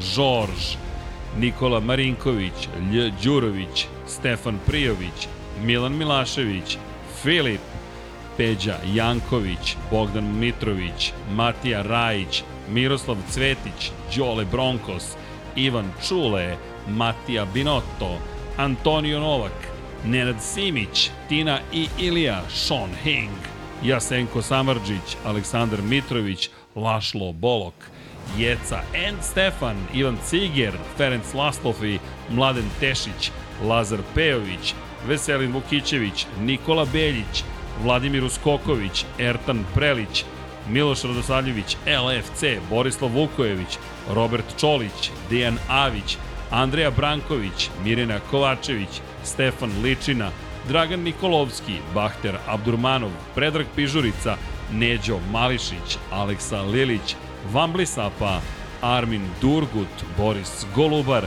Da žena ne sazna, Ivan Maksimović, Živojin Petković, Stefan Janković, Luka Klaso, Toni Ruščić, Jugoslav Ilić, Nedo Lepanović, Ivan Milatović, Pavle Nj, Emir Mešić, Đurđica Martinović, Borko Božunović, Aleksa, Đorđe Radojević, Hrvoje Lovrić, Ljiljana Milutinović, Zorana Vidić, Vojin Kostić, Nemanja Miloradović, Nenad Ivić, Boris Radović, Klara Gašpar, Branislav Milošević, Aleksandar Čučković, Kimi Rajkonen, Igor Jankovski, Nedim Drljević, Branko Bisački, Stefan Vidić, Aleksandar Radivojša, Aleksandar, Inzulin 13, Andreja, Josip Kovačić, Aleksandar Antonović, Anonimus Donatorus, Nemanja Zagorac, Zoran Majdov, Bojan Markov, Boris Kujundžić, Kristijan Šestak, Ante Primorac, Stefan Stanković, Andrej Bicok, Andrija Todorović, Milan Kića, Zoltan Mezeji, Žarko Milić, Milan Paunović, Bata Brada, Miloš Banduka, Vladan Miladinović, Borislav Jovanović, Andrej Božo, Luka Manitašević, Nikola Stojanović, Miloš Vuletić, Aleksandar Banovac, Ivan Sović, Ivana, Vanja Radulović, Bojan Mijatović, Andreja Miladinović, Zlatko Vasić, Aca 43 zla, Safet Isljami, Dejan Avić, Milan Apro, Aleksa Jelić, Aleksandar Bobić, Marko Trkulja, Ivan Simeunović, Stefan Nedeljković, Đole Cheesehead, Gloria Edson, Vladimir Mutić, Dragan Matić, Vlada Ivanović, Marko Kozić, Ivan Rebac, Martin Gašpar, Mihajlo Krgović, Strahinja Brajanoski, Aleksandar Jurić, Aleksa Valter, Jasmina Pešić, Novak Tomić, Aleksandar Anđelić, Dušan Delić, Lukas, Aleksa Vučaj, Nemanja Labović, Nikola Božinović, Saša Ranisavljević, Kristina Ratković, Dimitrije Mišić, Igor Vučković, Anonimus Donatorus, Branislav Kovačević, Dejan Đokić, Miloš Rosandić, Dario J, Matej Sopta, Mladen Krstić, Miloš Todorov, Dejan Janić, Ognjen Marinković, Vladimir Jovanović, Nikola E, Vladimir Filipović, Nikola Grujičić, Vuk Korać, Marko Bogavac, Ivan Toškov, Lazar Hristov, Petar Bjelić, Uroš Ćosić, Luke Williams, Pujo, Milorad Reljić, Zlatko Marić, Nemanja Miloradović, Nikola Grđan, Drago Veković, Bojan Markov, Sadam Mehmedović, Peja MD, Dejan Plackov-Plackov, Marko Jevtić, Zoran Mladenović, Bojan Stanković, Amar Taso, Nikoleta Minić, Din Stero, Aleksandar P, Omer Sarajlić, Milanka Marunić, Galeksić, Stevie G, 8 MM93, Ramzes Rama, Aleksandar Jokić, Ehil, Eldin Polovina, Predrag Zec, Igor Ninić, Marakos, Mile Supodinov Ristov, Edin Ustavdić, Blagoj Ačevski, Alen Jesenović, Zoran Baka, Bakadu, Mensur Kurtagić, Ivan Vujasinović, Vukašin Vučenović, Slaven 84, Aleksandar Stojković, Marko Lučić, Đera 7, Kro Robi 00, Nikola Hrnjaković, Anonimus, Donatorus, Domagoj Kovač, Rajkov, Mateja Nenadović, Toni Soni 76, Ada Sokolović, Mrča, Nikola Vulović, Aleksandar Egerić, Penđer, Nikola Božović,